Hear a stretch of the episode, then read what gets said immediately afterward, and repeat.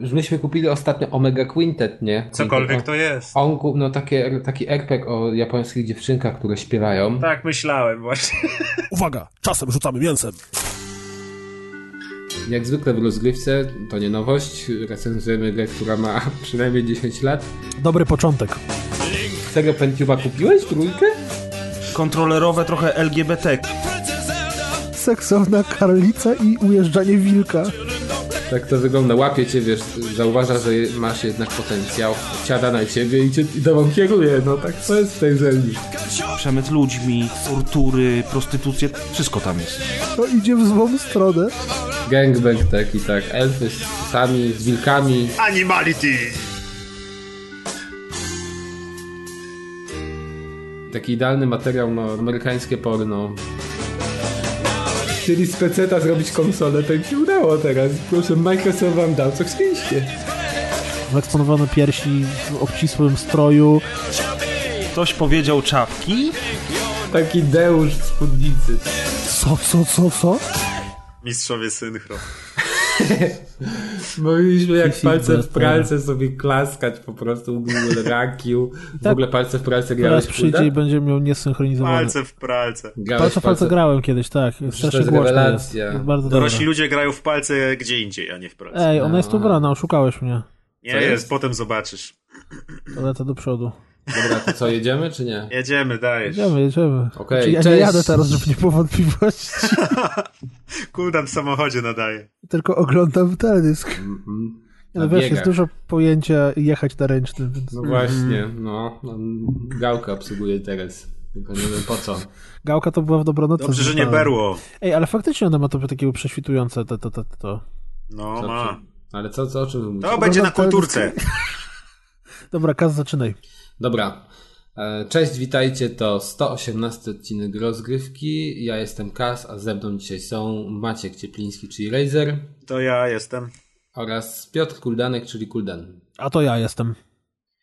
Okej, to co, zaczynamy sobie od newsów. Mamy jakieś newsy, pewnie coś się pojawiło dotyczącego Oculusów, jakichś innych VR-ów i innych cudów, które się psują, słyszałem. Premiery miały, generalnie premiery Premiery. miałem, a ja słyszałem dzisiaj chyba... chyba Zachwyty naszej- są, czy nie?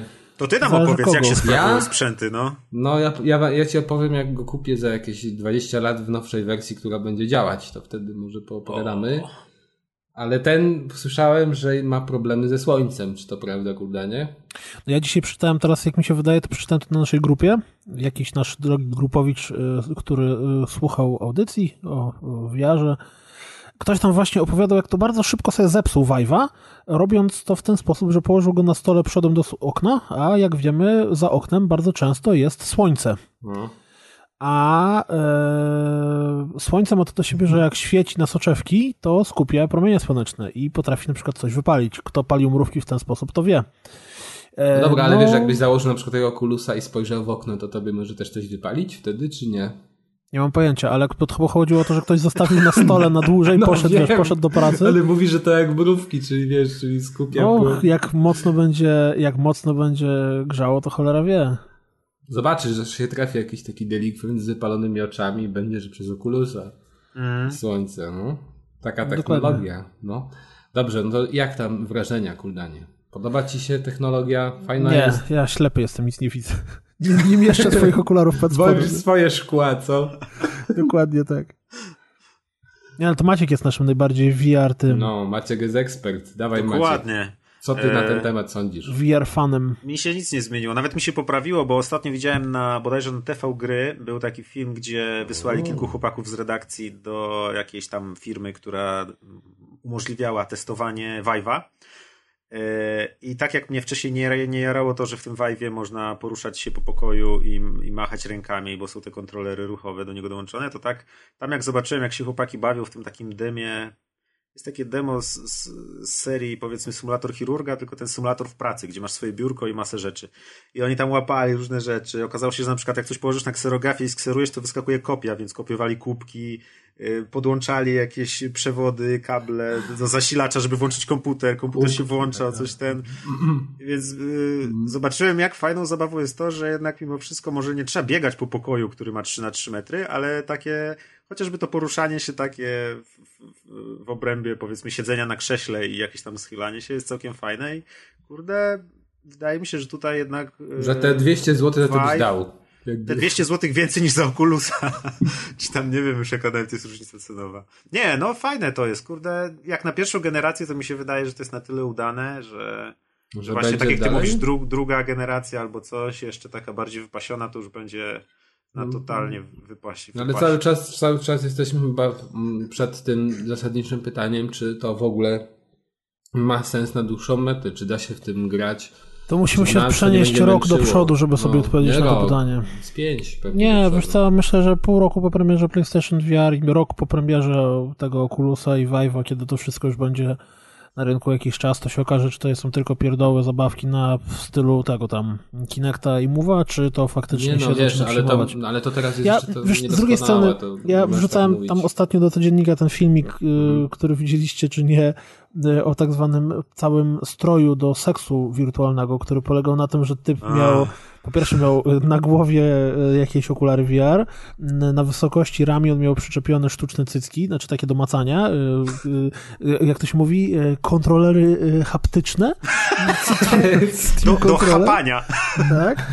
A na wysokości krocza miał takie urządzenie... Dziurę nie, nie, nie, nie, nie. To było... Masażer. To był taki to flashlight był podłączony do tego takiego masażer. kontrolera 3D, którego używają na przykład chirurdzy, że tam per tak. perfekcyjnie ci przenosi ruch z Przód, tył. I generalnie na, w okularkach widział mangową panienkę, która po nim skakała Oczywiście i to się przekładało no tak. na ruchy e, tego i sprzedają to chyba za 500 dolców. Aha, czyli to nie były jaja, to jest naprawdę... Nie, to był prawdziwy produkt, który ktoś już tam sprzedaje. Chyba, Aha. że to był prawdziwy produkt, który pojawił się na 1 kwietnia i to po prostu nikt nie rozumiał, łyknął, ale, ale, ale szczerze mówiąc jestem w stanie uwierzyć, że nie. No i wiecie, może to jest yy, ta przyszłość. przyszłość. Przecież wiemy dobrze, że te wszystkie nowe, może nie nowe technologie, ale przynajmniej nowe nośniki to wygrywały dzięki tego typu yy, promocji właśnie, no to... Temu segmentowi. No, temu segmentowi.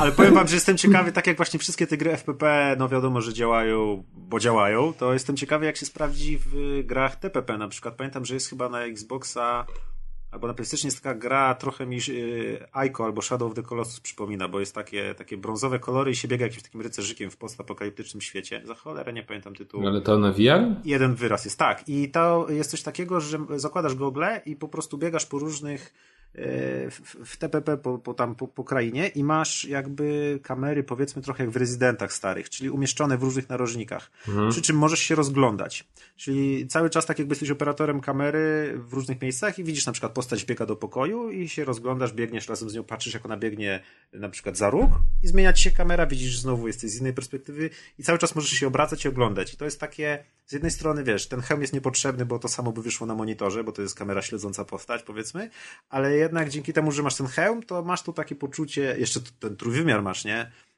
To, w ogóle, że masz mhm. poczucie głębi, ale też masz poczucie, że siedzisz gdzieś tam w kącie i oglądasz tą postać. I takie coś bardziej VR na zasadzie teatru, że jesteś widzem, który obserwuje akcję przy okazji kontrolując tą postać. Coś zupełnie innego niż taki typowy FPP. Jestem ciekawy, jak takie rzeczy się sprawdzą. Czy to się będzie fajnie grało i czy ludzie stwierdzą, że na przykład fajniej się gra, będąc takim obserwatorem w goglach, niż oglądając to samo na ekranie.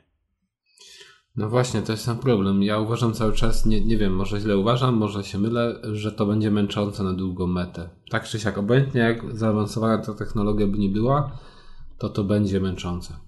I... Ja mam wrażenie, że jeżeli to ma się przyjąć i zostać z nami na dłużej, to musi być wykorzystywane do czegoś innego oprócz tylko i wyłącznie gier. Bo jednak nie wierzę, żeby Facebook wydał kupę hajsu i generalnie miliony pociągów z gotówką po to, żeby stworzyć kontroler do gier. Oni muszą mieć jakiś koncept, znaczy, jeżeli są jakimkolwiek racjonalnym inwestorem, to muszą mieć jakiś koncept na wykorzystanie tego, nie wiem, właśnie jako urządzenie towarzyszące. No nie, nie, nie, nie wiem, nie, nie, nie potrafię y, zastanawiać no może, się, co to Może to być. właśnie chodzi o ten segment, o którym wszyscy myślimy No, na pewno, na pewno segment porno będzie też wykorzystywał wirtualną rzeczywistość, nie oszukujmy Facebook się. Facebook wprowadzi, wiesz. Facebook wprowadzi, nie wiem, spokoje, te pokoje prywatnych spotkań dla mężów i żon, którzy żyją daleko od siebie, albo właśnie nie mężów, właśnie wręcz odwrotnie.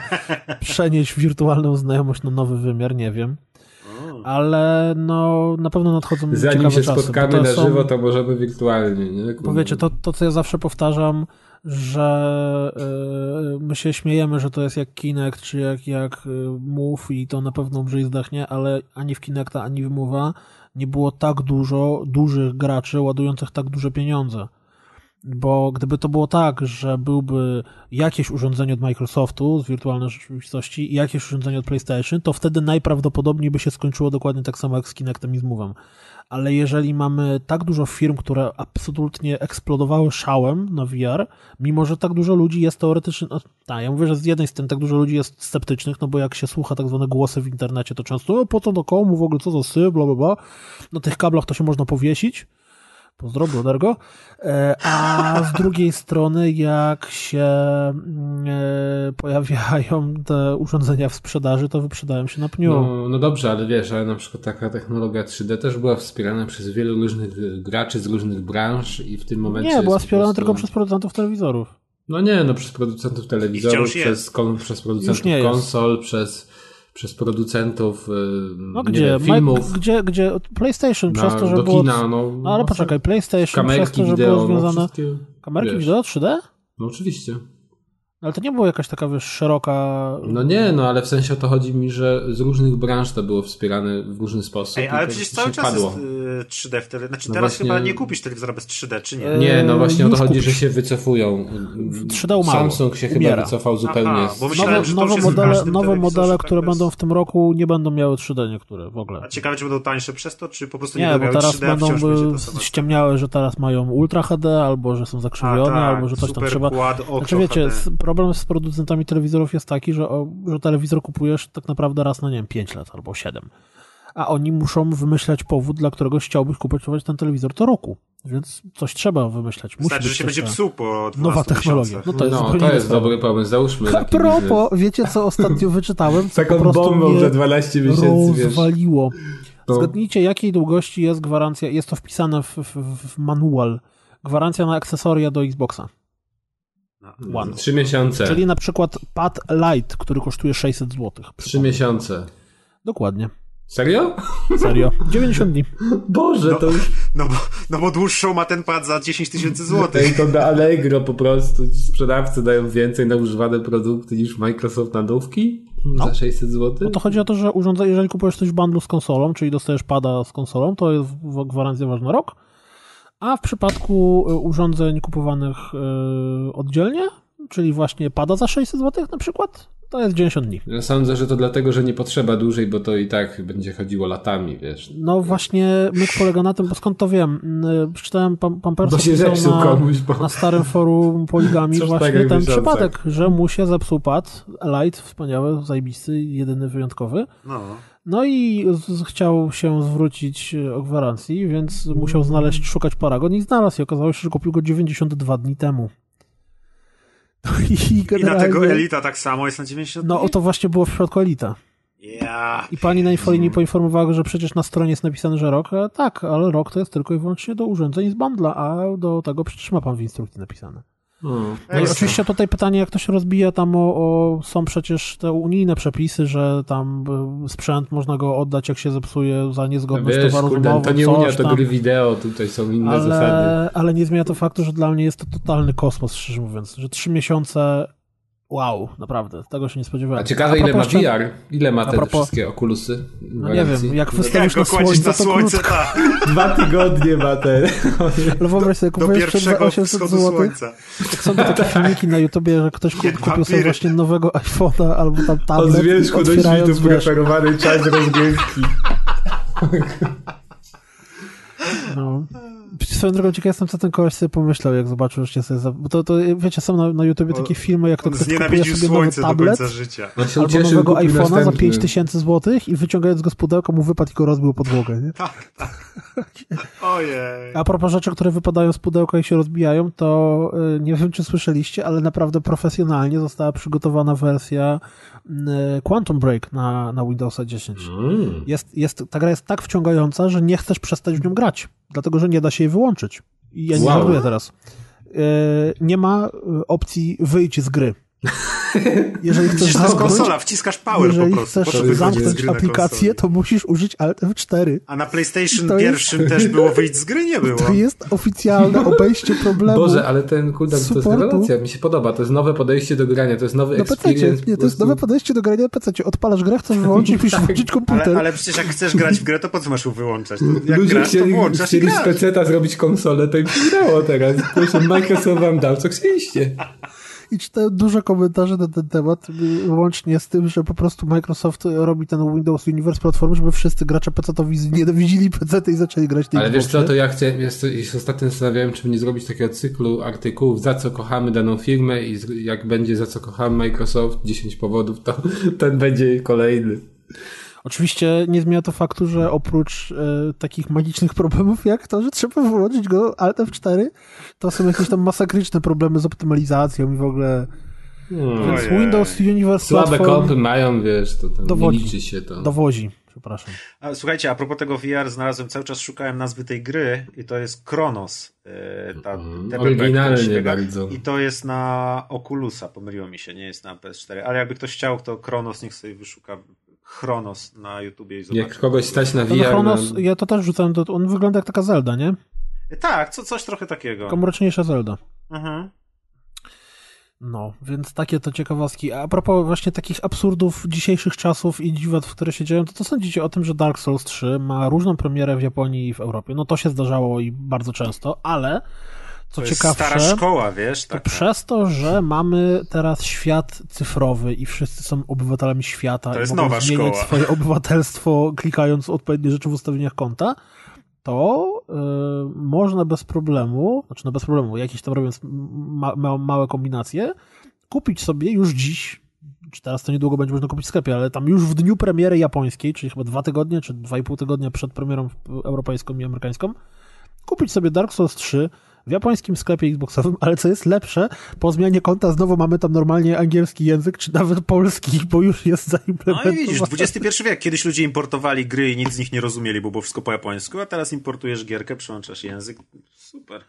Ale to jest, to jest taki kosmos absolutny po prostu. Znaczy ciekawe, czy to jak bardzo to wpłynie na sprzedaż y, w Europie, chociaż wydaje mi się, że nie aż tak drastycznie. No to pokazuje się, że ściągnęli wersji. tą grę najwięksi hardkorowcy, którzy w ogóle no, umieją w klawiaturstwo albo w, w, konsolarstwo i wiedzą, że można coś takiego zrobić, a jak ktoś tam chce sobie po prostu kupić w Mediamarkcie i pograć, to, to kupi. Ale, ale... słuchaj, no Dark no. Soulsów nie, to nie jest tak, że Dark Souls to jest taka gra, którą ktoś idzie do Mediamartku przy okazji i kupić sobie, nie e, wiem, myślę, że to czajnik. tak się, wiesz, wy, tak się skażulowiła ta seria, może nie aż tak bardzo, ale to już nie jest taki hardcore jak kiedyś. Dużo osób gra w Soulsy, nawet ja gram w Soulsy, więc wiesz. O, panie.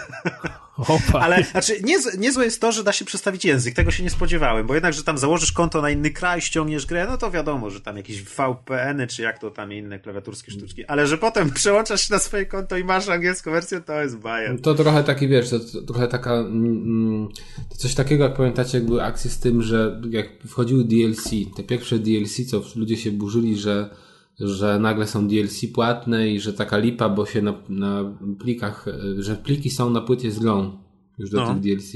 No to tu jest tak samo, po prostu im się nie chciało tego usuwać. Zwyczajnie zostawili cały kod gry i tyle. A, a, ale jest jakaś taka decyzja oficjalna, dlaczego są premiery w różnych terminach? No, co, dla dobra rynku, ja tam pewnie. czytałem i słuchałem, to chyba, czy, czy nie wiadomo o co chodzi, to chodzi o kasę, że e, chyba wydawca e, europejsko-światowy chce to mieć już w pierwszym kwartale, a w Japonii im zwisało, bo w Japonii From Software samo się wydaje, a chyba na świecie Namco Bandai. Jestem pewien. Znaczy, to są, wiesz, jakieś tam takie a, do, domysły różnych ludzi. Nie, nie i jakieś tam takie rzeczy. Wiesz, jest to tyle ciekawe, że ta gra w wersji japońskiej, znaczy te dwa tygodnie przed oficjalną premierą jest tak jakby nieskończona. To znaczy, na przykład nie ma online w ogóle. W niej. Tak jak wiesz, online tak, ruszy z premierą To jak ją ściągnęli, jak nie ma online. No, Ale to słuchaj, Kuldan, to trochę jak ta nowa płyta Kaniego Westa, to jest też nowe podejście, po prostu jak, bo zapytałem kiedyś na naszej grupie, czy można już kupić na CD płytę Kaniego Westa i Mikołaj mi odpowiedział, że może kiedy ją po raz któryś z, mm, e, pozmienia znowu i dokończy, i faktycznie, jak zacząłem o tym czytać, to tam normalnie pięć różnych chyba wersji już tej płyty było, może tak samo jest tutaj. Ale czekaj, zaraz, to co? To, to te Dark Soulsy to są takie Dark Soulsy 3 beta? Co? Nie, nie no po prostu... I dopiero wyjdzie patch, który doda, doda zawartość? Tak, znaczy no online w sensie takim, że serwery nie działają. A jak, jak kojarzysz w Dark Soulsach, ten tryb, Aha, tak jakby tam nie ma. To czyli nie, że gra nie jest pełna, tylko jeszcze nie włączyli nie, no, serwerów do multi, tak?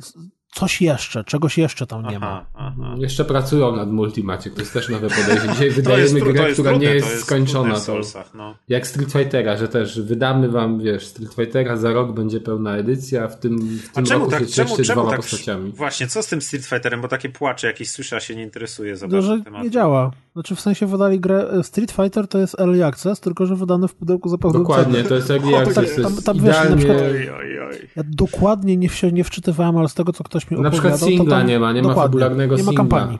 A, tak, no to czytałem. No to jest... I będzie, no ale jeszcze nie ma, bo jeszcze pracują. A za to ale już chcieli nas uraczyć. mikropłatności. ale Capcom już nas chcieli uraczyć, to wiesz. Daje radę. No. I to najwyższa forma Capcomu. To tak jak no teraz Dark Souls, wiesz, damy wam online, ale najpierw musicie skończyć singla bez online. Ty, nie, to masakra, jak już Japończycy, czyli tacy po prostu, wiecie, sól growej ziemi, Japończycy zaczynają takie rzeczy wyczyniać. No, no Capcom to wiesz, Capcom to teraz komóreczka, no. komóreczka. Wiesz, to jest Street Fighter 5, a tak naprawdę gier z nazwą Street Fighter było jakieś 40. No tak, ale jeśli już Japonia zaczyna wydawać niepełne wersje no, ale prawda jest taka, że wiesz, ten, to, to prawda jest taka, że Capcom to teraz też już nic nie wydaje, no. Oni wszyscy w dużej mierze w Japonii idą na komóreczki i to jest trochę dramat. Dobrze, że masz, dobrze że masz komóreczkę. No do, mam. No, komóreczkę mnie, mnie trochę rozwaliło, że... No. no wiesz, komóreczki, nawet Nintendo ma teraz przecież swoją magiczną apkę. Co z tego, że działa w Polsce, ale, ale jest. Znaczy wiesz, u mnie i tak by nie działała, więc nawet nie próbowałem. iPhone 1. No iPhone 1. Ale 0, konto na, na My Nintendo założyłeś? Zbierasz monetki? Mam, zbieram, ale taka też jest lipa, że obaż. Znaczy nie, no może nie do końca lipa, no. To to jest jak z tymi programami na stacjach benzynowych, czyli że musisz wydać 10 tysięcy, żeby maskotkę, na maskotkę zarobić. A, na stacji. Wyobraziłem sobie takie stacje, stację to benzynową Nintendo, gdzie nie no. tankujesz no. nawet pieniędzy, tylko po prostu kupujesz jakieś rzeczy i ci Ale co, co byś tankował na stacji Nintendo? Grzybami chyba, kurde, byś tankował te samochód na grzyby. Nie no, karty, karty, te, jak to się nazywa? Go-karty, go-kartem byś tam O, no, do go-kartów taka mała stacja tylko, ale bajer. No. Dobry pomysł na reklamę się dzieje. Generalnie to nudno w Giereczkowie ostatnio. Same problemy, ciągle dramy, nie, a no to usuwają ten... postać, która dupę wypinała. Znaczy, no, przesadzam. Przepraszam, jestem wulgarny. Majtki usuwają, majtki usuwają. Majtki, majtki jeszcze usunął? Jakie majtki? A właśnie majtki, a propos tych Dark Soulsów, to jest, dzisiaj widziałem kosmicznego baga, który się pojawia. Polega to na tym, że kiedy postać, która jest ubrana w taki, taki, taki płaszcz, taką szatę mnicha, jak to się nazywa, taki habit, się wykonuje jakąś pozę schylania się, to wtedy jej te mm, ubranie przenika, znaczy, w sensie, że przechodzi ubranie nie układa. Tak, przechodzi dupa postaci. Dupa wystaje to nie jest Dark Soulsach, to w jakiejś innej japońskiej. Dark Soulsach, Dark Soulsach. Goła dupa wystaje spod szaty, znaczy no przez i... szaty. Aha, że przez szatę, bo ja, bo ja słyszałem znowu o aferze, że właśnie chyba w tej nowej grze um, na Wii U, takim RPG-u, że to tam zmieniają w wersji na Europę majtki postaci, bo za dużo widać. To tak, to, to ja to też wrzucałem na grupę, że y, to w tym y, Star Ocean 5 chyba. Aha, tak, Star Ocean. No, no, no, coś tam. W tym coś... nowym Star Ocean, tak. Albo w tym nowym Star Ocean, albo w tym w tym nowym RPG-u na Wii U, a już teraz nie... nie Wiesz, ale to wszystko, ale to wszystko ma sens, bo tam oni, oni, tam deweloper mówił, że no generalnie to ostatnio cały Zachód, tak, tak parafrazując jego wypowiedź, no wy tam na Zachodzie ostatnio macie jakieś szaleństwo na tym punkcie, no my tu mamy nastoletnią bohaterkę ale to jest tak dziwne, jak wiesz... Znaliśmy, że ona ma zakusą spódniczkę, więc ją wydłużymy. W tych czasach to przecież już naprawdę dzieciaki w podstawówce już nie jedno widziały, a oni majteczki usuwają, nie? No przecież to jest po prostu tak, nie wiem, nieadekwatny do rzeczywistości, że absurd totalny. No, no czekaj, czekaj, ale tak mówisz, że, że nieadekwatne że usuwają majteczki, a z drugiej strony przecież wielka drama o tą grę Blizzardu się rozgrywa i to się rozgrywa tak, że ja nie byłem w stanie w to uwierzyć, że tak dużo ludzi mogło poświęcić na to tyle czasu. Czy się odchodzi, no, czy nie?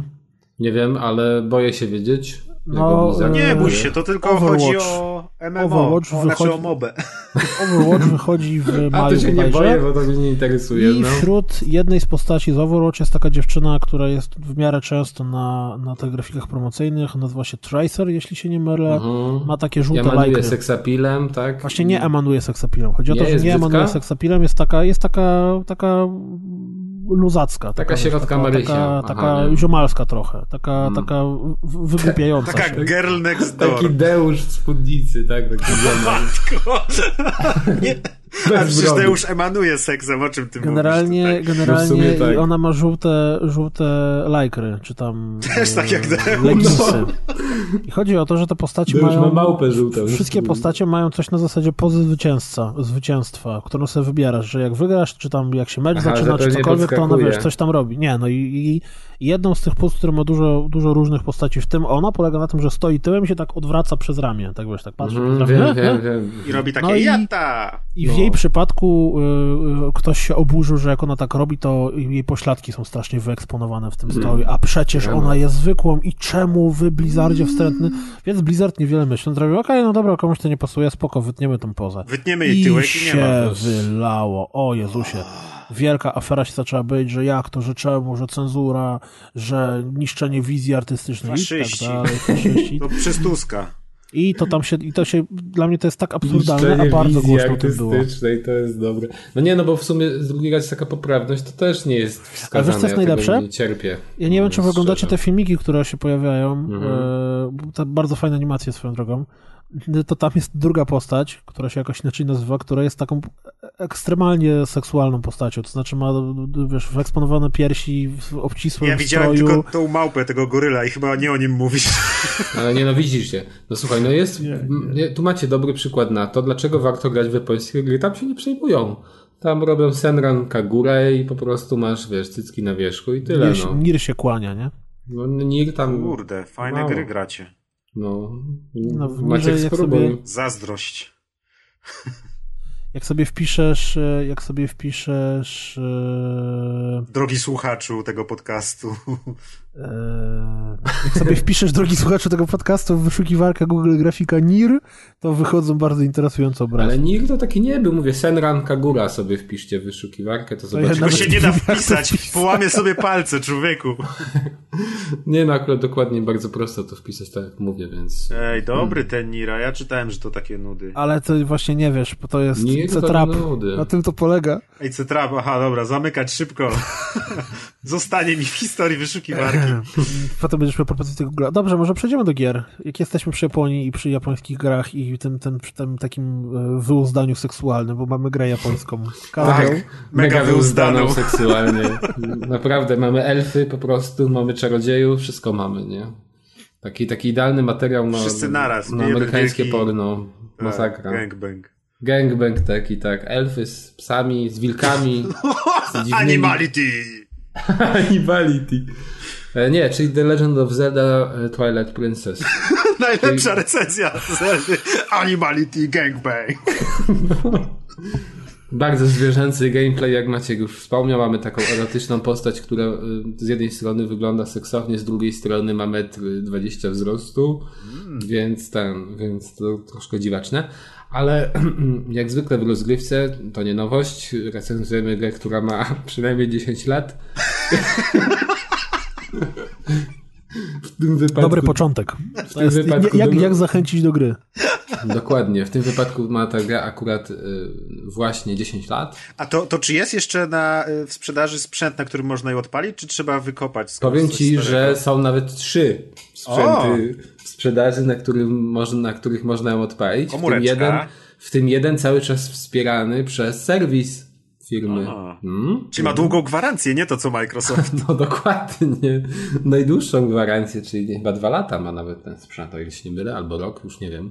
Nie tak jak Microsoft, to nie taka zła firma, bo to Japończycy wydają, a oni się starają o klienta i dlatego... Wiadomo. I dlatego między innymi, wiesz, Nintendo tak ścinało cenę, jeżeli chodzi o Wii U 3DS po pół, pół roku od premiery. To wszystko dla dobra graczy.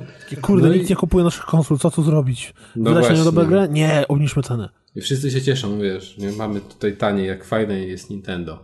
Ale tak, Twilight Princess, czyli e, kolejna Zelda w naszej rozgrywce i kolejna Zelda, która jest no po prostu Zeldą. Ja nie wiem, jak, y, jak ktoś nie grał w te gry, to pewnie um, to ciężko pewnie mu. Cięż, nie, no właśnie to jest słabe, że jak ktoś nie grał w te gry, to nawet ciężko mu powiedzieć, tak na przykład zachęcić do konkretnej części.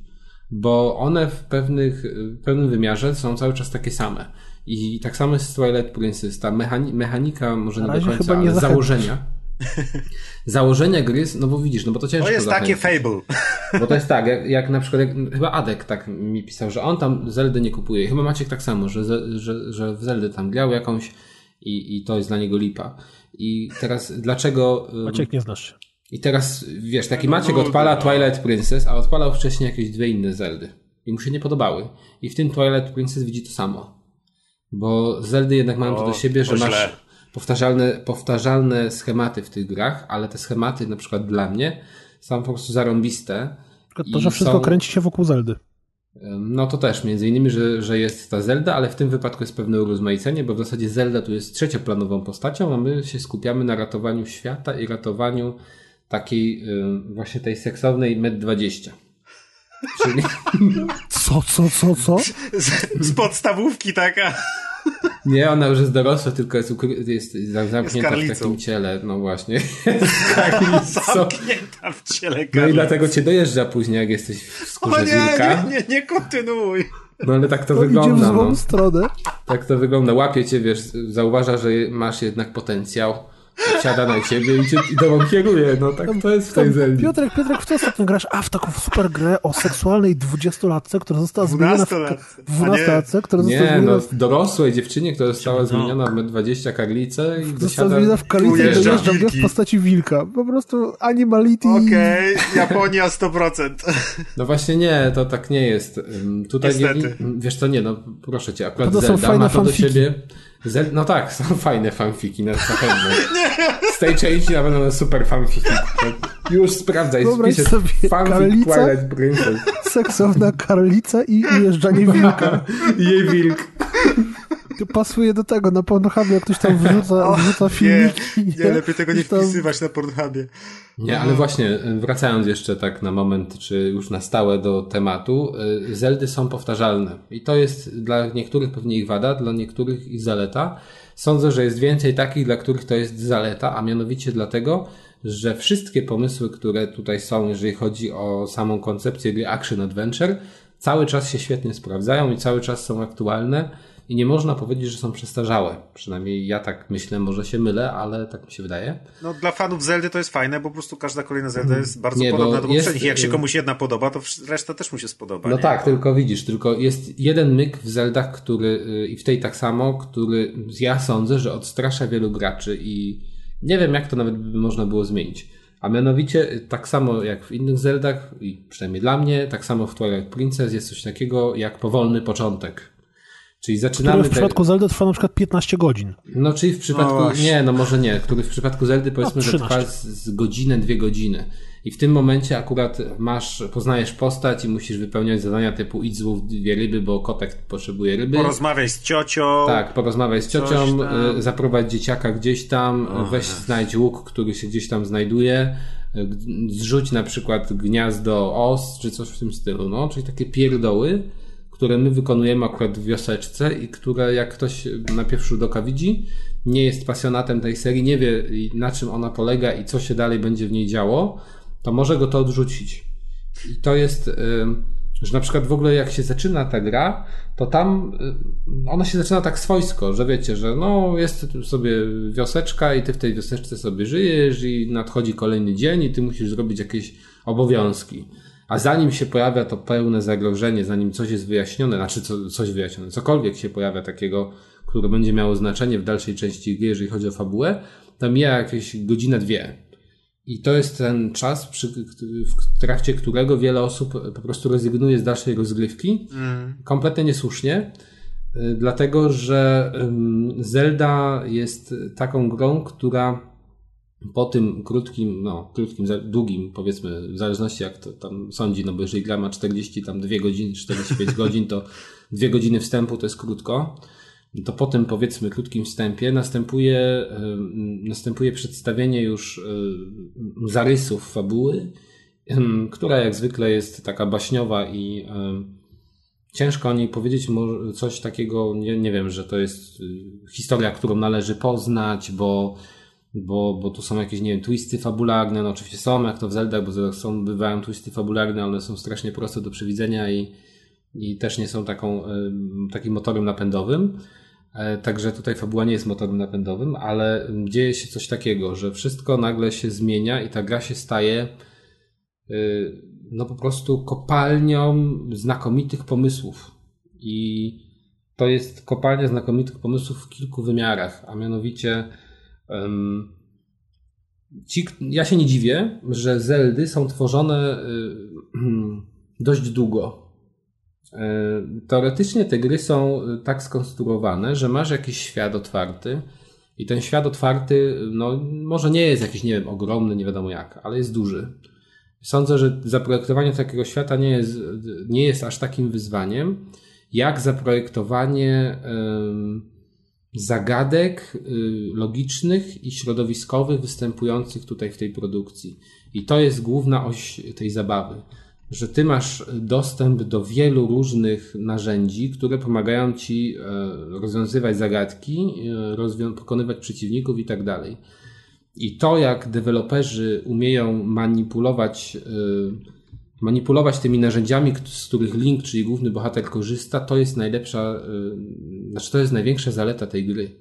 Bo tu masz coś takiego, co nie występuje w wielu innych produkcjach, że zdobywasz co rusz nowe, y, nowe, mm, nowe przedmioty i nowe umiejętności.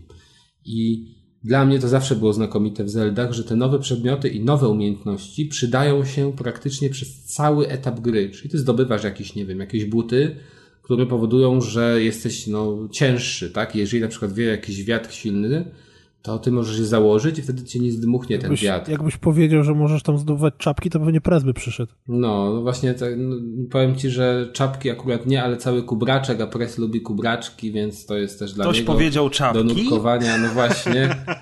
Dlatego witamy, pre, witamy preza serdecznie. Boże. Sumonowałeś go. Tak, sumonowałem Słyszałem go. czapki gdzieś tam z tyłu głowy i po prostu pojawiłem się nagle, ni stąd, ni zowąd. Dokładnie. Dokładnie.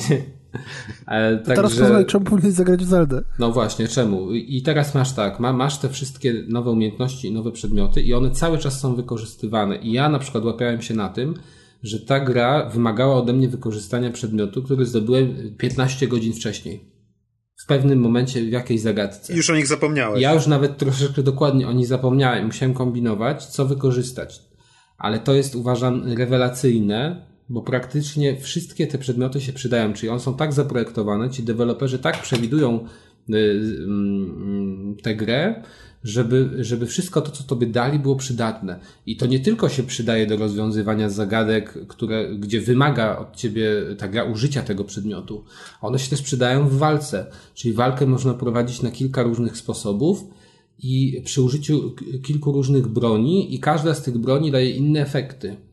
I na przykład na niektórych przeciwników się sprawia coś takiego, na innych coś takiego, co mm, być może występuje, nie wiem, w jakimś, nie wiem, MMO, ale w przypadku takich gier Action Adventure to najczęściej jest tak, że korzystasz z jednej broni i ta broń non-stop, dobra, ta jest najfajniejsza, przykład God of War. Korzystasz normalnie z, ja na przykład tak miałem, że korzystałem z czegoś, co mi najbardziej przypas, przypasowało i w tym momencie to była najbardziej efektywna broń, w zasadzie na 90% przeciwników. I cały czas waliłem tym, tym, tym i nawet nie musiałem myśleć o rozbudowywaniu czegoś innego, a te inne bronie to były takie dodatki. Tutaj to nie są dodatki, tutaj są wykorzystywane na każdym, e, w każdym, w każdej, w różnych sytuacjach i na różnych przeciwników różne, e, różne e, bronie inaczej działają i no to jest super. Kolejna sprawa, dla której warto zagrać w te Zeldy i konkretnie w Twilight Princess i w ogóle Twilight Princess przez wielu uważana za, za jedną z najlepszych części, jeżeli chodzi o projekt dungeonów. No bo tu jest tak, że mamy ten otwarty świat, w pewnym momencie wchodzimy do jakiejś ala świątyni, która, tu, która jest dungeonem, ale to nie jest tak, że to jest świątynia taka, taka sama, jak każda kolejna jest taka sama. Tak? Raz mamy na przykład jakąś podwodną krainę, raz mamy takie, takie miasto zawieszone w chmurach, innym razem mamy znowu zimową miejscówkę. Także tu jest tego, to jest, to jest bardzo urozmaicone. Maciek. Ale wchodzimy do tych dungeonów. Maciek, nagrywasz? Na, nagrywa. Idź stąd. Nie, czekaj, mo- mogę coś powiedzieć? Nie, Weź, no weź, weź się przesuń. weź się. Ale kaza Ja- słuchamy ja- teraz. Ja mam trzy słowa dla ojca prowadzącego. Mhm. Możesz. Salt and Sanctuary graliście? Nie, idź stąd. Mówiłem ci, że nagrywam Maciek, dzisiaj. Maciek, przesuń się, ja powiem szybko. Szybko przez... No, weź. Tak to bywa, tak to bywa, wiesz, w domu takim, gdzie się mieszka we dwójkę. Ale weź nie? Szybko, no. No dobra, już, już, już, już mówię. Jak nie graliście, chłopaki, serio polecam sprawdzić. Gra wyszła jakieś trzy tygodnie temu. Ej, ty nie masz I spodni nawet? cicho... Maciek, W tej sofie na kolanach? jejku. Oblechu. W domu jesteśmy, nie muszę mieć spodni. A się śmiał z wilka i z karlicy. No. Po prostu. Gra to jest połączenie Castlevanii i Dark Soulsów. Ogólnie wszystkich Soulsów. Więc Kas myślę, że powinien się zainteresować. Ale ty mi mówiłeś o tym i wydaje mi się, że w to zagram, bo No i to jest bardzo dobra decyzja. Graficznie to jest takie ręcznie malowane jakby. Jest cały czas dość mroczno, szaro, buro i ogólnie nie do końca wiadomo o co chodzi.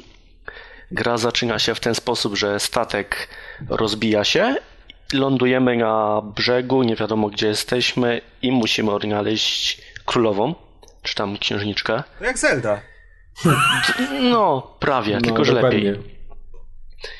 I to, co dzieje się dalej, to już jest absolutny geniusz tego typu gier, bo pamiętam, że e, kiedyś opowiadałeś, Piotrek, o tym Shantare, tak? To się nazywało. Mhm, mhm.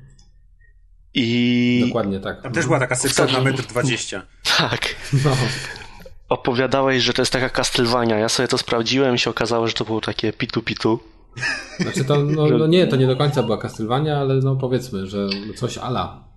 No A i tu- dlatego jak tutaj opowiadali o tej grze, tam na psychokaście bodajże, na grupie, to też się spodziewałem, że będzie takie pitu-pitu, że kurczę 8 dych to kosztuje i szkoda sprawdzać.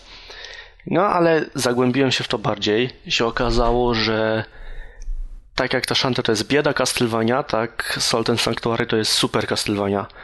Jest wszystko to, co w Castlevaniach, czyli cały ten fajny system walki, przeciwnicy, którzy są naprawdę niebezpieczni na każdym etapie gry, To już ukryte pomieszczenia. Tak, już przeszedłem, teraz jestem w połowie New Game Plus.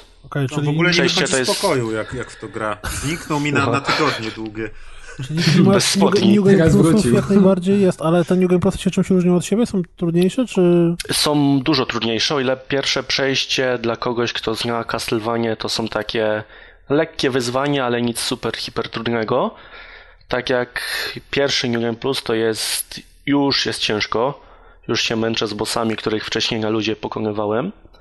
A czytałem o tam o chłopakach, którzy przechodzą to ósmy, dziewiąty raz i to już jest naprawdę masakra. Wrzucali filmiki, bo od razu jak to w cap, czy levelujesz bez końca? Czy levelowanie nie ma znaczenia, Ja tak mam to trzeci poziom i końca nie widać tych, bo jest całe wielkie drzewko umiejętności, więc cały czas się tam rozwijasz.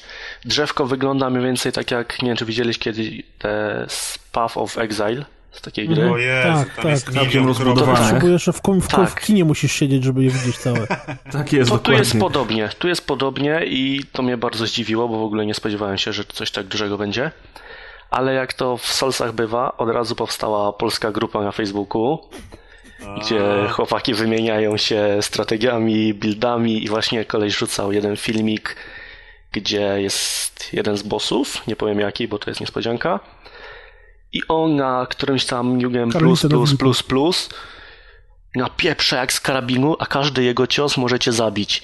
I koleś tam dosłownie o piksele unika tego, jakieś tam cały czas uniki, rolki, tarcza i tak dalej. No właśnie, bo to mówię rolki, bo to jest, przeszedłem tym slangiem solsowym, bo w tej grze też cały czas... toaletowego, tylko... Nie, nie, nie, chociaż przydadzą się. Z, z tam, y, o, tam są sousowcy. Nie, Andrzej, nie patrz tam, nie patrz tam. Za późno, wiem już wszystko. Dokładnie tak się kończy, też już tam pisałem posty, rozmawiałem z chłopakami, Tomka Gopa tam można spotkać, także polecam grupę. A Adek, powiedz mi, czyli z tego co ja rozumiem, to to jest taka gra bardzo soulsowa i To wymagająca już nawet przy pierwszym przejściu, tak?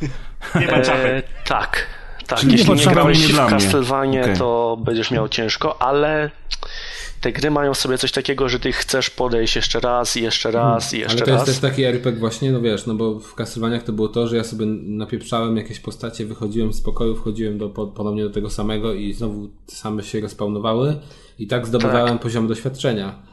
Tutaj też to jest, tylko że. Kas, tak jak to brzmi jak MMO. Grywałeś w MMO? To w ogóle nie jest MMO, Press, to proszę cię w ogóle nawet nie Nie obrażaj Castlevanii, to Bo będę bronił. Tutaj jak to w Solsach, jak dojdziesz do... W Solsach się dochodzi do ogniska i wtedy się respawnują, a tutaj się dochodzi do sanktuariów. Jak mhm. podejdziesz do sanktuarium, tam możesz sobie wylewelować, tam zapisujesz grę, wydajesz znalezioną sól, bo levelujemy przez wydawanie soli. Mam to już wiem skąd tytuł. Właśnie, dokładnie, soli sanktuarium. No i jak wyjdziesz z tego sanktuarium, to znowu wszyscy są zrespawnowani i możesz sobie tak grindować ile chcesz. A skąd się bierze ta sól, Atku? Z przeciwników. Z Zabijasz z łez przeciwników, tak myślałem. Z twoich łez. Nie, właściwie to ślimaki się boją. Z twoich łez, bo standardowo jak zginiesz, to Płaczesz. cała twoja sól leży na ziemi. Tutaj w walkę albo leży na ziemi, albo przeciwnicy ją mają w sobie. Jak zginiesz drugi raz, to ona przepada. No tak. Czyli tak samo jak w Bloodborne. To powiedz, Adek, kiedy tak. Bloodborne? Właśnie.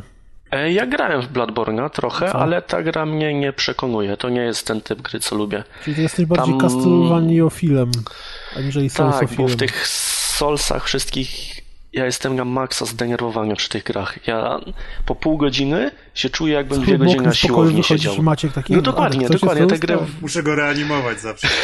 Dobrze, Adek, to, to powiedz mi jedną rzecz. Skoro jesteś takim fanem Castlevania, a ja mam cały czas na Steamie Castlevania Lords of Shadow, która jest nieco nie, inną grą. Ale to Polecasz czy nie? Dla takiego casuala jak ja. Polecamy. Co innego, ale polecamy i tak. Ale ja wszystkie Castlevanie polecam. Ale to jest inna gra. Inna zupełnie, bo to już jest trójwymiarowa. Tak, tak domyślam się, tylko pytam się o poziom trudności, czy będę się wkurzał tak jak przy Lords of the Fallen albo przy Bloodborne, czy nie? Yy, tak, grałem swego czasu no na PS2. To jest trudniejszy God of War. Tylko, że bez takich elementów trudnych platformowych, ale z walką, która polega najczęściej na unikach. Fajnie, fajnie. Ale nie takich unikach jak w Lords of the Fallen i Dark Souls. Nie wiem, jakie były w Lords of the Fallen. Bo takie, że nie da się ich uniknąć, jak jest się takim każulem jak ja. To tak jest w tej grze. W tej nie grze no, tak jest, jak nie umiesz, to nie unikniesz. Lords of the Fallen, no, Castlevania Lords, Lords of the Fallen, brawo. Lords of Shadow to jest y, slasher bardziej, aniżeli... Tak. No. Czyli bliżej mu na przykład do nowego DMC, które bardzo tak, lubiłem, nie, tak? bliżej mu do God of War'a. Po prostu to jest taki... No, ale, czyli tak czy siak to daleko od Castlevanii oryginalnej. No, no może tak. To zupełnie inna gra. I to Salt and Sanctuary to powinna być oficjalna gra Wieliczki na przykład. Powinni zawiązać jakiś... no, ale Adek ma, wie, wie o co chodzi, bo Adek grał na przykład na DS-ie w te Castlevania. Ja na DS-ie chyba we wszystkie dwuwymiarowe grałem. No właśnie. Adek, więc już to umiem w to grać. Adek, a skoro wiemy już, że jesteś bez spodni, to zdradzisz nam chociaż co masz napisane na swoim t-shircie? Nie powiem. To mm. tylko Maciek widzi? Myślałem, że gdzie idzie napisane. A nie wiem, dlaczego to jest takie ciekawe. No nie, no bo ja dzisiaj, ja dzisiaj opowiem wam za chwilę o chwili, jak grałem w Quantum Break i tam mają różne ciekawe t-shirty. Więc byłem ciekawy, co ma Adek na swoim t-shircie napisane. Ja na przykład mam dzisiaj na sobie motyw z e, Bioshock Infinite, połączony z portalem. Także no. To ja zdradzę, że moja koszulka to jest firmowa z pracy mojego taty, więc. U, kopalnia, wesoła kopalnia, welcome to. Elektryczne usługi. Ale wracając, wracając do gry, bo rozwalacie mi opowiadanie w ogóle, nie wiem. Ja nie wiem, to, to nie myśmy się wbili komuś na podcast w samych gaciach, wiesz, więc no... Sten, fajnie opowiadasz, ale odpaliłem screeny i brzydkie to jest jakieś. To nie jest brzydkie. To... Brzydkie, fuj. Ale musisz pamiętać o tym, że w trakcie jak w to takie. grasz, jak w to grasz, to w ogóle nie, nie patrz na tą grafikę. Zamykasz po Castlevanii to jest piękne. I co ważne, ta gra została stworzona przez dwójkę ludzi. Cała. Oni mają takie, jak, jak to jeszcze było przed wydaniem, to oni wrzucali trailery, filmiki, gameplaye właśnie, gdzie razem grają i gadają strasznie dużo, to całkiem spoko to wychodziło, że na zasadzie, o czekaj, czekaj, mhm. nie spadaj, nie spadaj, pomogę ci, pomogę ci. Bo tam jest koop w ogóle, nie? E, jest, aczkolwiek on działa jakoś tam dziwnie, że trzeba przez famshare się bawić i tak dalej. Famshare? Mm, no bo tam... Nie, sorry, pomyliłem teraz. Jeden jest normalny koop, tak jak mówisz, ale że multi nie ma. Żeby grać na multi, to trzeba jakoś tam podzielić te konto na dwie konsole i wtedy da się połączyć ze sobą. To się dowiecie wszystko na grupie. To jest grupa solsowa, czy soltowa. w ogóle nie wiem co powiedzieć. I oni tam wszystko tłumaczą, jak się w to bawić. Czyli to jest jakiś wymuszony koop, on nie jest normalny. Znaczy nie, koop jest normalny, a tam to jest multiplayer z PvP. A, okej. Okay. Szok. No tak, bo to wiecie, jak to jest source'owa gra, to nie może być po prostu tryb, że wchodzisz na arenę i się napieprzasz, tylko musicie konta sobie pożyczyć nie, nie, nie. wzajemnie. Jak przegrasz, to wtedy tracisz konto i musisz jechać gościowi. życie. Ale oni się rozpadają w takie giby, jak w Quake'u pierwszym. Nie wiem, o czym mówisz w ogóle, nie chciałeś grać. Na modach. Się rozpadali ładnie. Dalej z nowości, przerwę wam. Z nowości w stosunku do Castlevanii do Soulsów jest coś takiego, jak walczymy z bossem i zginiemy, to on zabiera nam tą naszą sól, ale przy kolejnym podejściu widzimy na jego pasku życia, tak mniej więcej po jednej czwartej, taką kreskę i jak zbijemy mu te życie do tylu, to nam ta sól wraca i możemy znowu umrzeć i on znowu to sobie napełni. Więc jak po drodze do bossa są jacyś przeciwnicy i ty idziesz do tego bossa 50 razy i za każdym razem tą sól znowu odzyskujesz, tracisz tak dalej, to może się u niego uzbierać parę dziesiąt tysięcy, gdzie na przykład tysiąc potrzebujesz akurat na level. Czyli się nie traci jakby tego, co się uzbierało. O ile zbijesz mu mhm. tą, no tak, tą... Tak. No a jak na przykład wyłączysz grę i wrócisz następnego dnia, to będzie gra pamiętała tą ilość soli, którą boss zebrał? Tak, tak, ostatnia tak. A, no to super, bo na przykład w tych, z tego co pamiętam, ja tam w Bloodborne grałem parę godzin tylko, pozdrawiam grających w Firewatcha, i się od gry odbiłem generalnie rzecz biorąc tam było coś takiego, chyba że jak się wyszło z gry i wyszło z powrotem, to te wszystkie punkty, które straciłeś przy bosie, to, to znikały. To nie, to czegoś takiego nie ma. I jeszcze fajna rzecz u bossów jest taka, bo wiadomo, trzeba się nauczyć ich schematów, jak atakują, jak robić uniki i tak dalej. I wszystko fajnie, walczysz sobie z takim bossem, już nauczyłeś się jego ataków i nagle on w jednej czwartej, tylko od drugiej strony, jak mu zostanie jedna czwarta życia, wpada w szał i robi dokładnie taki sam atak jak wcześniej, tylko łączy go z dwoma innymi i najczęściej wtedy umierasz, bo jesteś przyzwyczajony do tego, że po tym ciosie robisz rolkę w tył, a on wtedy sobie przeskakuje za ciebie. Wtedy słyszałem, jak za drzwi Adek łukał rzewnymi łzami. Brzmi jak Bloodborne, na pewno w to nie zagram. Ale to jest właśnie, ta gra jest inaczej się w to gra niż w Bloodborne. Mimo, że mówię masz te rolki, masz sparowanie tarczą, w ogóle jest 8 klas postaci, więc już na początku mamy wybór, wybieramy też e, religię, jaką chcemy wyznawać. To nam daje pewne bonusy. Zbieramy przez całą grę e, miksturki do leczenia, ale one mało co dają.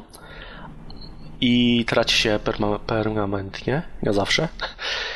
W ten sposób, że jak wypijesz, to już nie ma, ale oprócz tego są takie specjalne przedmioty, coś w stylu estusów sulsowych, że jak pójdziesz do sanktuarium, to to się zresetuje. I to przywraca dużo więcej życia, tam wykonując pewne zadania można sobie zwiększyć ilość tych buteleczek. Nie zawsze buteleczek zresztą. W klasach postaci, oprócz tych standardowych, jest na przykład szef kuchni albo żebrak.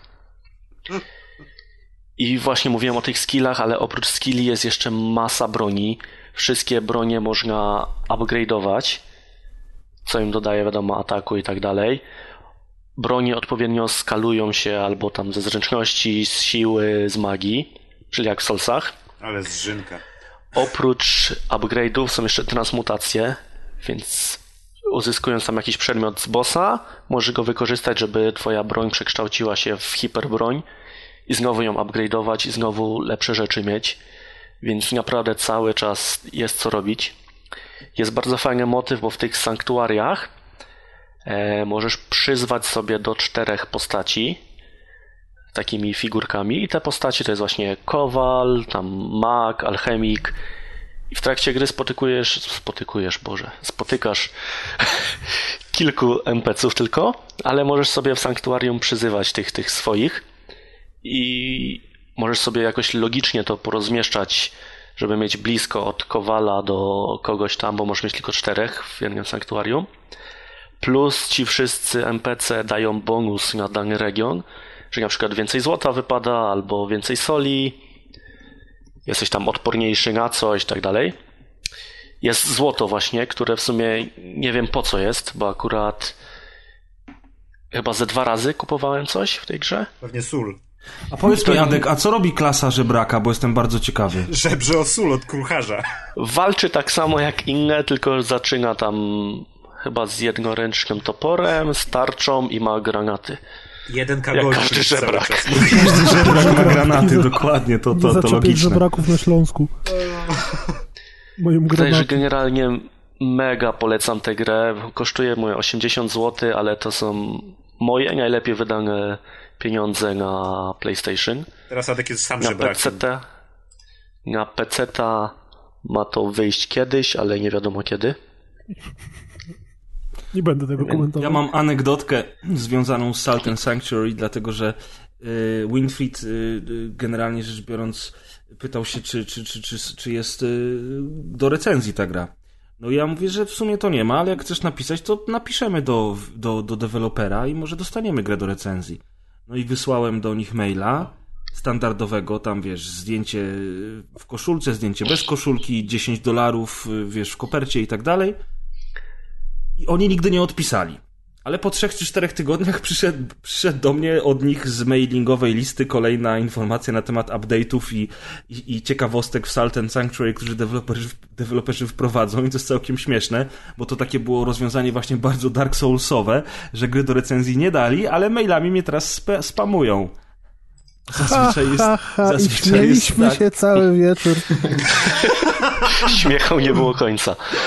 Ale smutno by było grać w tę grę, jakbym ją dostał za darmo, bo ona jest taka dobra, że warto coś zapłacić twórcom. Naprawdę, mówię, dawno tak fajnie się nie bawiłem. W ogóle nie ma drugiej takiej gry. Jest masa rzeczy, które chciały udawać Castlevania, ale niczemu się to nie udało. Były te... To wszystkie MMO z tego, co słyszę, udają Castlevanie. I wychodzi twoja ignorancja, Grześ, dlatego ja później się nie chcą cię na grupie. i w ogóle... No. Bez sensu. Bez. Bez sensu. Press, spróbuj sobie kiedyś Castlevania 2D, to zobaczysz, ale tej od Symphony of the Night, bo to są te Castlevania, które, o których Hadek mówi. Bo to, to właśnie była moja pierwsza i ją na Xbox Live sobie kupiłem. A na czym mogę w nie zagrać teraz? Nintendo DS, Xbox, Game Boy. Wii U. Ale Xbox 360? Tak. No to niestety nie zagram, ale dziękuję, doceniam wasze porady. To ja, no ja jest, istnieje pewne ryzyko, że będę żałował tego pytania, ale jednak zadam je. Kas, czy chcesz jeszcze coś dodać do, do propos Zeldy? Nawet nie wiem co, bo nie wiem gdzie skończyłem, ale... Uff, to dobrze. nie ma za co chłopaki, nie ma za co słuchacze. to ja spadam to Adek Fajnie. miłej zabawy w nagaciach w Sultan Sanctuary. Fajnie cię Dzięki. było słyszeć, Adek. I nie, nie, nagrywajcie za długo, bo później Maciek się śmieje, spać nie mogę. Oj, weź, idź już. Będziesz grał w Nie, już, weź mnie, nie szturchaj. No. Pan tu nie stał. Bąka puściłeś? Na razie. Pierdzie, co za koleś. No, kiedyś puściłeś na razie. Piękne wejście, piękne wyjście. Gość specjalny dzisiejszego odcinka. Jejku, strach się taka Następnym razem się zamknę na klucz, naprawdę, przepraszam was. Teraz już nie będziesz miał wyboru, będziesz musiał się zamykać. Natomiast e, a propos zamykania się na klucz, a tak naprawdę kompletnie jest niezwiązane z tym, co mówię, to yy, Press przyszedł do nas na nagranie prawie że tak dosłownie prosto z akcji, bo jeszcze chwilę przed nagraniem grał w, uwaga, uwaga, Quantum Break. Jak tam wrażenia, tak zwane na gorąco? Tak jest, to są wrażenia na gorąco, dlatego że jestem dopiero po dwóch pierwszych aktach e, i to będzie taki quick start. Kto Nie będę tutaj. Ale się uśmiałem. Dzisiaj jest odcinek suchych żartów, tylko Adek daje radę. Albo dawał, bo już poszedł. Ale nie wiadomo, bo tak jak w Quantum Break tutaj może jeszcze wrócić z przeszłości lub z przyszłości. Dobra, to ja powiem szybko. Remedy, szkoda, że robi tak rzadko gry, bo jak już zrobią grę, to zrobią ją z pierdolnięciem. E, co by nie mówić o tej grze, to jest efektowna, świetnie się strzela, jest świetne niszczenie otoczenia.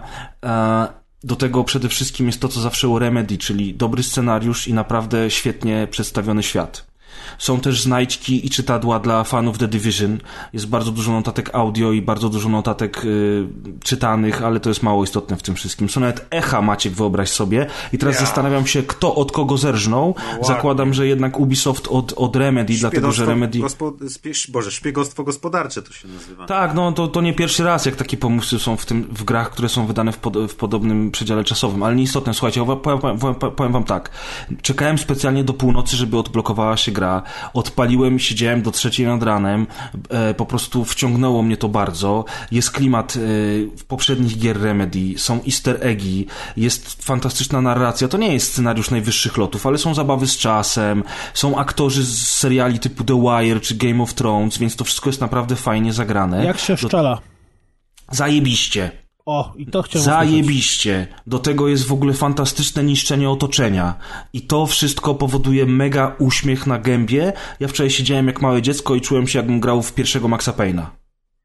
No ja, ja, powiem, ja powiem szczerze, że się jaram mocno. Serio, dawno w nic nie miałem ochoty tak zagrać jak w, jak w Quantum Break. Czeka już na konsoli pobrany. I to jest fajnie, bo e, idealnie będzie mi pasował, żeby pograć w niego do czasu Ratcheta i Clanka nowego. Ale powiem wam od razu, strzelało. żeby nie było zachwytów, tutaj Szary Lis z Pad TV y, pisze od wczoraj posty i pisze, że to jest gra roku i oczywiście ona jest najcudowniejsza na świecie. Gra dekady e... pewnie. I oczywiście ona jest dobra. Tylko, że ciężko mi powiedzieć, czy ona jest taka naprawdę dobra, dopóki jej nie przejdę, więc nie będziemy robili teraz recenzji. Ja jestem tak, przede wszystkim wciągnięty w tą grę, jestem ciekawy, co będzie dalej, a to u mnie rzadko się kiedy zdarza.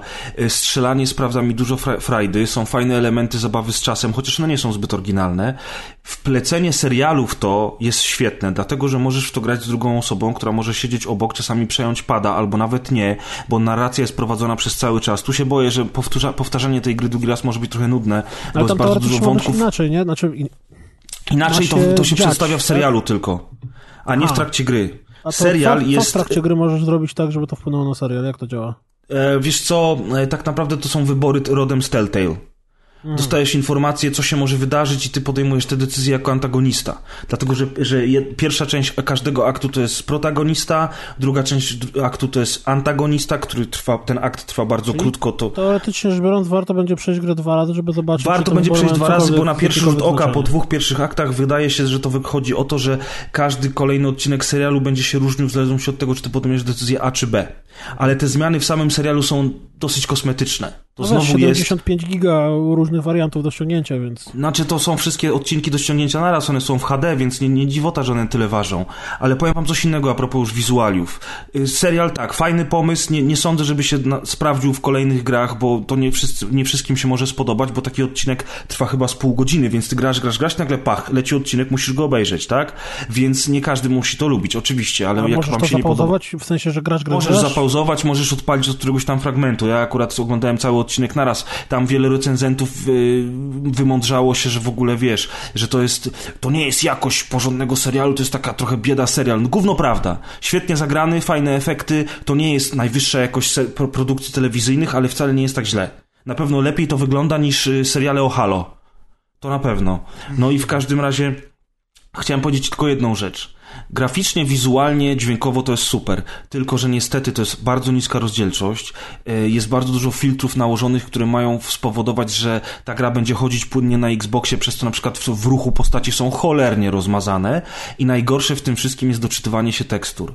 Takiego doczytywania się tekstur nie widziałem już dawno i jest to dosyć irytujące, nie mówiąc już o tym, że czasami potrafisz stać przed wczytaną już teksturą i ona nagle się robi z powrotem na low i wygląda jak kupa. I to niestety jest duży minus. Myślałem, że wersja PC uratuje sytuację, dlatego kupiłem wersję preorderową z, z kodem na Windows 10, który jeszcze nie przyszedł. On tam ma przyjść w ciągu tygodnia od premiery, a już dzisiaj wszyscy piszą, że wersja PC, tak jak każda inna gra z Xboxa na Windowsie 10, optymalizację ma totalnie skopaną.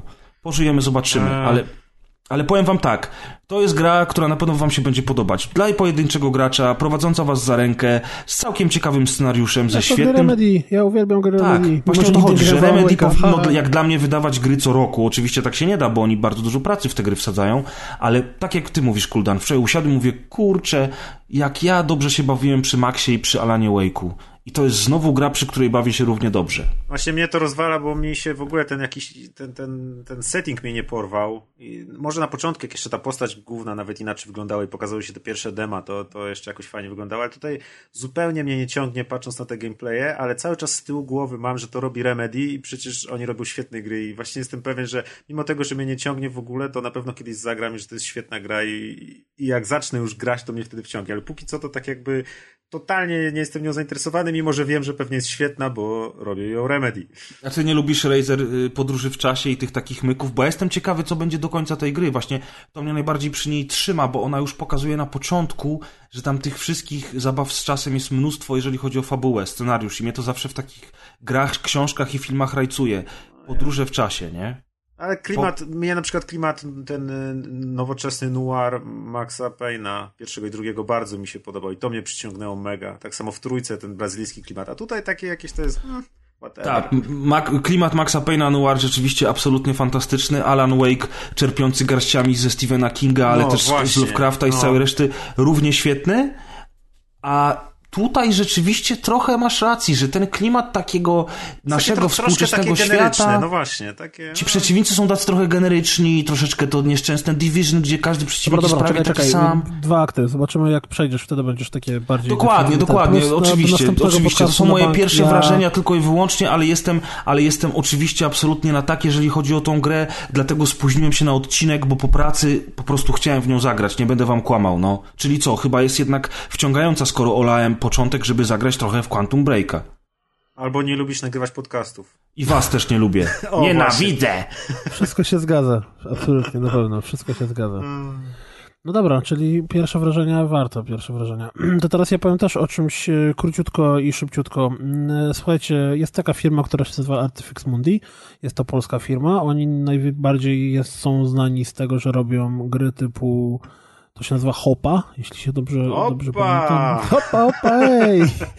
Czyli mm, e, gry o szukaniu rzeczy na ekranie i tam różnych zagadkach. Pozdrawiamy natomiast, formogatkę od Hopa. natomiast e, oprócz tego mm, ostatnio Artifix Mundi wydało na telefony, e, na pewno na Androida, nie wiem czy na iOS-a, grę, która się nazywa Bladebound. I jest to w największym skrócie action RPG. To taki typowy action RPG, tylko że zamiast y, klikać y, macamy polu, znaczy tapiemy paluchem, a zamiast klikać na przeciwników to smarujemy palcem niczym w Fruit Ninja. Y, gra wygląda, tylko no właśnie doszliśmy już do tego momentu, gdzie gry na telefony wyglądają naprawdę bardzo ładnie i ta gra też wygląda bardzo ładnie. Jest całkiem spoko, tam sobie zbieramy przedmiociki, jest oczywiście jest free to playkom, no właśnie. E, I ta free-to-playowość jej polega na tym, że mamy punkciki, które są czymś na zasadzie energii i energii potrzebujemy do tego, żeby, że tak powiem, chodzić na misję. No i ja to pograłem trochę i na razie w ogóle nie wystąpił problem z tym, natomiast wierzę, że najprawdopodobniej w którymś momencie, przez to, że to jest free-to-play, to będzie ten moment, że jak pograsz sobie pół godzinki, to wtedy będziesz chciał grać dalej, to będziesz potrzebował tych punkcików, będziesz mógł je mhm. kupić albo poczekać. Ale z drugiej strony gra wygląda naprawdę ładnie, gra się w to fajnie, misje są zrobione tak, że dają, przechodzi się jakieś, nie wiem, 5 minut między ją, czyli akurat idealnie na posiedzenie na, na, na, na tronie żeby sobie pobiegać wielkim wojownikiem i ponapieprzać mieczem w potworusy. Te, te kręcenie i smarowanie po ekranie też jest całkiem spoko, no a że jest za darmo, to każdy może sobie ściągnąć, pobrać, zobaczyć jak to się gra i jak mu się spodoba, to sobie w to dłużej pograć. Właśnie jestem ciekawy, co ich pchnęło w tak drastycznie inny segment rynku z tych, tych hop, które są jakby takim niszowym, może nie jakimś nisz, może nie niszowym, nie, nie moja bajka, nie, ale tam jak cieszą się popularnością te hopy i oni z nich to słynęli. To dużą popularnością cieszą tak naprawdę. Właśnie, wśród tych tam kobiet po czterdziestce na przykład, nie, czy coś. I, i Kubara i Kubara. Nie no, śmieję się, ale gra, grają ludzie w hopy. No, kiedyś ten ale gatunek widzisz, był na wymarciu, bo, a, a teraz wrócił. Bo te hopy to nie są takie hopy, jak kiedyś były, bo te, kiedyś te hopy, o których ty myślisz, to, to był statyczny ekran i szukanie no tak, zapałki w stogu siana. Ładne, a teraz te hopy są w 3D, masz tam fabułę, masz tak. tam jakieś zagadki takie bardziej logiczne, no. masz tam, wiesz, jakieś właśnie podejmowanie decyzji, coś tam na czas, to, to są spoko gry bardzo. No tak, ale Artefix Mundi ja kojarzyłem z hop, mimo że w ogóle nie, nie grałem, a tutaj nagle, wiesz, free-to-play Diablo na telefony i takie nagle hello. Zastanawiam się, czy to było na przykład, czy to jest ich na przykład taki eksperyment w sensie zróbmy free-to-playkę i zobaczymy ile zarobimy na mikrotransakcjach może może trochę to nasz budżet wspomoże albo coś, no bo nie wiem. W życiu mnie przypuszczał, że nagle takie Artifix Mundi słynące z tych hop swoich bardzo dobrze wykonanych i polecanych przez wszystkich nagle wskoczy w free-to-play RPG. Nie mam zielonego pojęcia. Trzeba by się zapytać kogoś z Artifexa. Nie wiem, jak nas słucha, to można powiedzieć. Ha, ha, ha, hi, hi. No, natomiast y, to tyle ode mnie. Sprawdźcie na telefon, pobrać, zainstalować, nic nie, tego nie kosztuje, jak wam się spodoba, to będziecie mieli w co grać, e, aż wam się nie znudzi na, na kibelku. No dobrze, y, teraz przejdźmy do gry, która też się nadaje idealnie na krótkie posiedzenia, albo i nie, y, czyli Trackmania Turbo. O, Trackmania Turbo, mój Boże, jakie to jest dobre. Słuchajcie, mi się strasznie podobała to nowa Trackmania Turbo na wszystkich zwiastunach. I tylko cały czas się bałem, że nie będę miał w nią grać, bo próbowałem grać w poprzednie Trackmanie, już nie pamiętam, czy tam Canyon, czy jakieś inne i zupełnie mi nie leżało sterowanie. Nie potrafiłem po prostu. Oglądałem, jak tam ludzie śmigają, próbowałem sam, rozbijałem się, wypadałem z trasy, to była tragedia. A tutaj trochę pograłem, tam nie wiem, też niedługo, tam z godzinę, może dwie. Czyli to jest taki preview, nie recenzja teraz. Tak, to jest taki quick start preview, wiesz, nie wiem jak to tam jeszcze, jakiś, na pewno wymyślimy jakąś tą nową na stronę, e, Boże, jak to się, cykl jakiś wymyślimy dla takich. Ale no Trackmania jest rewelacyjna. Przede wszystkim dlatego, że ma boski model jazdy naprawdę. Tam są mm, jest masa wyścigów w kampanii dla, dla, dla pojedynczego gracza i e, ta gra dzieli się jakby na cztery takie dywizje, czy, czy, czy tam coś. To są cztery Oj, rodzaje... stary, ty już masz zboczenie na punkcie dywizji, co? A, o Jezu, rzeczywiście, nawet nie skojarzyłem. ale jest coś takiego, że każda z tych powiedzmy dywizji ma swój rodzaj pojazdu, czyli są cztery rodzaje pojazdów w grze tylko i możemy je tylko tam pomalować, nie, ma, nie można sobie ich wybierać. Jedne są... Serio? Do... Tak, ale to w ogóle ci nie przeszkadza. To jest taka gra, że to w ogóle na to nie zwracasz uwagi. Y, jedna dywizja jest driftowa, gdzie się robi mega długie drifty i jest zarąbista, po prostu jeździ się trochę po asfalcie, trochę po szutrze i w ogóle pionowo i tak dalej. Yy, i jest świetna. Druga dywizja bardzo mi się nie podoba i jest dla mnie najbardziej męcząca. To jest taki country trochę, albo taki właśnie shooter typowy i tam jest zupełnie inny model jazdy. We wszystkich tych dywizjach jest zupełnie inny model jazdy. To jest świetne, przy czym w tym country jest taki bardzo driftowy i bardzo delikatny. Tym samochodem strasznie rzuca, trzeba bardzo e, delikatne ruchy wykonywać i często jeździ się tam wąskimi drogami, z których bardzo łatwo jest wypaść. I na przykład pojawiają się jakieś tam małe kamyczki, małe nierówności, na których tam w Trackmanie pędząc 300 na godzinę po prostu wyrzucać się nagle z trasy i to jest trochę upierdliwe. Y, jest dywizja, y, która się nazywa Roller Coaster Lagoon i to jest takie połączenie trochę takiego off-roadu z jeżdżeniem po tych takich trasach magnetycznych jest coś takiego, że nagle wjeżdżamy w taki tor, perspektywa z trzeciej osoby zmienia się w pierwszą osobę i ten tor po prostu się wije jak roller coaster, czyli nagle jedziemy bokiem, do góry nogami, nagle jest przepaść, tak jakby kawałek toru jest urwany i my lecimy, musimy trafić w ten y, następny kawałek toru i tak dalej. To jest też całkiem fajne i na końcu jest taka y, dywizja najbardziej ko kojarząca mi się z Trackmanią, czyli taka formuła. Te takie pojazdy Formuły 1, które są najszybsze, yy, całkiem zwrotne, chociaż na dużych prędkościach słabo skręcają, więc tam nawet trzeba hamować. To się zdziwiłem, nie spodziewałem się, że w y, Trackmanii to jest, trzeba hamować, a jednak czasem trzeba. No i generalnie ta gra jest po prostu dla mnie czystym arcade'em z lat 90. Tak jak widziałem ją na zwiastunach, gdzie jest kolorowa, gdzie gra elektroniczna muzyka y, i jest prosta, nie ma żadnego kombinowania, właśnie wybierania samochodów, nic, po prostu włączasz trasę, jedziesz. Y, bardzo mi się kojarzy z Hotline Miami przez to, że jest momentalny restart i praktycznie jak tylko widzisz, że już nie dasz rady, bo się tam otarłeś o bandę, wciskasz przycisk i bez żadnego ładowania yy, zaczynasz od nowa. Ciekawe, czy na konsolach też. Ciekawe, czy na konsolach też. Albo od nowa tra całą trasę, albo od checkpointu. Przy czym zaczynanie od checkpointu, jeśli chcesz tam bić czasy, to się nie opłaca, bo ten czas się nie cofa, tylko leci dalej i tak dalej. Yy, co jeszcze? Gra jest... Model jazdy jest tak genialny, że yy, znowuż yy, to mi trochę przypomina powiedzmy Soulsy, gdzie każdy błąd wiesz, że jest popełniony przez ciebie i nie wkurzasz się na grę, tylko na to, że ty się czegoś nie zrobiłeś. I przez to, że te etapy trwają na przykład y, po 20 sekund, po, po 40 sekund przejechanie tego, to powtarzasz je znowu, tak jak w Hotline Miami, bardzo często. Popełnisz błąd od nowa, pyk, jedziesz od nowa, od nowa, od nowa.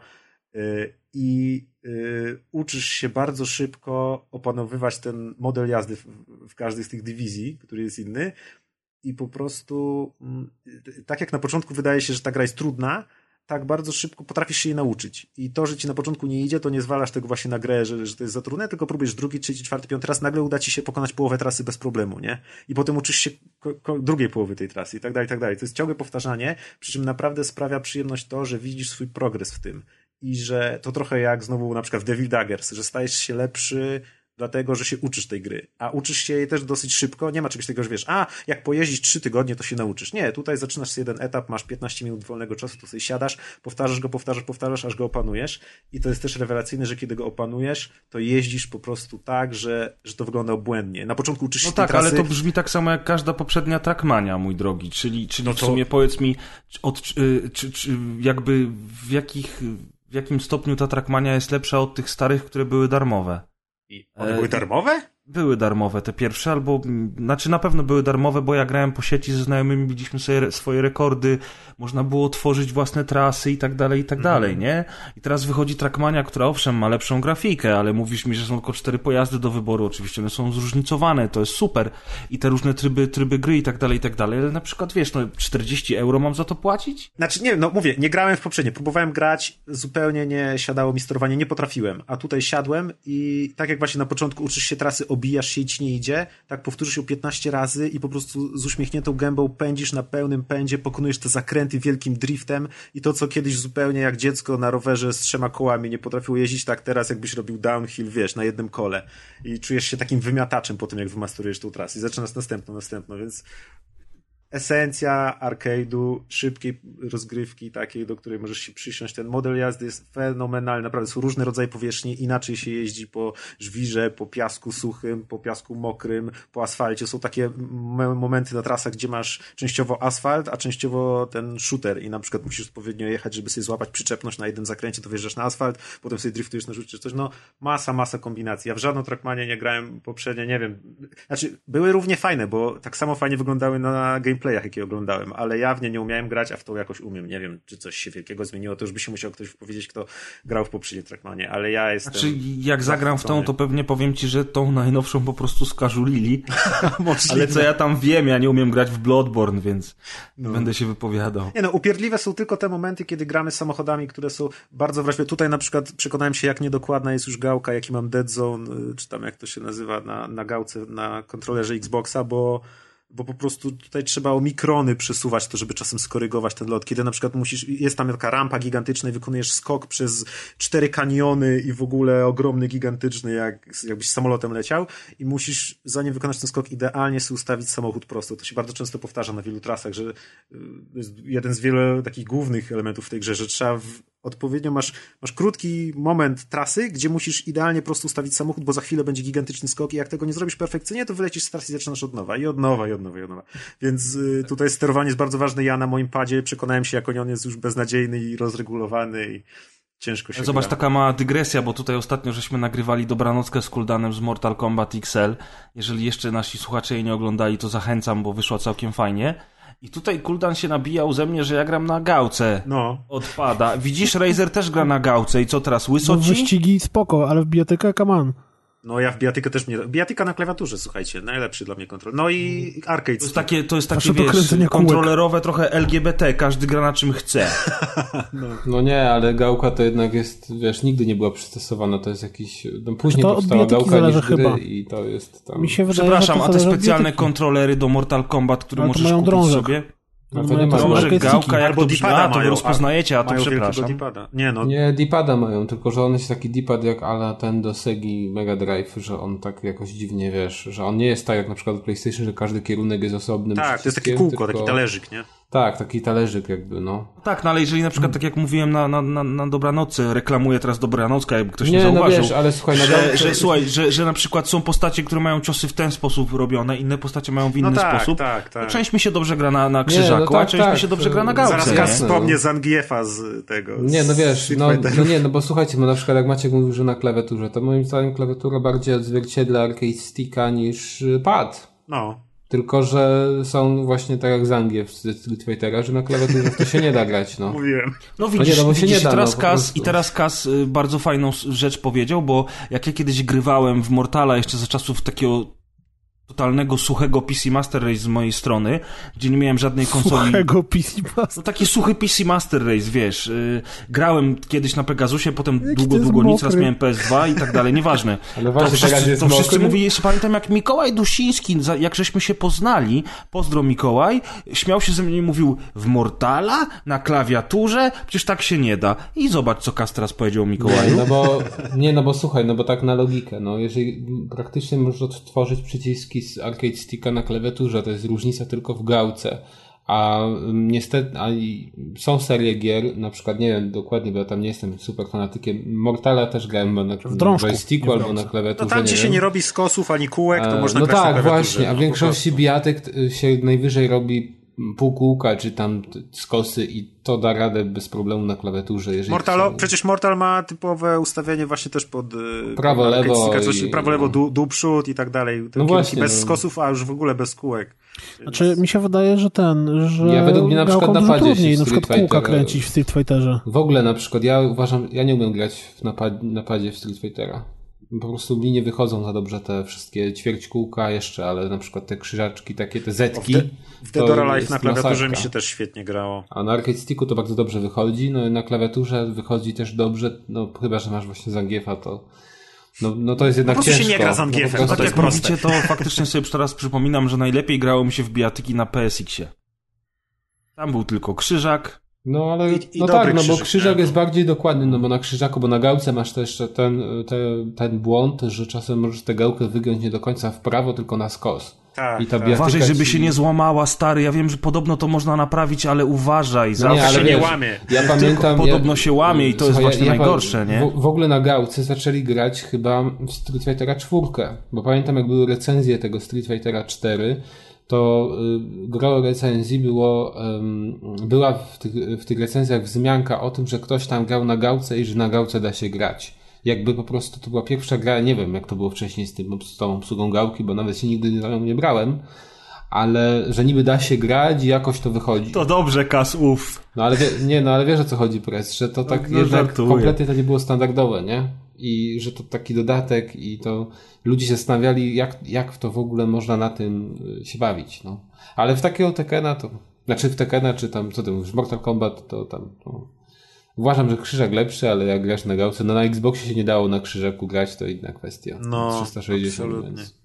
Ale generalnie te nowe pady się średnio do bijatek nadają, bo one mają za sztywne, za sztywne mają krzyżaka. Znaczy w ogóle te nowe pady, ja na przykład moim zdaniem DualShock 4 to słabo już. leży w dłoniach, ja nie wiem, dla mnie trójka lepiej leży, no ale to jest... Tam, Wiecie co mi się marzy, jak już taką dygresję żeśmy wprowadzili kilkuminutową, żebyśmy zrobili kiedyś turniej w bijatyki, taki wiecie, zjazd jak rozgrywka party, ale wiesz, jakby się to skończyło, że wszyscy by na, wiesz, że wszyscy by po prostu nie znali w ogóle ciosów i każdy by... Bardzo dobrze, bardzo dobrze, wiesz. 30 uczestników, tak, jakieś nagrody, w ogóle, ej, bardzo bym chciał. Znaczy, nie? no wiesz, no to nie jest problem. Wystarczy, że nawet zrobisz zlot rozgrywki, przyjedzie No nie jest ktoś... problem według No nie, no nie jest problem, no słuchaj. Skąd weźmiemy automaty, królu? Ale jakie automaty? No przecież wiesz, ile y, słuchaczy rozgrywki ma arcade sticky? Tylko, że ja bym się bał jednak wziąć na slot Arcade Stick. no, ja, ja bym też się bał. organizację w twoim wykonaniu, z chęcią tak. przyjadę. Ja no właśnie. Ja mam dwa nawet Arcade Sticky, dwa. Poznaj Kas Game Arena. Dwa, dwa, dwa Arcade Sticky to luz. Nazwiemy to mordopicie. Wiadomo, jak to się skończy. Właśnie tak, Piękne. tak, dokładnie. Piękne. Turniej w mordopicie. Na końcu zapomnimy, kto wygrał, wiesz. Nieważne, wiesz, e, everybody is a winner. Tak. Najważniejsza dobra zabawa. The winner is you. Dokładnie. Dobra, słuchajcie, rok temu prawie, bo w czerwcu 2015 roku Press ubrał czapkę, ubrał y, ciepło, ciepłą kurtkę, szalik, buty, śniegowce, wziął czekan, albo i go nie wziął, na pewno wziął latarkę i poszedł w góry. Konkretnie Wziąłem ze sobą przede wszystkim Shona Bina. I, i Sean Bean za nim łaził i mu milczał, znaczy szeptał do ucha. Ale wrócił już pewnie sam, biedny Sean Bean. Eee, Bez no właśnie, jak zobaczysz okładkę z tamtej recenzji, to zobaczysz, że Sean Bean pokazał mój faka. Jak się domyślasz, no, randka nie wyszła. Rok minął niecały, mamy e, kwiecień e, i w marcu, mamy kwiecień w marcu, e, Kolat, bowiem o nim będziemy mówić, wyszedł na PlayStation 4 i w tego, że Kolata ja zagrałem dla odmiany. No i tak, e, wiecie, jak ja mam podejście do horrorów. E, kiedy odpalamy grę. To jest horror?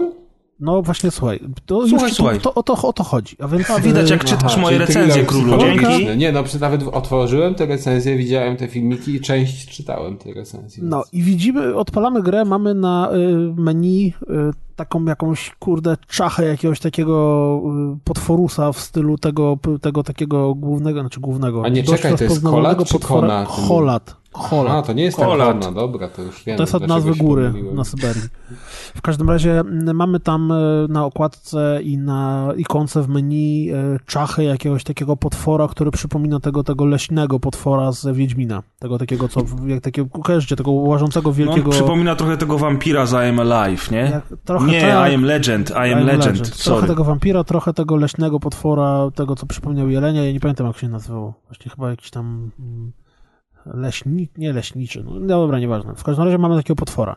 No i odpalamy grę i wita nas całkiem fajne intro dorysowane, które opowiada prawdziwą historię, co jest zabawne, to ja przed zagraniem trzy dni wcześniej akurat czytałem o tej historii jeszcze raz, mimo że tam kiedyś nie słyszałem, czyli o tym, co się wydarzyło na przełęczy Darłowa, czyli w latach... Nie bodajże... Darłowa, tylko Diatłowa. Diatłowa, przepraszam. Czyli w latach, bodajże w latach 50. Ten Clint Eastwood wszystkich zapierdolił. Dziewięciu studentów, poszło, dziewięciu studentów poszło sobie w góry, no i żaden nie wrócił, a jak potem znaleźli ich ciała, to oni znaleźli namiot, który był rozcięty od środka i spieprzali, potem kawałek dalej znaleźli ich trochę w bieliźnie leżących na śniegu, a w jeszcze innym miejscu znaleźli kolejne zwłoki, które były tam zmasakrowane, jakieś zmierzone płute, klatka piersiowa, pęknięta czaszka. Tak, jedna, tam w ogóle te przyczyny śmierci były wyrwany, różniste. Tak, wyrwany język i pół twarzy. No i największy myk polega na tym, że do tej pory, mimo że mamy rok 2015, a to się wydarzyło w roku 59, nie ma wytłumaczenia czemu tam się tak stało. Jest kilka e, hipotez, każda jest inna, każda jedna drugiej przeczy, że to może jakieś tam po prostu dzikie plemię, które tam żyje, a może eksperyment wojskowy, bo te ciała w ogóle były napromieniowane i pomarańczowe, jakieś kompletne jest to, dosyć, jest to dosyć tajemnicze i faktycznie jest to niewytłumaczone do dzisiejszych czasów. E, no i mm, kiedy odpalimy grę, to stoimy sobie w miejscowości pod tą górą, na której rzecz się stała. E, pada śnieg, no i idziemy przed siebie. Nie ma nikogo żywej duszy, po prostu musimy iść do lasu. Bo to wiadomo, jak, jak przyjeżdżacie na Syberię, to pierwsze, co robisz, to idziesz do lasu gra nie daje nam żadnej otwartej swobody w stylu, że możemy łazić po domach, nie, po prostu trzeba pójść przed siebie. No i kiedy i tak idziemy przed siebie, idziemy przed siebie, to nagle zaczyna się robić dziwnie. A to jakoś tak się szybko ściemni, a to drzewa nagle zaczynają być przygięte wszystkie w jedną stronę, jakby do miejsca jakiejś implozji. A to kurde Sean Bean zaczyna nam opowiadać do łóżka, że historia, o przyjechałeś do mnie, super, to chodź szybko, czekam na ciebie na dole, tam już nie ma nic, tylko rozpacz. Tak, i za pierwszym razem, jak się Sean Bean odezwał, zresztą parę razy jak się odzywa na początku, to można łatwo y, dostać zawału serca. Mimo tego, że to jest Sean Bean i wszyscy lubią jego głos, to za pierwszym razem Sean Bean tak odzywa się z bomby, że masz takie what the fuck, jak tak, już się to nie jest tak, że wrzeszczy czy coś, tylko on po prostu mówi tak jak narrator, tylko że w taki sposób, że, że nagle mówi, ty tu jesteś, siedzisz na brzegu krzesła, bo, bo coś niepokojącego dzieje się na ekranie, to nagle Sean Bean się odzywa. No i mm, po tym krótkim wprowadzeniu nagle dzieje się coś dziwnego. Znajdujemy się w środku nocy y, na, na, na właśnie wzgórzu. Docieramy do tego namiotu. W ogóle gra bardzo ładnie wygląda. Y, to, to faktycznie jest, y, jest, jest całkiem spoko. Docieramy do namiotu, w momencie znajdujemy mapę, no i tu się zaczyna tak jakby ta, ta właściwa część gry, która polega na tym, że z mapą musimy łazić po tych wszystkich górach i w tych górach znaleźć kilka punktów, charakterystycznych dla tego terenu i zarazem charakterystycznych dla tych wydarzeń. No i łażąc po tych punktach, zbieramy notatki, e, czy tam właśnie jakieś wspomnienia. Sean nam to trochę czyta, trochę tam są jakieś notatki kogoś innego. Tak, bo tych punktów sobie... najważniejszych dla fabuły jest dziewięć. To jest dziewięć charakterystycznych miejsc na mapie, które musimy odwiedzić. A poza tym jest masa notatek czytanych, czyli to, co Razer lubi w The Division. I te notatki jakby dopowiadają fabułę, bo tych fabuł tak naprawdę tam jest kilka. E, a powiedz mi, Kuldanie, to jest dla mnie bardzo ciekawe pytanie. E, jak ty sobie z tą mapą radziłeś i z tym całym zwiedzaniem Właśnie świata? Właśnie to jest niezły myk, bo to nie jest mapa, do jakich przyzwyczaiły nas gry, czyli mamy po prostu mapę z wielkim interaktywnym punktem tu jesteś, tylko to jest po prostu mapa i kompas i musimy sobie i współrzędne i musimy sobie z tej mapy ogarniać tak naprawdę, gdzie jesteśmy, gdzie poszliśmy i w którą stronę pójść. Jak to bywa na szlakach górskich, w bardzo wielu miejscach na skałach kredą zapisane są różne współrzędne i ty musisz Dokładnie. sam się zorientować, w którym miejscu mapy jesteś. Dokładnie, więc to jest całkiem spoko, więc jeżeli ktoś wyniesie jedną pozytywną rzecz z Holata chociażby, to na pewno będzie to to, że może się nauczyć nawigować w górach mapą i kompasem. To jest rzecz, która Chociaż te pewno... góry są dosyć, no nie, nie, nie oszukujmy no, się, to są dosyć, dosyć są. Specyficzne i tak naprawdę idzie się troszeczkę jak y, po sznurku w pewnym momencie, jak już się pozna, jak po tej mapie się poruszać, nie? To jak y, Wyobraźcie sobie... Tak dokładnie co, chciałem właśnie do tego nawiązać. Wyobraź sobie Firewatcha, tylko że musisz tą mapą nawigować rzeczywiście sam i w pewnym momencie, tak mniej więcej w połowie gry, ty już wiesz mniej więcej gdzie, dokąd i jak każda ścieżka prowadzi. Znaczy, wiesz, Firewatch to był taki totalny korytarz, a tutaj to jest taki trochę półotwarty świat. No nie, w Firewatchu ciężkość, no troszeczkę. Ten śnieg sypie i on bardzo często powoduje, że człowiek się może pogubić troszeczkę. Rzeczywiście, zresztą druga rzecz, która jest bardzo irytująca w kolacie, po paru godzinach gry, to jest to, że ten świat jest bardzo do siebie podobny. I tam są skały, zalesione drzewa i kupy śniegu i tak naprawdę nic więcej poza tymi takimi charakterystycznymi miejscami na mapie. W związku z czym oczywiście łatwo się jest tam zgubić. Ale on, czy on, ja bym go nazwał półotwartym, mój drogi? No nie no, wiem. Znaczy, ja powiem tak, co jest najważniejsze i najistotniejsze. Ja wytrzymałem jakieś półtorej godziny, dwie godziny, mniej więcej, no z półtorej myślę, bo ta atmosfera na początku była na tyle gęsta dla mnie i ona tak, tak, wiecie, ja nienawidzę horrorów, po prostu autentycznie nie znoszę... Wszystkiego bojący się Kuldan. Dokładnie, to się nie wzięło znikąd. I autentycznie, grałem w to sam wczoraj w nocy w ogóle, więc to jeszcze to, to zupełnie inaczej, jak grasz to w środku dnia, słońce świeci, nie wiem, ptaki grają, jest miło i przyjemnie, to grałem totalnie samemu od drugiej chyba w nocy czy trzeciej, więc y, jak potem coś mi tam zaczęło hałasować w holu, to od razu byłem już, już, już przerażony. A to Weronika mm. pisała codziennik. Nie, to kot łaził. Właśnie to jest, jeżeli ktoś się boi jakichś tajemniczych odgłosów w swoim domu, to dobrym motywem jest posiadanie kota, bo za 95% tych odgłosów kot jest y, odpowiedzialny. Niestety w tym momencie w tym momencie kot spał w sypialni zamknięty i to były dziwne odgłosy i wolałem nie iść sprawdzić, co się dzieje w momencie, w którym właśnie na ekranie tam się działy jakieś straszne rzeczy. Więc, znaczy, okej, okay, straszna rzecz. Nie, to nie jest tak, że ta gra y, pokazuje nam jakieś klimaty typu gore, nie gore. Ona, ona mm, ma atmosferę, przynajmniej na początku, tych półtorej godziny, która potrafi zjeżyć y, włosy na karku. Czyli jest tak, jest gęsto. Ja nie wiem, jak to się potem rozwija, to press może powiedzieć, że to potem robi się pełen horror, czy nie, albo nie mówić w zależności od tego, jak to traktować jako spoilery, ale jeżeli ktoś lubi taką atmosferę dosyć tajemniczą, to, to początek gry na pewno go do, ją, ją, ją dowozi. Tak, tak, ja się zgadzam absolutnie, że ten początek gry jest dosyć tajemniczy i bardzo klimatyczny. On on, o, gra w ogóle ma takie momenty, które są klimatyczne. Ten, ten narrator, czyli mój kolega Sean Bean, on y, bardzo, bardzo fajnie się zgrywa z tym wszystkim i potrafi przestraszyć tylko dlatego, że po prostu się nagle odezwie. Ale, ale jakby w drugiej połowie gry to się jednak sprowadza znowu do chodzenia, y, do odkrywania kolejnych miejscówek, gdzie można odkryć kolejne znajdźki w postaci notatek. I teraz jakby fabularnie mnie to bardzo ciekawa, ciekawiło, dlatego że ta cała historia tragedii na tej przełęczy bardzo mnie zawsze interesowała. Ja o tym czytałem już dawno temu.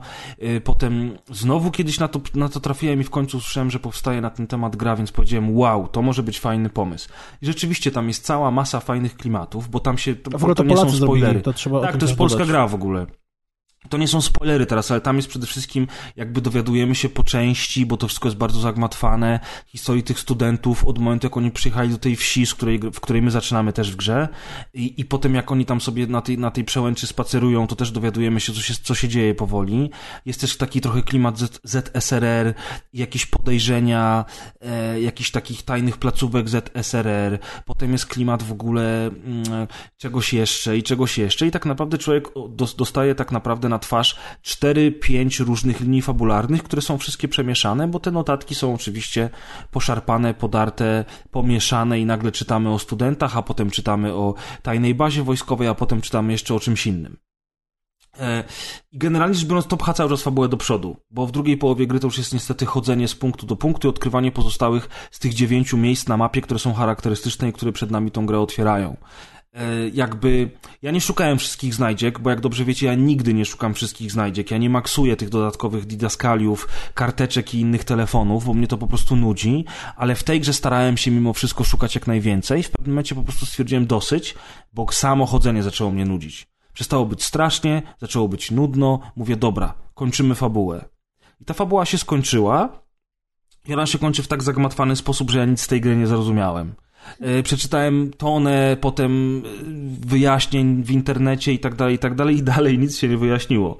E, więc ta gra jest trochę niestety sztuką dla sztuki. Ona ma klimat, fajnie wygląda, potrafi przestraszyć, ale niczego się z niej nie dowiecie. Zresztą czego macie się dowiedzieć, skoro do dzisiaj tak naprawdę tajemnica nie została rozwikłana. No, no i to chyba tyle. No, więc jak ktoś, jak ktoś nie grał na PC, bo nie miał okazji, a lubi tego typu gry i tego typu klimaty, to w sumie na PS4 warto. Jest pewien, czy to na Xboxie wyszło? Nie, nie wiem, nie będę zgadywał. Nie, nie wyszło. Nie wyszło, okej. Okay. Na PS4 jest y, i, i serio fajnie wygląda w środku zimy, w środku nocy, te, te wzgórza, księżyc w pełni, który oświetla nam to śnieg zapieprza, jest nieźle. Dobrze, mm, a propos gier, które kiedyś wyszły na PC, a teraz wyszły na PS4, to e, dawno, dawno temu, tym razem nie rok temu, a jakieś 20 lat temu, albo jeszcze więcej, e, na PC wyszła taka gra. Była to druga część e, dobrze przyjętej przygodówki Maniac Mansion o tytule Day of the Tentacle. Ona wyszła w międzyczasie, szybko sprawdziłem, w 93 roku, więc faktycznie wow. trochę, trochę dawniej niż rok temu.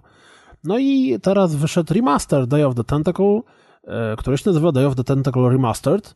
Wyszedł on na PlayStation 4, PlayStation Vita e, i PC. Mm, czyli tam pewnie te wszystkie Linuxy, nie Linuxy, nie wiem, ale na pewno na Steamie jest. No i tak. Mm, jest to dobrze zrobiony remaster, bo o. jak pamiętacie remaster Grim Fandango, tam było bardzo dużo problemów. No ale to była gra 3D, e... no to wiesz. Remaster Day of the Tentacle jest zrobiony tak, że po prostu wszystko zostało od zera narysowane. Każdy element jest narysowany jeszcze raz. Co więcej, tak samo jak w remasterach Monkey Island pierwszej i drugiej części, w dowolnym momencie możemy się przełączyć pomiędzy tym, co widzimy, e, znaczy możemy się przełączać pomiędzy starą grafiką no. a nową grafiką. Ale w ogóle tam było kilka chyba wersji też oryginału, czy mi się coś myli. To znaczy? Że one nie, nie wychodziły na różne sprzęty i w różnych edycjach też? W sensie wiesz, że na przykład na Midze wyglądało tak, a na czymś innym wyglądało tak, a no, szczerze, no. nie mam zielonego pojęcia. Bardzo możliwe, bo tam wiesz, no pytanie, czy to było na, na, na bank mhm. wyszło na dyskietkach i pewnie wtedy nie było voice actingu, a może też wyszło na płycie i tam miało voice acting. No, nie wiem, szczerze mówiąc. Mhm. Bardzo możliwe. Ale jeśli chodzi o tą, o tą wersję, to, to się przełączamy i to jest śmieszne, bo na przykład interfejs jest zupełnie inny w tej zremasterowanej wersji, a inny w tej wersji mm, e, starej, bo w starej wersji mamy po prostu scam, czyli te, te e, polecenia, czasowniki, tam push, pull, tok i tak dalej, a w nowej wersji mamy takie kółeczko z wybieraną sobie mm, ikonką, y, co chcemy zrobić. Oczywiście tam niektóre są bazowe, niektóre nie. Mamy na przykład takie ułatwienie, które polega na tym, że jak nacisnemy jeden guzik, to podświetlają się wszystkie elementy, które są interaktywne w, na danej planszy. Czyli wiemy, że możemy coś z tym zrobić, coś z tamtym zrobić. No, nawet jeżeli to jest, ogranicza się tylko i wyłącznie do look, add, to, to, to działa. No dobrze, bo nie e, trzeba jeździć kursorem po całym ekranie. Dokładnie, nie? pixel huntingu nie ma. Myk polega na tym, że mm, e, gra została jeden do jednego przerysowana i e, mm, mam takie wrażenie, że na początku może wam brakować klatek. To znaczy, po prostu jak jest narysowana od zera w ładny sposób animacja ruchu, która polega na tym, że kiedyś to były cztery klatki, noga podniesiona, noga opuszczona, noga podniesiona, noga opuszczona, to teraz w remasterze wydaje się to jakoś tak nienaturalne, że nie ma jeszcze w międzyczasie pięciu innych klatek z tą nogą średnio wyprostowaną i tak mhm. dalej. E, no ale no, no wiecie, jednak należy patrzeć na to jako na remaster, a nie jako na tytuł kompletnie nowy. Mm, kolejna rzecz polega na tym, że po prostu wtedy była strasznie fajna przygodówka i to była przygodówka w tym takim stylu, bo Monkey Island bardzo często zahaczał o, o rozwiązanie zagadek, które były na tyle abstrakcyjne, że bez solucji że, było ciężko. Że jak sięgałeś po solucję, to potem e, tak. miałeś takie, że ja miałem to wymyślić, tak? Nie spieprzajcie. E, a tutaj wydaje mi się, że większość tych zagadek jest w miarę okej. Okay E, jak się zatniemy, to oczywiście bez problemu można sięgnąć po solucję, bo jest ich od 93 roku w sieci pojawiło się Ale nie ma tych solucji. podpowiedzi? Wiesz, jak... Właśnie, nie ma podpowiedzi. Masz, dokładnie o tym chciałem też teraz powiedzieć, że, że w remasterze Monkey Island pierwszej i drugiej części były bardzo fajnie zbudowany system podpowiedzi, który był taki trzystopniowy. A tutaj nie, nie ma go w ogóle. To słabe. Tak, to jest, to jest niestety słabe. Natomiast yy, tak jak to była fajna gra, to dalej jest fajna gra. Ale czekaj, czekaj, czyli to jest ta druga część? Tak, bo właśnie bo widziałem, To że... jest Day of the Tentacle, czyli to jest y, druga część Maniac, Maniac Mansion. No właśnie, dobra, to mi się pomyliło z Maniac tym, no, Mansion to było tak. takie super staromodnie wyglądające. Tak, tak, i to wychodziło na kilka sprzętów, a ten Aha. Day of Tentacle chyba wyszedł tylko Day of the Tentacle to, był taki typowa, wiesz, to była typowa przygodówka z tamtych lat, nie? Na PC, ale chodzi o to, że ona już na PC wyszła. A w ogóle właśnie to jest istotne, nie wiem czy wiecie, ja o tym wiedziałem, sprawdziłem, to jest też w remasterze w Day of the Tentacle była Maniac zawarta cała część Maniac Mansion. Po prostu w jednym pomieszczeniu stał komputer i mogliśmy w tym komputerze mm. play i była cała gra Maniac Mansion. I tak samo jest tutaj. Nie jest zremasterowana niestety. jest w oryginale takim jak była, ale jest też, to też jest całkiem spoko. Mm, no co jeszcze powiedzieć? No to jest fajna przygodówka po prostu i nawet jeżeli ktoś ją przeszedł 20 lat temu, to i tak warto ją przejść jeszcze raz, bo, bo to jest po prostu fajna, zabawna przygodówka, z, z jakich teraz brakuje. Jeżeli ktoś nienawidzi przygodówek, to i tak go to nie obchodzi. Ja bardzo lubię przygodówki i ale teraz chyba nie jest tak, że brakuje przygodówek. To, znaczy to indyki Brakuje mi pewnie. takich przygodówek. No. Wiesz co, brakuje mi przygodówek takich, wy, wychodzą przygodówki, ale one wychodzą w trochę innym stylu. No, najbardziej z tymi starymi grami LucasArtsa to mi się kojarzy cała ta seria Deponia. Bo wychodzi bardzo dużo przygodówek, które po pierwsze są mocno pixeloaktrowe, a po drugie zazwyczaj są jakieś takie trochę mroczniejsze, trudniejsze, jakieś wiesz, takie detektyw, klimaty, coś. klimaty detektywistyczne, a to paranormalne, a to coś tam. A te gry LucasArtsu, one były luźne, one były takie z jajem. Jajcarskie, no. Jajcarskie. I właśnie takich przygód, no Deponia to jest chyba cztery części w sumie tego wyszło. To jest jedyne, co mi się kojarzy z takim typowo luźnym podejściem. No ten, Full Throttle. No, czy full, no tak, no nie, Deponia to jest ta nowa gra. Deponia to jest taka seria przygodówek też właśnie rysowanych, całkiem ładnie wyglądających, Aha, z lekkim no. jajem. Mhm. Mm, teraz jakoś będzie kolejna chyba właśnie kończąca całą, całą serię, czwarta część. Yy, a, a te wszystkie inne przygodówki, które są, to zazwyczaj one są jakieś ciężkie, albo nie wiem, albo może ja mam pecha, nie trafię na takie, jakie chcę. A Day of the Tentacle jak najbardziej, świetnie mi się gra. E, super się bawię. E, jak się zatnę, to nie mam oporów sięgać po solucję, bo, bo po prostu hmm. czemu tracić czas, taki jestem lama.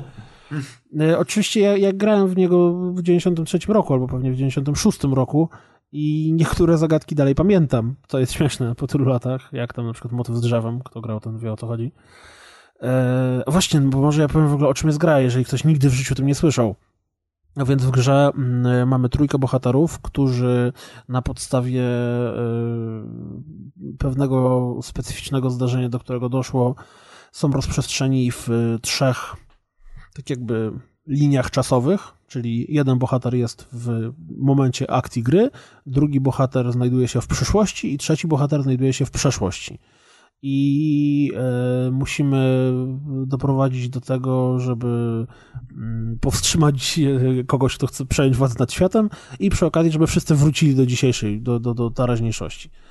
No i e, przez to, że ta linia czasowa jest taka rozciągnięta na trzy różne ery, to, to jest to wykorzystywane w zagadkach, czyli na przykład jeżeli zrobimy coś w przyszłości, to ma to m, mm, przeniesienie na, na teraźniejszość i na przyszłość, tak? No, to właśnie to, co o drzewie mówię, czyli że... Prawie tak jak w Quantum Break. tak, dokładnie. Dokładnie tak. No i jest to po prostu ładnie rysowana, przyjemna e, przygodówka. Natomiast niestety muszę powiedzieć jeszcze jednej rzeczy, a mówię niestety dlatego, że Grim Fandango miał masakryczne problemy techniczne, ale takie jakieś tam strasznie masakryczne. Day of the Tentacle ich nie ma, je ma. I jest to dla mnie kompletnie losowe i tego nie rozumiem. To znaczy, kiedy odpaliłem grę, to wszedłem do opcji, żeby zobaczyć, czy są włączone napisy i tak dalej.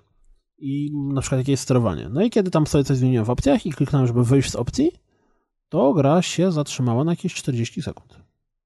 Myślałem, że się zawiesiło, już chciałem, żeby ją w ogóle włączyć, czy nagle z powrotem wyszła do menu. Hmm. No to zadziwiony, co się stało, jeszcze raz wszedłem do opcji, wyszedłem z nich i wyszła od razu. Zrobiłem to jeszcze z pięć razy, to za piątym razem znowu się zablokowała. Nie wiem o co chodzi. Potem w trakcie gry wlazłem do jednego pomieszczenia i to pomieszczenie się przez jakieś 10 sekund doczytywało. Po czym jak z niego wylazłem i wlazłem do niego jeszcze raz, to pojawiło się od razu, tak jak wszystkie inne pomieszczenia. Więc nie mam zielonego pojęcia o co chodzi. E, jak grałem e, w sumie, nie wiem, kilka godzin, e, to to nie jest tak, że to się zdarzało cały czas non-stop. W sensie, że co chwilę mi wyskakiwał jakiś problem, tylko co powiedzieć?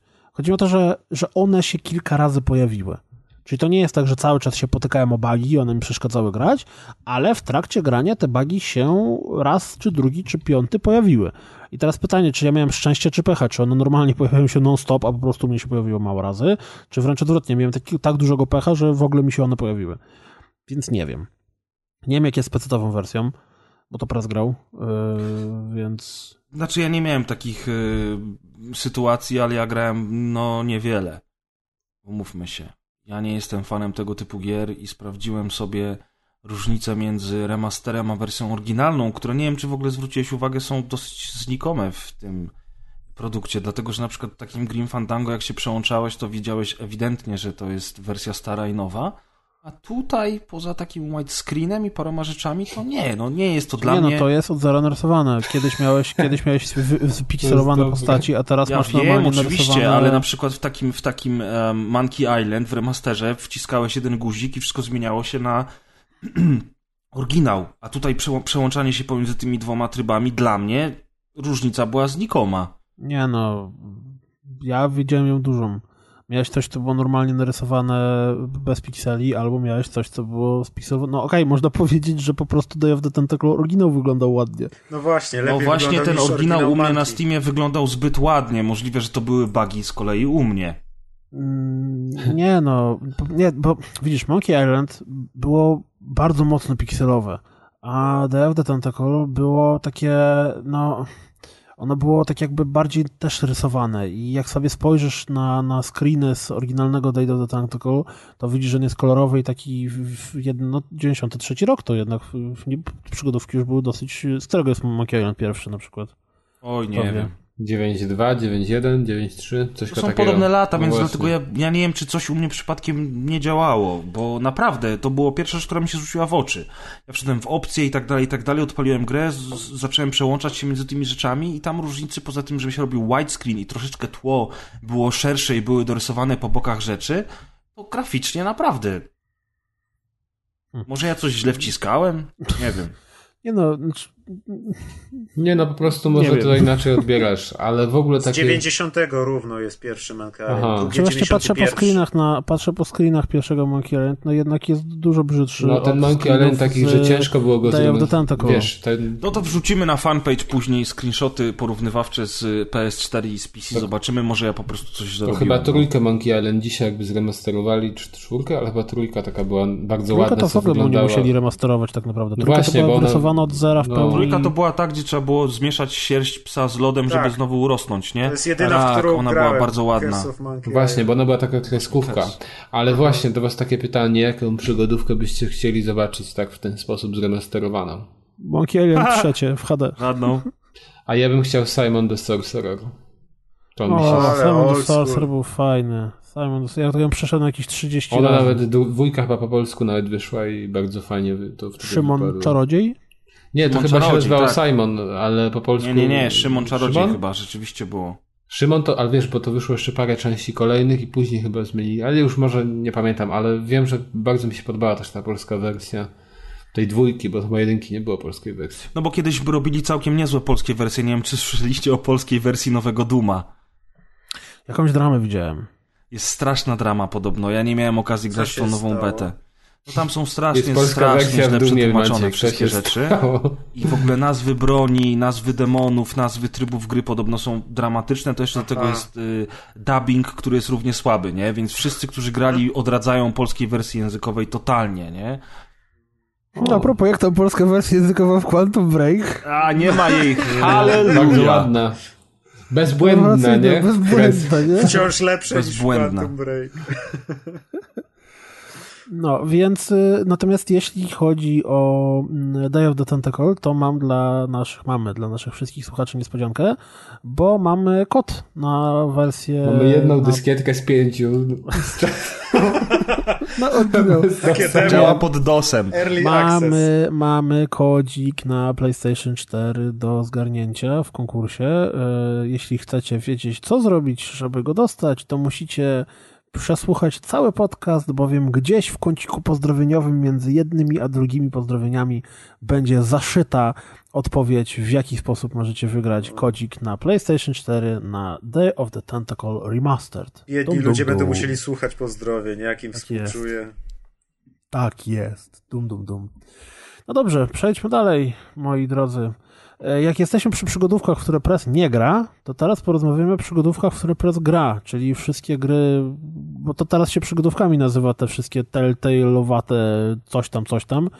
No tak i jest. jest gra, o której mało osób słyszało, e, która się nazywa Blues and Bullets, która też jest właśnie w telltale'owatym stylu, z tego co ja kojarzę. Opowiedz nam o niej coś, bo ja tylko tak kojarzę, jest, że to jest... jest no właśnie, już ja nic nie będę mówił, opowiedz nam od razu. Okej, okay, to jest taka gra, o której ja też niewiele słyszałem, aczkolwiek jej pierwszy, to jest oczywiście gra epizodyczna, jest oczywiście nie zrobiona też przez Telltale, jest zrobiona przez firmę, która nazywa się A Crowd of Monsters e, i generalnie rzecz biorąc e, jest to e, tego typu właśnie przygodówka, w której press gra, czyli nie będąca point and clickiem, będąca przygodówką trochę filmową, w której nacisk jest położony na fabułę, na rozmowy, na czyli dialogi. Czyli tak generalnie nie będąca przygodówką, kąt? No, w sumie tak, w sumie tak. Jeżeli jesteśmy już po Day of the Tentacle, to rzeczywiście ten, ten rozdźwięk pomiędzy tym, co było kiedyś, a jest teraz, jest diametralny rzeczywiście i tak jak ja się śmiałem, że Trackmania została skażualowana, tak samo te przygodówki tak naprawdę zostały skażualowane. No nie oszukujmy się, no Telltale to jest po prostu idź, wciśnij, yy, wybierz dialog, oglądaj dalej fabułę i rzeczywiście um, Blues and Bullets jest podobne. Co ciekawe, ja od razu jak zobaczyłem, że Blues and Bullets jest y, grą, która jest epizodyczna, e, y, to powiedziałem sobie, poczekam, aż wyjdzie cały sezon, tylko że pierwszy odcinek miał bardzo, bardzo pozytywne oceny. E, I przy okazji premiery drugiego odcinka, który niedawno, który niedawno się ukazał, to e, postanowiłem przyjrzeć się tej grze. Także przeszedłem dwa pierwsze odcinki, więc będzie to recenzja odcinka pierwszego i drugiego, no inaczej się niestety nie da. Co, co ciekawe, pierwszy odcinek wyszedł mniej więcej we wrześniu, drugi odcinek wyszedł pod koniec yy, yy, marca i ja to od razu zaznaczam, że dla mnie takie epizodyczne granie jest bez sensu.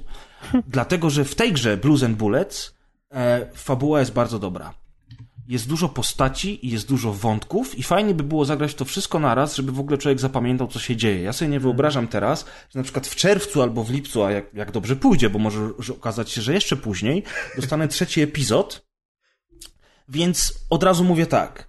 Gra jest świetna, ale chyba jednak zacznijmy od tego, że warto poczekać na cały sezon. Gra jest przede wszystkim e, grą postmodernistyczną, czyli jaką? Mieszającą wiele gatunków. I to już nie jest tylko i wyłącznie klon Telltale, dlatego że poza tymi mykami z Telltale mamy tu jeszcze takie prowadzenie śledztw e, rodem z Murdered Soul Suspect, czyli śledztwo spoza grobu, kto, gra, to, kto grał, ten pamięta. E, mamy tutaj trochę takiego e, tego całego naszego Sherlocka Holmesa, który jest wydawany przez Frogwares bodajże, prawda? Generalnie rzecz biorąc, całość jest w ogóle ubrana w bardzo efektowną oprawę wizualną, dlatego że całość jest czarno-biała i tylko są czerwone, czerwone kolory, stąd też się śmiałem, że Tomek Pieniak jest głównym bohaterem gry, ponieważ bohater ma ten czerwony krawat, więc buty są czerwone, niektóre samochody są czerwone, świata są czerwone, krawat jest czerwony, a cała reszta jest czarno-biała. Gra dzieje się e, w klimatach, znaczy gra jest w klimatach noir, są to lata 40-50 i to co ciekawe, e, twórcy wzięli sobie za punkt wyjściowy Eliota Nessa, e, Ala Capone i całą historię y, The Untouchables, czyli tej, tej drużyny, która prowadziła śledztwo przeciwko y, Alowi Capone, z tym, że zupełnie jakby tutaj wzięli sobie dowolną interpretację i zrobili z tego własną historię, więc gra się dzieje trochę w przeszłości, kiedy Ness y, próbuje zamknąć Capona, a również w przyszłości, 20 lat później, kiedy Ness nie jest już policjantem, ale jest prywatnym detektywem. Teraz tak, od razu powiem, to jest gra niedopracowana pod każdym aspektem jest to gra wybrakowana. Mm. Graficznie wybrakowana. Animacja postaci tragiczna. Modele postaci Niektóre fajne, niektóre słabe. Właśnie szkoda, e... bo na, na zdjęciach statycznych wygląda świetnie, nie? Jak Sin City albo, albo coś. Jeszcze takie ujęcia są charakterystyczne, mieszanie tych napisów, tak więc póki się nie rusza, to wygląda tak. całkiem nieźle. W ruchu, jak zobaczycie na przykład bijatykę dwóch typów, albo jak nasz główny bohater próbuje truchtem pokonać mapę, bo jest coś takiego jak bieganie, ale tego bym bieganiem nie nazwał, czy też niektóre po prostu animacje, zwłaszcza w pierwszym odcinku, to jest bardzo ciekawe a propos epizodycznych produkcji. Pierwszy odcinek jakościowo jest dużo gorszy od drugiego. Widać, że ten sukces pierwszego spowodował napływ kasy i drugi już jest dużo lepszy i to nawet pod względem yy, gry aktorskiej która jest ta sama. Co ciekawe, głównego, głównemu bohaterowi głos podkłada amerykański y, Geralt z Rivi. Mhm. E, I gra całkiem fajnie, chłopak. Zresztą cała reszta też całkiem fajnie gra. Dialogi są niezłe. Scenariusz może nie należy do zbyt wymyślnych, ale, ale wciąga. Naprawdę to jest gra, która mnie zaskoczyła totalnie, bo ja po prostu ją odpaliłem, mówię, zobaczę, lubię Telltale i okazało się, że jest tam tak dużo fajnych smaczków i fajnych roz rozwiązań, że gra się dalej. Przede wszystkim ostrzegam, gra jest dosyć makabryczna. Y, śledztwa, które prowadzimy są makabryczne. Jest dużo bardzo brutalnych y, obrazów, y, nawet dialogi są, tam mamy przemyt, przemyt ludźmi, tortury, prostytucję, wszystko tam jest, co byście tylko chcieli. I to jest nie jest... na poważnie. Jest na poważnie. E, mniej poważnie się robi, jak wchodzą elementy strzelane, bo to robi się z tego taki shooter na szynach, kiedy tylko możemy się chować za zasłoną lub też przełączyć się między jedną a drugą zasłoną i celujemy w przeciwników, którzy tak naprawdę zachowują się jak tarcia na strzelnicy, ale to nie przeszkadza, bo to są tylko elementy wplatane w fabułę i jakaś taka forma rozluźnienia. Dla mnie ogólnie rzecz biorąc, y, z każdą kolejną minutą gra wciągała mnie coraz bardziej, coraz bardziej, coraz bardziej. Y, ta prowadzona narracja na dwóch płaszczyznach przeszłej i przyszłej też daje radę. Motyw okultystycznych morderstw, porwań ludzi, e, pewnego odkupienia głównego bohatera, bo to też musicie zobaczyć w trakcie gry. To wszystko razem składa się na historię dosyć nietuzinkową, która w połączeniu z różnymi mechanikami wplecionymi do jednej gry dają bardzo przyjemną produkcję. Bardzo niedopracowaną, tak jak powiedziałem, y, mogącą was odrzucić przez animację czy przez grafikę, ale moim zdaniem warto dać grze szansę. Ja po dwóch pierwszych epizodach jestem bardzo ciekawy zakończenia. Naprawdę. I e, są też takie momenty, które wręcz aż powodują u mnie wow. Takie wow, którego się nie spodziewałem po tej grze. Także to jest taka gra, której nie znacie, a powinniście, jeżeli ona wyjdzie i będzie już w miarę sensownej cenie jako całość, czyli wszystkie pięć epizodów, to warto po nią sięgnąć. Kolejna ważna rzecz, e, każdy odcinek trwa nie godzinę i półtorej jak w Telltale, tylko przynajmniej dwie i pół godziny. Więc gra jest dużo dłuższa i dużo bardziej rozbudowana. Mhm. No fajnie wygląda. No. Także, także serdecznie polecam, bo jest to niby to samo, ale coś nowego i, i, i ta historia, te klimaty. Myślę, że każdy znajdzie tutaj coś dla siebie. No tak, ale ten cykl wydawniczy to po prostu dla mnie takie gry zabija, bo ja po jednym odcinku i odpalając następny za pół roku już nie będę pamiętał, co się stało, więc. Absolutnie się z Tobą zgadzam, absolutnie, dlatego mówię. Poczekajcie, aż wyjdzie cały sezon. Ale kiedy wiadomo, A... wiadomo kiedy ma wyjść? Czy to jest A takie... skąd, stary? To jest, wiesz, jeżeli Telltale, które ma takie pieniądze na prowadzenie gier, robi takie numery, że to wychodzi raz na jakiś czas yy, i oni sami nie wiedzą, co będzie nie, dalej. No wiesz, no Telltale ma problemy wiesz. z okiełznaniem po prostu tej siły i mocy konsol, no to... Ja myślę, że ja, w ogóle to studio, które wydało Blues and Bullets, to jest małe studio, które wkłada całą energię w tą grę i widać to, że oni naprawdę, naprawdę się starają, ale, ale brakuje im bardzo to... mocno w, w, kwestii warsztatowej. Także tak jak, to, jak powiedziałem, pierwszy odcinek był taki se, chociaż nad, nadrabiał, nadrabiał klimatem i fabułą, drugi odcinek po paru miesiącach dostał na tyle duży zastrzyk gotówki, bo ludzie kupili Season Passa po pierwszym odcinku, że chłopaki zrobili już dużo lepszą część drugą i ja myślę, że do końca sezonu będzie jeszcze lepiej.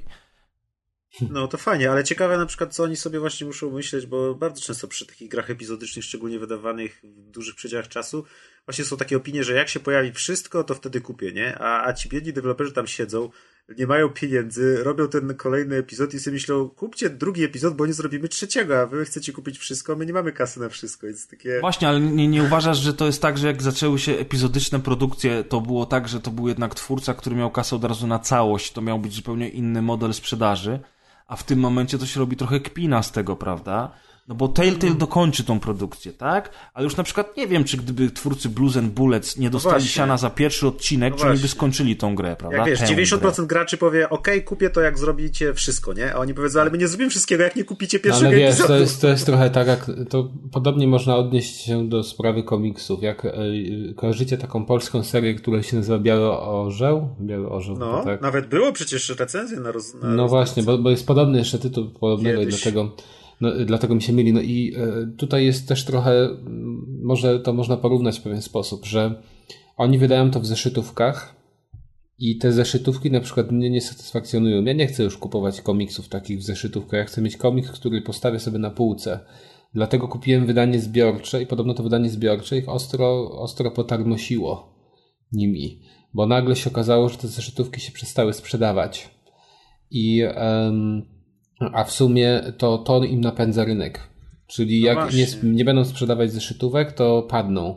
I teraz wydali, wydali zbiorcze wydanie trzech pierwszych tomów. To podobno odniosło duży sukces, ale przez to spadła sprzedaż normalnych zeszytów. I w tym momencie już wydali kolejnych zeszytów, oj nie wiem ile, ale powiedzmy, że z 10 może przesadzam i do tej pory nie ma żadnej informacji o tym, że będzie wydanie zbiorcze. Co jest w ogóle dziwaczne, nie? Że no. na przykład ja tego nie kupuję, mm, e, bo uważam, że nie ma sensu, bo cały czas liczę na to wydanie zbiorcze, a podobno to, to jest w ogóle, nie ma go w planach i go nie będzie. No I, I, zwyczajnie. Ja, mam, jest... ja mam tego Jansa, wszystkie trzy tomy, wydanie zbiorcze wszystkich zeszytów w trzech tomach. I co mnie bardzo ciekawi, bo on wyszedł na przestrzeni roku czasu bodajże, wszystkie trzy tomy. I one się ukazały, kupiłem każdy po kolei, ponieważ ja, ja subskrybuję, czy tam, o Jezus, subskrybuję, to już takie trochę zachodnie, zachodnia nowomowa, chociaż faktycznie w polskim języku Prenumerujesz? Mam prenumeratę, dokładnie, dziękuję królu, mam prenumeratę Torgala. I ta prenumerata dobiega już teraz w tej chwili końca, bo wszystkie odcinki, które wyszły, zarówno stare, jak i nowe, się skończyły. No, mhm. I nagle zadzwoniła do mnie pani, która powiedziała, że od tej pory będzie wychodzić jeden zeszyt przygód młodego Torgala i drugi zeszyt Jansa. Ale wiesz, to jest ciekawe, że ty... Ale ty, słuchaj, bo ja, o co no, mi chodzi? Ja mówię do tej pani, proszę pani, ale już mam wszystkie trzy, trzy tomy zbiorcze Jansa. To są grube tomiszcza, mam całą historię. I co mnie zaciekawia, dlaczego oni najpierw wydali właśnie te grube zbiorcze tomy, a teraz wydają to w postaci zeszytów? Kto to kupi? Jak już wszyscy kupili te zbiorcze. No może nie wszyscy. Ale w ogóle to jest zabawne, bo to pewnie masz z tego Ashet te wydania, e, co wychodziły tak, w. Tak, tak, tak. Mhm. No, no to zabawne jest o tyle, że praktycznie one kosztowały chyba, znaczy, że one kosztowały 20 zł, o ile się nie mylę a za 20 zł można było wyrwać tak samo te Egmontowe, tylko trzeba było odpowiednio szukać. Stary, ale ja mam oryginalne Torgale, wszystkie. Ale te, ja dobra, ale sobie o tą edycję mi... Hachette, dlatego no. że te, te, te, oryginalne Torgale są stare. Ale widzisz, ale o to chodzi, że są Egmontu Torgale w twardej oprawie, które są lepsze, lepiej wydane, o ile się nie mylę, nawet szyte a nie jak od zera, od pierwszego tomu są wydane? Tak, możesz kupić je sobie normalnie i one kosztują 30 zł e, w standardowej cenie, ale oczywiście są księgarnie Ale ta cena, ta cena z prenumeraty też to jest 30 zł. Ja płacę, tak? płaciłem, bo już się skończyło, płaciłem 59, 98 za każdą wysyłkę, I to były dwa wiesz, tomy w jednym. I, I bodaj jeszcze ten Torgal jest tak wydawany, że on ma chyba większy format ten, ten od Egmontu. Ten od no. Egmontu ma większy format, dlatego że te oryginalne, które mam, słuchajcie, ja mam nawet parę zeszytów z, z autografami e, Rosińskiego, czym się teraz chwalę, bo jestem z tego dumny. To chyba kiedyś mówiłeś nawet. Już o tym mówiłem, tak. E, bardzo jestem z tego dumny i generalnie kocham Torgala, to jest moja ulubiona seria komiksowa, dlatego wziąłem tą prenumeratę, bo chciałem mieć nowe edycje właśnie w grubej oprawie, bo te, które mam oryginalne są na cienkim papierze i tak dalej, mm -hmm. ale przede wszystkim faktycznie, tak jak mówisz, ta nowa edycja, którą ja mam z prenumeraty, to jest format mniejszy o 25%. I to mnie strasznie zasmuciło. Hmm. Naprawdę. Dokładnie. Ja mam też pierwsze wydanie i, wyda i, i mm, patrzyłem w sklepie komiksowym po prostu na to wydanie Egmontowe i to Egmontowe było lepsze, a ono było ciut droższe z tym, że właśnie wydawało mi się, że 30, a że to 20 w sklepach, ale może, może, może było coś, że 35, na przykład to Egmontowe. W każdym razie, no wiadomo, że są na przykład z Ashet, bo to jest taki problem. Jeżeli ktoś kupuje, mm, jeżeli ktoś miał kiedyś do czynienia z wielką kolekcją komiksów Marvela, to pewnie wie, że tych komiksów nie da się kupić w sklepach komiksowych. No jak to? Przecież w każdym kiosku kupujesz te zeszyty. Ja sobie kupiłem jakiś no czas mówię, temu ale ja powie, nie powiedziałem, że w kiosku, z tej wielkiej tylko kolekcji. powiedziałem, że nie da się kupić w sklepach komiksowych. Tego nie ma w żadnych księgarniach ani w sklepach. To jest tylko w kioskach i tylko przez określony okay. czas, czyli przez dwa tygodnie. Kumam, kumam. I jeszcze możesz kupić w niektórych wybranych sklepach internetowych przez okres To fajny miesiąca. pomysł, co? Żeby wcisnąć to klientom. Znaczy to jest lipny pomysł dla mnie, bo ja bym musiał to kupować na bieżąco i jak ja na przykład przegapię jakiś ton, bo się okazuje, że w Empikach wszystko wykupili, bo rzucili no po cztery y, wydania. No ale mówię o tym, że to jest fajny pomysł marketingowy. To, to, to pod tym e, kątem, no, nie? No, być bo to jest chujoza, oczywiście, nie, że to no, jest no, chujoza. Być może ale tak. marketingowo tak. super. Ale marketingowo fajnie. Marketingowo fajnie. Ktoś Standard. tam siedzi, słucha rozgrywki, y, szef Egmontu mówi ha, ha, ha, ha, ha i ociera łzy do, dolarami, wiesz. Ale to jest, to, to jest właśnie problem, bo tych wydań nie kupisz w sklepach i później y, no, jest ciężko je dostać, to jedna sprawa. Druga sprawa, że wiele z tych wydań, na przykład właśnie Egmontu, można dostać w tych księgarniach internetowych, w tych dyskontach tak zwanych, o 30% taniej. Więc e, bardzo, bardzo większość się opłaca. Tych, większość tych komiksów w ogóle też można dostać na jednej stronie. Nie, nie wiem, czy, ja, czy my możemy podawać nazwy no, stron sklepów? Nie? Na CDP.pl możesz to wszystko dostać. Tak samo jak Star Wars Legend. No wiesz, ale właśnie o to chodzi, że są sklepy, gdzie masz... To jest dla mnie zabawne i trochę może schodzimy z tematu, ale... Blisko tanio CDP.pl. Nie, no bo wiecie, bo wiecie, że jest taka y, pomysł, żeby wprowadzić tę ustawę dotyczącą cen książek, która będzie obowiązywała wszystkie sklepy przez jakiś określony czas od premiery danej publikacji. To komiksów też miałoby dotyczyć? Wszystkiego, co jest drukowane. Czyli komiksów co, tak ja bardzo, ja bardzo Już mało rzeczy, co ludzie ja czytają książki, to jeszcze mniej będzie czytać. Ja bardzo dużo komentarzy słyszałem na temat tej ustawy i tak naprawdę prawie nikt nie komentuje pozytywnie. Ale wiesz, ale że... środowiska są takie, niektóre środowiska faktycznie komentują pozytywnie, ale ja uważam, że to jest, znaczy dla mnie, jako e, czytelnika, który kupuje e, wydania takie e, papierowe, to jest to dramat. A to dlatego, że faktycznie w sieci, jeżeli ktoś dobrze poszuka, to znajdzie sklepy, które mają po prostu ogromne, um, ogromny um, zasób te, tych książek, czyli praktycznie wszystkie nowości, które się ukazują na rynku i wszystkie te nowości są 30% taniej. Więc możesz kupić sobie książkę takiego Terego Pratchetta zamiast za 30 to 20 zł. I to jest nówka, wszystko jest, wiesz, nieśmigane. Tak, tak, bo tutaj znowu, żeby nie, używa, nie używać nazw sklepów, to największą marżę w Polsce narzuca Empik, nie? E, i oni generalnie rzecz biorąc mają straszną przebitkę cenową, ale wbrew pozorom to nie jest tak, że oni na tym ten hajs zbijają i bardzo często królu jest tak, że te sklepy, które mają 30% taniej na przykład, to tylko po to, żeby się przebić w ogóle w, wśród innych sklepów, zwłaszcza internetowych, wiadomo, konkurencja Ten, jest, jest ogromna. Taki matras, który jest już teraz Oni zarabiają 2 y, zł na takiej książce stary, nie? A matras ma dobre ceny. Matras, matras jest... nie ma takich dobrych cen. No dobra, już ale skończyło? już schodzimy trochę z tematu. W ale rozumiesz, razie... co mi chodzi. To jest dwa złote złotówka zarobku na jednej książce. No, Wiesz, ale to... może, może tak na dobrą sprawę, gdyby wszyscy mieli mieć tą samą cenę przez jakiś czas, to wszyscy mieliby fair, fair szansę, żeby e, zarobić. Oczywiście, że wszyscy by mieli fair szansę, żeby zarobić, ale to się odbije na tym, że klient będzie płacił więcej, bo nikt ci nie obniży ceny, skoro i tak jesteśmy przyzwyczajeni do 30 zł na książkę. A to się odbije na tym, że ale teraz wracamy do gier. Tych książek. No, Dokładnie, wracamy do gier. Nikt Dobra. ci nie każe kupować gier na premierę, prawda? Masz taką kubkę wstydu, że nie musisz. A jeżeli bardzo kochasz Pratchetta, to wydasz te 10 zł więcej, umówmy się, się wydasz. No, ale wiesz, ale bardzo no... kochasz Pratchetta, to jesteś nekrofilem, a z drugiej strony książki się... Przestań, no, przestań. Ale jak ja kupuję dużo książek, jak ja czasami potrafię wydać i to nie, nie, nie skłamę, jak powiem 400 zł na książki w jednym zamówieniu, a miałbym wydać 800 za to, czy tam 700, czy 600, no to, no już na pewno bym nie kupił książek. tylu książek. A powiedz mi, królu, ile tych książek z tej paczki za 400 przeczytasz w ciągu najbliższego, nie wiem, miesiąca? No nie wiem, wszystkie. ile przeczytam. No nie, no, no, nie, no może nie wszystkie. Nie, nie, no, jeżeli chodzi o komiksy, to może wszystkie, bo to czasem tak bywa. No tak, no to wiadomo. czyta.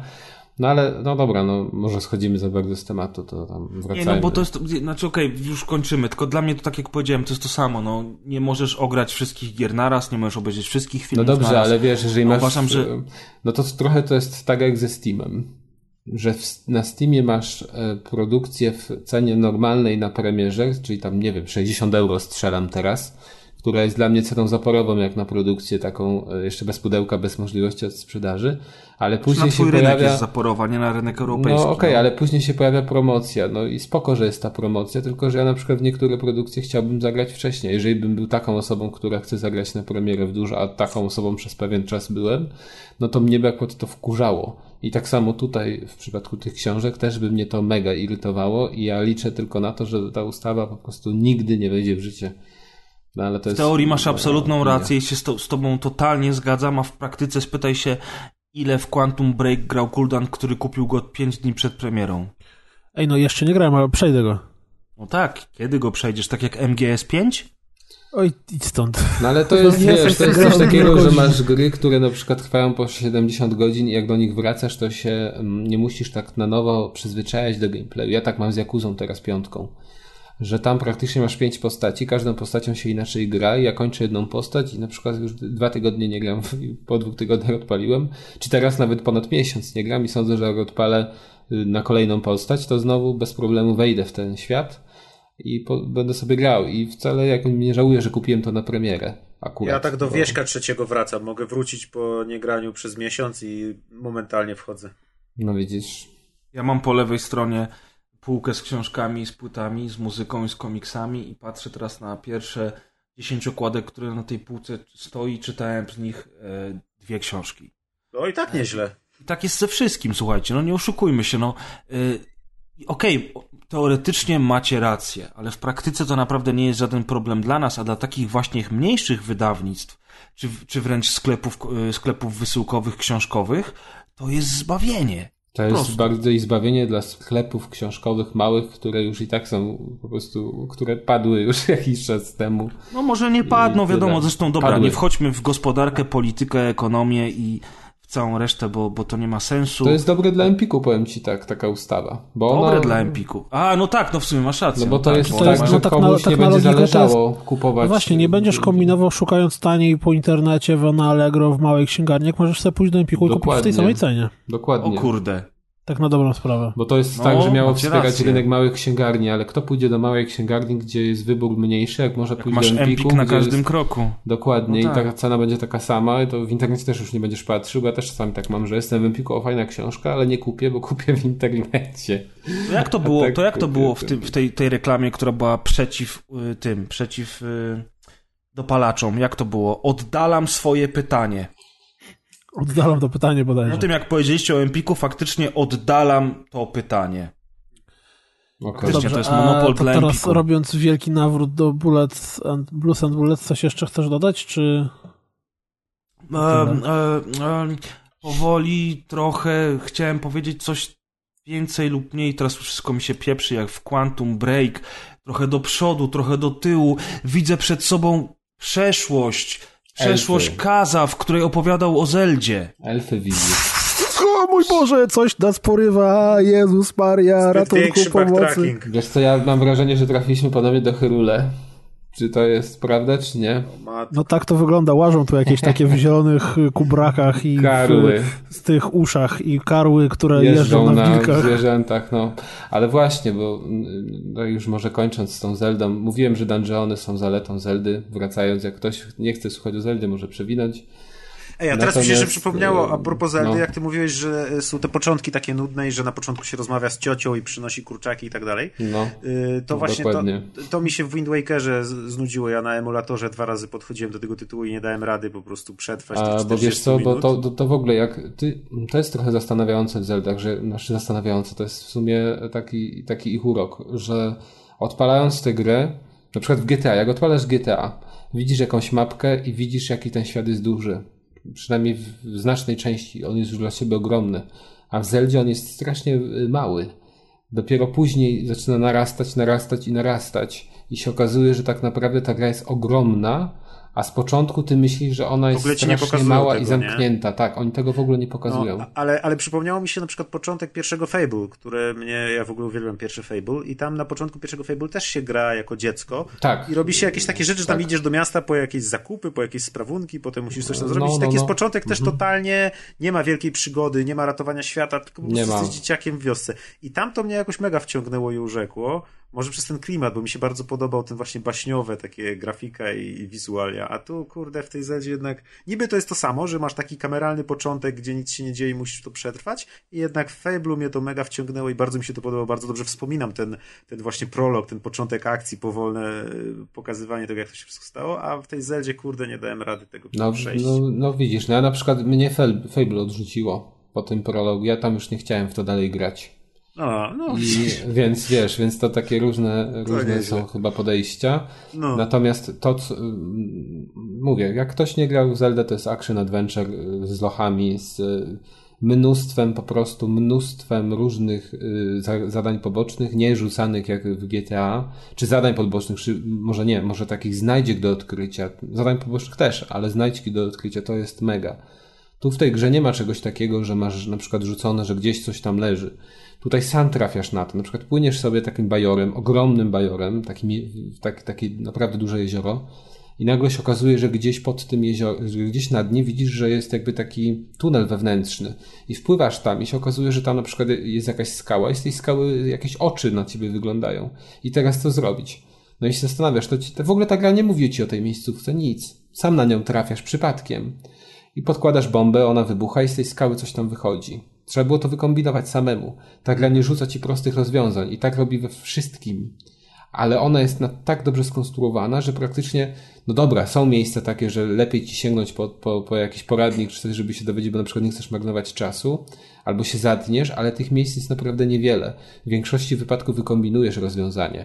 A to, co jeszcze wyróżnia tę Zeldę na tle innych, to jest system taki, że właśnie Link, czyli ten główny bohater, którego oczywiście nazywasz swoim imieniem, ja tak robię zawsze, że w Zeldzie to jestem Piotrem, a nie Linkiem. Pan Kas. No, no pan Kas, muszę tak go nazywać. No i um, że ten Link zamienia się w wilka. I tu masz jakby cały czas operujesz na przestrzeni dwóch światów. Bo się okazuje, że cała fabuła polega na tym, że przeniknął do świata zewnętrznego, świata światła, świat mroku i ten świat mroku zaczyna spowijać krainy światła. I ty musisz przywrócić to światło w, e, w tych krainach. I wtedy, kiedy ty przechodzisz do tej, do tej krainy cienia, krainy cieni, czyli tego Twilight Zone, mm, to wtedy zamieniasz się w tego wilka. I po prostu działasz jako wilk. Jako wilk przywracasz światłość, kiedy już ta światłość zostaje I myk karlica na ciebie od razu wskakuje. Tak, karlica wskakuje i jeszcze ona jest taka, że to też jest fajne w tej Zeldzie, że ta Zelda jest taka trochę mroczna bo ona, ta karlica się wydaje takim, no nie wiem jak to powiedzieć, że z jednej strony dobrym bohaterem, a z drugiej strony wiesz, że ona coś knuje i że to jest nie do końca tak, że ona chce pomóc tobie, że ona jest dobrym stworem. Ona coś ma za uszami. I to też jest fajne. W ogóle ta postać jest fajna. To, że ona jest tak w zasadzie tutaj tym, tym motorem napędowym całej historii, a nie Zelda, którą trzeba ratować, bo Zelda to jest praktycznie no, na, na trzecim, czwartym planie. No i e, te, te później, w miarę jak fabuła leci dalej, to, to możesz się dowolnie już przełączać między tym wilkiem, tą postacią wilka i między postacią tego elfa, czyli linka, czy, czy, czy człowieka, czy obywatela tego Hyrule. I każda z rozgrywki, zarówno wilkiem, jak i linkiem, jest inna. I czasami też na przykład bywa tak, że z przeciwnikami musisz walczyć w odpowiedni sposób, czyli przełączając się w locie między linkiem a wilkiem, co też daje ci nowe możliwości, stwarza nowe wyzwania. I to też e, moim zdaniem jest duża zaleta tej gry i taka trochę wyróżniająca cecha na tle innych, chociaż w Majora's Mask też było coś takiego, że się można było przemieniać w różne tam dziwactwa. No ale tu jest jednak ten wilk i on jest dosyć dopracowany i często musisz korzystać z tej formy postaci. Także podoba mi się ta cała baśniowość tej y, Zeldy Zresztą wszystkie Zeldy mam to do siebie, że są mega baśniowe, ale na przykład jak ty grałeś w Wind Wakera, Maciek, to w Wind Wakerze ten świat był taki jednorodny. Tam miałeś um, wielką przygodę na, w klimatach morskich wysepek. Wyspy na morzu. A w e, Twilight Princess masz po prostu olbrzymi świat, który się dzieli na mniejsze sekcje i, to są sekcje no, typu pustynia, świat lodu, jest tego naprawdę sporo. Jest też strasznie duża ta, ta Hirule Valley, e, to się chyba nazywa, czyli taka przestrzeń, taka polana. I po tej polanie masz swojego konia i możesz, wiesz, no, no, no, no po prostu pojeździć na koniu, są walki na tym koniu. Więc to wszystko jest naprawdę, tworzy bardzo duży tytuł. Tytuł, który się zestarzał pod względem graficznym, bo to jest jednak taka Zelda, która chce przypominać bardziej, e, no wiecie, tytuł dla dojrzałego gracza niż na przykład Wind Waker E, ale e, mimo tego, że się zestarzał, to cały czas e, są miejscówki, które wywołują u ciebie takie wow, ale to fajnie jest zaprojektowane, jak to nieźle wygląda nawet pomimo upływu czasu. Więc ja sądzę, że to nie jest, nie jest jakaś wielka przeszkoda, że ta gra jest tak stara. Jeżeli chodzi o mechanikę, no to mechanika w Zeldach jest generalnie troszkę, można powiedzieć, że przestarzała, ale to nie jest takie, to, to, to nie jest tak, że że to znacząco utrudnia zabawę z tym tytułem. No nie, no po prostu niektóre rozwiązania są archaiczne, jednak nie na tyle archaiczne, by, by, by, byś powiedział, kurde, no jak to znowu coś mi nie wyszło, bo jest tak sterowanie źle zaprojektowane, no nie. Także ja bardzo polecam, jak ktoś nie próbował Zeldy, nie wiem czy Twilight Princess to jest y, gra, od której warto zaczynać przygodę z tą serią, ale na pewno to jest tytuł z którym można spróbować, dlatego że on też nie jest bardzo trudny. Tutaj te walki jednak nie są dość wymagające, nawet ostatnia walka z bossem, no to w Wind Wakerze ostatnia walka z bossem jest naprawdę sroga. Tutaj jest to dość proste. Zresztą wolę walki z bossami jak zwykle pomysłowe. No świetna seria, jak ktoś nigdy nie próbował Zeldy, to powinien to, to, to, zrobić, bo to jednak jest gra, która w zasadzie dała podwaliny pod gatunek Action Adventure, z której wszyscy czerpali garściami, którzy tworzyli tego typu produkcje, e, która do dziś jest niedoścignionym wzorem, jeżeli chodzi o projekty zagadek w lochach, projekty poziomów, walki z bossami, e, sposób wykorzystania przedmiotów dostępnych w grze. To jest cały czas e, najwyższa możliwa półka i zresztą pokazują to oceny, które są wystawiane poszczególnym częściom serii które praktycznie nie schodzą poniżej 80%. Jak ktoś ma Nintendo, to powinien zagrać, jak ktoś nie ma Nintendo, to powinien kupić Nintendo i pograć. Tyle. Mm -hmm. Dum, dum, dum. A bawiłeś się z Amiibo?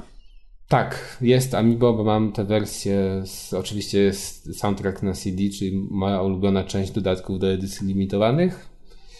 A, aczkolwiek dużo bardziej jednak mi się podobał ten soundtrack, który był do Sky, Skyward Sword na Wii, gdzie to był soundtrack taki orkiestrowy z różnymi motywami ze wszystkich Zeld. To było po prostu magiczne. I to dodawali do, do Skyward Sword, czyli do tej części ostatniej, najnowszej Zeldy, która wyszła na Wii.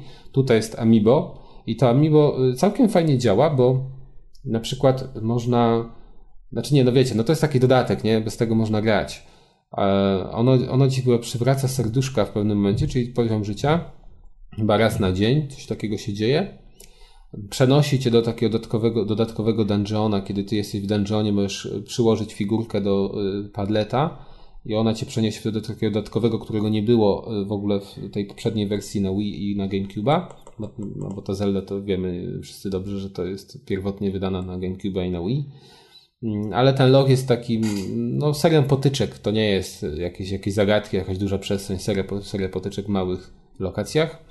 Ale jeszcze ma fajną funkcję Tami, bo co mi się akurat spodobało, ona jest taka teoretycznie taka pierdoła, która jednak yy, do, mi przypada do gustu.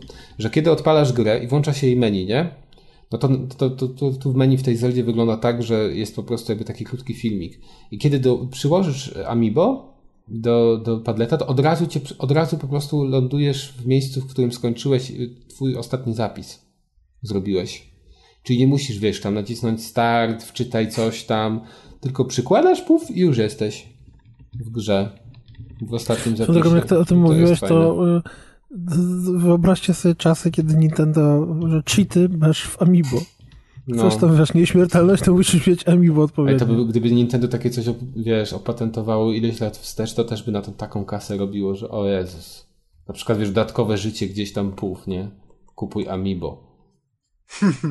nie, bo to wiesz, to jak to o tych od, odnowieniu serduszek powiedziałeś, to tak mi się skojarzyło. No wyobrażasz sobie na przykład, jakby, nie wiem, Konami to w kontrze dało zamiast Konami kod? Że musiałbyś kupić Amiibo, żeby zamiast trzech tam żyć. Amiibo z kontry, super. No. Dokładnie, tak. Dokładnie. W ogóle tam niby jest też fajne, więc, bo jednak te figurki są...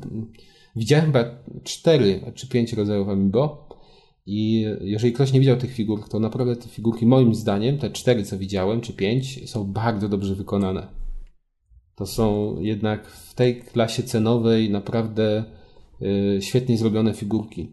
Więc nawet jeżeli ktoś to, wiesz, kolekcjonuje nie, nie po to, żeby tym się bawić podczas gry, a żeby Ja mam włochatego już jego. Jak wygląda, bo nie mam... Nie, nie wiemy, wiemy, Kuldan. O, powiedziałem co na antenie. Ale wygląda fajnie ten włochaty Yoshi. A, a Kas mówi jak super. wygląda, bo ja nie wiem. Y, Kas, nie chcesz wiedzieć, zapewniam cię. Jest to mega Mówisz super. prezy, ty ko kosztowałeś, próbowałeś tego włochatego Yoshiego. Próbowałeś. Widziałem. O kosztowania to było w poprzednim odcinku, także... Dobrze, to co jedziemy Nie, dalej. jest mega super. Ten włochaty Yoshi jest absolutnie totalnie super i gdyby trochę tańszy był ten taki wielki, to bym tego wielkiego też chciał mieć. No bo to bo właśnie to jest, słuchajcie, to jest, to jest świetne w Nintendo i ja tego... Kto by nie chciał. I to, i to powinno, prak, powinni praktykować wszędzie indziej y, inne studia, znaczy inne, y, inni producenci konsol, że, że te gry na starcie są dużo tańsze niż na przykład na PS4.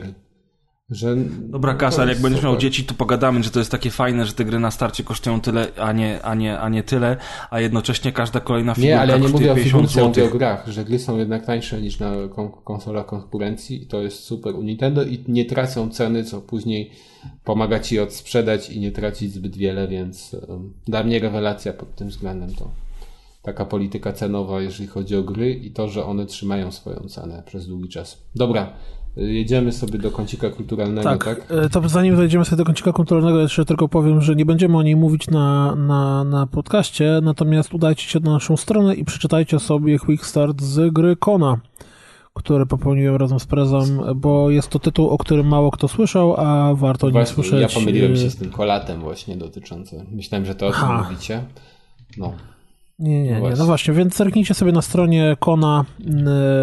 Fajna, fajna bajka. Poczytajcie, co tam mieliśmy do powiedzenia, żeby już się nie powtarzać znowu. Dobrze, kulturka. To, co jest teraz w kulturce, to jest dla mnie absolutnie, kompletnie niezrozumiałe, bo mam napisane tak. Uwaga, cytuję. I napisał to Maciek, żeby nie było. Taka dyski z gołą Rianą. Kiss it better and work. Ojej, te kadyski, ale literuwa. To od razu patrząc na rozpiskę, już napisałem wam na czacie, zanim zaczęliśmy nagrywać, znaczy jak doszedłem do odcinka, że jest jeszcze jeden teledysk, który nazywa się Pull It Up i do niego dojdziemy, jak już Maciek opowie o tych dwóch nowych. Maćku, zaczynaj. Jestem strasznie ciekawy, dlaczego te teledyski znalazły się dzisiaj na kulturce. Nie no, znaczy ja tylko y, chciałem wspomnieć, że o, odkryłem w moim y, zestawie kanałów na kablówce, że mam kanały muzyczne i... Tak zwane muzyczne? Po 10 latach odkrył, że mam muzyczne kanały. Mniej więcej tak, bo nigdy nie zaglądam, to były jakieś tam numery typu 500 ileś czy coś. I w ogóle nie oglądam takich tych, ale odkryłem i trafiłem na kanał. Remont był nie mógł grać. tak. Na kanał for, for Fun Dance, coś tam, fun TV, For Fun TV Dance, coś tam, nie wiem, ja nie gustuję w takiej muzyce, ale są bardzo fajne teledyski, bo w każdych są dziewczyny w bikini w ogóle. A w tym gustujesz.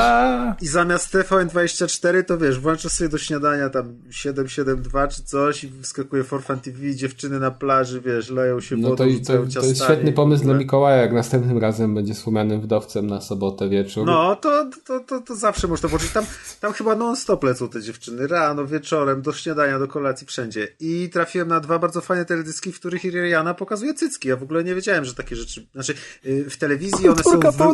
Tak, w telewizji one są wyblurowane, ale patrzę, co ona ma taką koszulkę wyblurowaną. Myślę, kurde, pewnie, pewnie ma przezroczystą. Poszedłem, poszedłem do kompa, włączam YouTube'a, no normalnie przezroczysta koszulka, wszystko widać. Został więc... tam przez kolejne 45 minut oglądając oglądając te same dwa teledyski Już w kółko. się bałem, że powiesz 45 sekund. 45 minut Kilkusekundówki są moje, okej? Okay? Trademark. Okej. Okay. Nie, wiedziałem, nie wiedziałem, że już w mainstreamie jest coś takiego, że już aż się cycki pokazuje. No stary, ale Madonna już to, że, robiła. Właśnie, ale Madonna, ja wiem, Właśnie. były te kontrowersje z biustonoszem w stożki i tyle, a tutaj... Madonna też tam... Nie, no przecież Madonna dziewczyny... miała normalnie te zdjęcia no, i ten jak idzie tam... Ale to, kiedy to ale było? Ale wiesz, ale tu teledysk masz, który jest spuszczany przed 20 godziną i to leci... A, a teraz, a, a, poza tym teraz te wszystkie gwiazdki już od, od, od, nie wiem ilu lat tam się wyginają i robią te wszystkie ruchy takie, a, ale są ubrane i niby wiesz, niby jesteśmy ubrane, ale zachowujemy się jak gwiazdy porno tak naprawdę. No i tak no. człowiek poczekał, poczekał parę lat i już niedługo będą zupełnie Jesteś gołe. Teraz, no teraz, jeżeli jesteśmy już w klimatach y, y, podróży w czasie, to cofnę cię o jakieś 15 lat plus minus, kiedy Nerdzi wydali swój pierwszy album, może to było trochę później, ale chyba, nie, chyba się nie mylę. E, album nazywał się In Search Of. Pharrell Williams, wszyscy go znacie z Happy i z Minionków, a Pharrell Williams zaczynał, Pharrell, Pharrell Williams zaczynał jako twórca muzyki w ogóle i potem zaczął rapować, potem założył zespół The Nerd, Niepotrzebnie który jest... Zaczął rapować. Nerd jest świetny i zupełnie w ogóle bawi się muzyką, ale nie o to chodzi. Ich pierwszy teledysk y, to był taki teledysk, którym nie dość, że było widać na, nago piersi, to jeszcze było widać nawet y, w nieocenzurowanej wersji anusy. I teraz y, znaczy, no tak, wiadomo, te żebyście o tym wiedzieli, to ja tak? też wiedziałem i Snoop Dogg i tam inni wszyscy też mieli te murzynki tak, ale come on, Rihanna, ja teraz czekam aż Beyoncé się tutaj... Ale słuchaj, ale Rihanna ma coś takiego dziwnego w sobie, że ona od początku tym, to, to, tym seksem e, epatuje. Ja pamiętam, jak kiedyś w pracy no sobie puściłem jej album, Epatować bo... to każda epatuje. Nie ukrywam, nie ukrywam, że parę kawałków Rihanny lubię jak się pojawiło Spotify, to sobie puściłem te najbardziej popularne kawałki Riany i piszę coś tam w pracy, klikam w tą klawiaturę, a ona mi śpiewa z głośników, że strasznie by chciała robić ze mną to czy tamto. A ponieważ ja po angielsku no, dosyć dobrze rozumiem to wszystko, nawet jestem skoncentrowany na pracy, dokładnie, troszkę tam widziałem parę, parę teledysków Michaela Jacksona. Fuck i Dangerous i Bad. I ona do mnie mówi, i ona, i ona do mnie mówi, że ona chce ze mną robić to i tamto, i tamto, i tamto, i tamto. I po pięciu minutach stwierdziłem, że ja wcale nic nie wciskam na klawiaturze, tylko słucham tej piosenki. Sobie myślę, Rihanna chce z mną to robić? Wiesz, o co chodzi, tak? Gdzie są bilety do Ameryki? Dokładnie. I teraz wiesz, mija parę lat dobrych e, i ona ma już taką pozycję, jak Madonna miała. Ma pozycję światowej gwiazdy, która sprzedaje w ogóle, wiesz, albumy jak, jak ciepłe bułki, jest rozpoznawalna i dalej te cycki pcha cały czas do przodu. I to jest pytanie teraz, czemu? No właśnie skoro inne gwiazdy tego nie robią? Czy ona ma coś nie tak z głową? Ale czy to jest ma, fajne? Nie narzekaj. Mi się wydaje, że to jest właśnie taki trend. Ja liczę, że... Ale dla mnie to jest bardzo dziwne. Teraz te wszystkie inne Beyoncé zaraz zobaczy, ej, Rihanna pokazuje cycki, a ja nie pokazuję, nie mogę być gorsza, też będę pokazywała. A potem J-Lo zobaczy, Beyoncé ej, tego nie zrobi. No, ale to jest jednak, wiesz, ale to jest Szanuj J-Lo, moją przyszłą żonę. Potem Eminem to zobaczy. Ej, one pokazują cycki, ja też muszę. Nie uważasz, Maciek, że, że to jest zeszmacenie kultury w pewien sposób? To jest trochę tak, jak dzisiaj masz no nie wiem, że możesz obejrzeć sobie przed godziną 20, chociażby YouTube Halo, możesz sobie obejrzeć treści, które by nie przeszły w telewizorni lat 10 temu bo po prostu w telewizorni... Ale to w internecie możesz obejrzeć treści, No dokładnie, ale teraz... Nigdy, no tak, ale no, no, no, nie, ale chodzi mi o to, że generalnie jest to zeszmacenie i teraz to nie, no zeszmacenie no dotyka znaczy... też... Maciek, ja nie wiem, czy to jest, dla mnie muzyka czy to jest słabe porównanie, była... które poczynił król, dlatego, że ja dzisiaj ale... widziałem naszego polskiego Duke Nukema, czyli pana, który ma fryzurę kwadratową, który na swoim fanpage'u wrzucił zdjęcie zwłok i powiedział, że my tutaj dzisiaj prowadzimy śledztwo, które udowodni, że policja nie ma racji, ponieważ ułożenie nie, zwłok to czy tamto. Nie, I wiesz, ja jest chcę, godzina, ja jestem w pracy, jest godzina 17, rozumiesz? I ja widzę zdjęcia trupa. Ja na, chciałem na Facebooku. tylko powiedzieć, że Rihanna po pokazała cycki w, tele, w, te, w, w, teledysku, a ty mi teraz wjeżdżasz z trupami Rutkowskiego. Nie, Proszę, bo mówimy nie. już o tym, że to jest przed 20 czy pod 20. A to ja no. też nie o tym. I dla mnie w ogóle, tak jak Kas mówi, że to jest zeszmacenie, zeszmacenie kultury, to nie, też mnie nie interesuje. Dla mnie Rihanna nie jest jakimś wyznacznikiem kultury. Cycki, no. no ale fajne ma chociaż, powiedzieć. nie, bo nie wiem. Ty to... Fajne. Maciek, Maciek www.pornhub.com Ale no. nie rozumiesz, że na Pornhubie nie będzie Rihanna dajesz czadu, Maciek. To jest Rihanna. A, no tak, że robisz, robisz to ręką wiesz, z celebrytką. Rozumiem to zupełnie. Rozumiem to zupełnie, to... bo ja pamiętam Rianę właśnie Pory Up i to był teledysk, który był tak bardzo seksualny, że mnie rozwalił po prostu na kawałki, bo ja mówię, kurwa, ja mam tego słuchać, czy mam na to patrzeć, wiesz. Ale cycki nie są niczym nowym w teledyskach, no. Ja chciałem coś powiedzieć, że mm, Ale jest doszedł. taki koleś na YouTubie, Ojej. który się nazywa Bart Baker i on robi parodię teledysków e, bardziej lub bardzo znanych. I Otero generalnie to jest słabe i 90% jest totalnie wszystko na jedno kopyto i się dokładnie powtarza to miał on jedną, jedną parę, bo to jest tak, że on bierze piosenkę, bierze ją prawie że oryginalną linię melodyczną i po prostu się przebiera za tych wokalistów, wokalistki i śpiewa zmieniony tekst. Nie? I zazwyczaj tam w tym momencie ktoś wchodzi, bije się i tak dalej. Ty wygrałeś gdzieś z tym, co oglądasz po prostu w wolnym czasie. To jest najlepsze.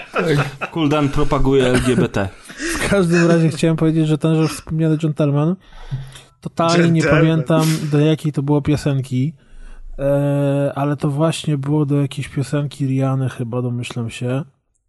Miał idealnie zrobioną parodię, bo on to wszystko nazywa parodiami, gdzie e, była przegląd przez wszelkiej maści, właśnie tam była Rihanna, była Beyoncé, była, nie wiem, Miley Cyrus, były, no wszystkie po kolei te, te, te najróżniejsze, które po kolei to śpiewały, jak to trzeba waginę pokazywać i nie nosić majtek na imprezy i dupą kręcić, żeby zrobić karierę w mediach. No. Więc o tyle, on trzy czwarte rzeczy na jego kanale to jest shit, to akurat to było taką śmieszną, straszną e, jak z rzeczywistością. Jak ktoś mi, jak, jak ktoś, jak ktoś jest ciekawy. Kas, co ty, co, co ty, co ty, Kas? Co ty o Wejderze? No, no kiedyś Proszę komentowaliśmy, że jedną, rzecz, jedną rzeczą, która wyszła w Gwiezdnych Wojnach, to, to motyw z ojcem. No. Kas recenzował Gwiezdne Wojny i narzekał, narzekał. No dobra, no to z Wejderem to im nawet wyszło. A widzisz, właśnie, a propos, y, to była akurat parodia y, Pour, Pour It Up Riany. No, no, no, proszę. Właśnie, idealnie trafiłem. To jak sobie wyszukacie Rihanna Purita Parody e, i znajdziecie to kanał gościa, który się nazywa Bart Baker, to, to warto obejrzeć, bo autentycznie jest to e, Albo, albo powiedz tak, powiedz, że to jest wideo e, z ID NQ1 podkreślnik E4U małe N 1H małe O. Dokładnie, żeby żona nie znalazła potem w wyszukiwarce. A jak macie 14 lat i boicie się wejść na, wejść na Pornhuba, odpalcie sobie YouTube'a i zobaczcie najnowsze teledyski Rianny. Polecam. Gdyby za naszych czasów były takie rzeczy, oh brother. Oh man. Za naszych czasów jak chciałem... A to już nie są nasze czasy, czy co? No, brother, we're too old for that shit. Pamiętam, jak chodziliśmy do kafejek internetowych z dyskami twardymi, podłączaliśmy i ściągaliśmy teledyski metalowe różne z, z, z emula. Ze wtepów. Ja pamiętam, jak nagrywałem na kasety te e, rozgłośnię harcerską. O Jezu, panie. Ja, ja miałem pierwsze zdjęcia porno Jenny Jameson na dyskietkach przyniosłem od kolegi i się okazało, że się źle nagrało na, na dyskietkach. Połowa porno? zdjęć Kurde, otwierała się tylko do połowy. No. Ja mówię o zdjęciach porno, nie o filmach Tylko twarz się otwierała i press tak, ojej. Ale ona była ładna wtedy, jak no, była młoda. Była... Szanuj Jenna no, Jameson, Kaz. Szanuj. Szanuj Jenna Jameson, Szanuj. bo się pogniewamy. Szanujesz? Szanuję. No. A wiecie, no. co było za naszych czasów i jest też teraz? Tomasz Knapik. To też przed... przed... Tomasz Knapik is forever. Kaz zabił erotyczny klimat totalnie w tym momencie, kiedy po tych wszystkich murzynkach z teledysków nagle wrzuca ci Tomasza Knapika do... O. Nie. E, to ja powiem jeszcze raz. A wiecie, co było za naszych czasów? Wiem, człowiek z uszami biegający po Dokładnie mieście w tak, gaciach na spodniach. bowiem no, nie wiem, czy mówić o tym samym. Nie? Ale miałem na myśli Usakiego Yojimbo, tak. którego No to jak? To komiks... przeskoczyłeś, przepraszam w ogóle. Tutaj. Przeskoczyłem? A no. to bo to ja. Aha, no bo ja zrozumiałem, że nikt tego nie, nie był, i dlatego to przeskoczyłem. Ej, to albo lecimy według rozpiski, albo nie. Inaczej, ktoś oglądał Batmana? Nie, no właśnie nikt nie oglądał Batmana. Rozpiska się pytała o to, czy ktoś był na Batmanie. Nikt nie był, więc o tym nie rozmawiamy. Dlaczego nie porozmawiamy o tym? Podobno dziadostwo. No, a ktoś się spodziewał no, tak, czegoś Nikt tego nie widział, to może zrobimy recenzję w stylu Mikołaja D. O! o. Widziałem trailer. Ja nie widziałem teasera, to jestem najbardziej tutaj, wiecie, mam największe kompetencje, żeby się wypowiadać. Moim zdaniem to nie ma sensu. Wszystkie crossovery tego typu nigdy nie miały sensu. Wszystkie takie rzeczy nie wyszło to na źle PS, wychodziły nawet na w komiksach, więc zaorać. Mi się najbardziej podoba, jak Kas czasami rozmawiamy sobie na naszych tych czatach facebookowych i Kas na, raz na jakiś czas komentuje coś, co się dzieje ostatnio w Giereczkowie e, i to jest cytat z dzisiaj. O, God of War 4. Mech. I to jest przynajmniej wie, co lubi, no. Przynajmniej wie, co lubi, no. kwintesencja rozmów. Kas komentuje, o, coś tam, coś tam. E, dupa. Czy to, jak był, jak się pojawił, to też pamiętam, mi rozmawiał ostatnio, jak się pojawił ten zwiastun Avengersów, gdzie Spider-Man się pojawia na końcu. A. I było, Kas widziałeś Spider-Mana? E, do dupy. Ale tu akurat się zgadzam zupełnie z Kazem. Że ten Spider-Man to do dupy. W tych, Batmanem w tych nowych, też się zgadzasz. W tym, tak? tam Captain America 3. Z tym Batman kontra A z Batmanem to jeszcze nie wiem, bo ja lubię Bena Afflecka, jest świetnym reżyserem, jest dobrym nie aktorem. na to, że coś z tego wygląda wyszło. dobrze w tym stroju, aczkolwiek wszyscy mówią, że wszyscy totalna mówią, kupa. że Ben Affleck jest dobry akurat. W sensie, Ale że oj, jako Batman dzisiaj, jest niezły. Dzisiaj jeszcze Kuldan przeczyta wam... Y pozdrowieniach a propos zabaw z czasem. Yy, pozdrowienia jednego pana, który nazywa się Tomasz Dziel i który wyraził swoją opinię z Batmana w trakcie oglądania Batmana i niestety obawiam się, że skoro 90% ludzi mówi, że to jest kupa, to będzie kupa. Obiecujemy wam, że w kolejnym nagraniu w Kulturce omówimy ten film. Obiecujemy. No nie, bo to już wszyscy zrobili, to tam po co no, się To tam za 10 lat omówimy. Ale słuchaj, ale było... co ty mówisz? Przecież każdy nasz słuchacz wie, że recenzje Preza są tak warte słuchania, że nawet jakby opowiadał klan po raz ja... kolejny. Właśnie, no właśnie od razu chciałem przeprosić przy okazji, znowu nie będzie hydrozagadki, ale tylko dlatego, że musimy wszyscy ją obejrzeć. Ja, ja oglądałem. Hydrozagadka jest wspaniałym filmem. No nie widziałeś ja oglądałem 100 lat temu, nie. musimy to obejrzeć, tak, wreszcie ją omówić, bo to jest filmem. fajny pomysł, żeby ją omówić. Ja jestem bardzo ciekawy, co ja powie. To wiem, co. To obejrzymy ją razem z piwem na grillu i potem nagramy odcinek. Czarno-białe 2 na 10. Nie, czarno-białe.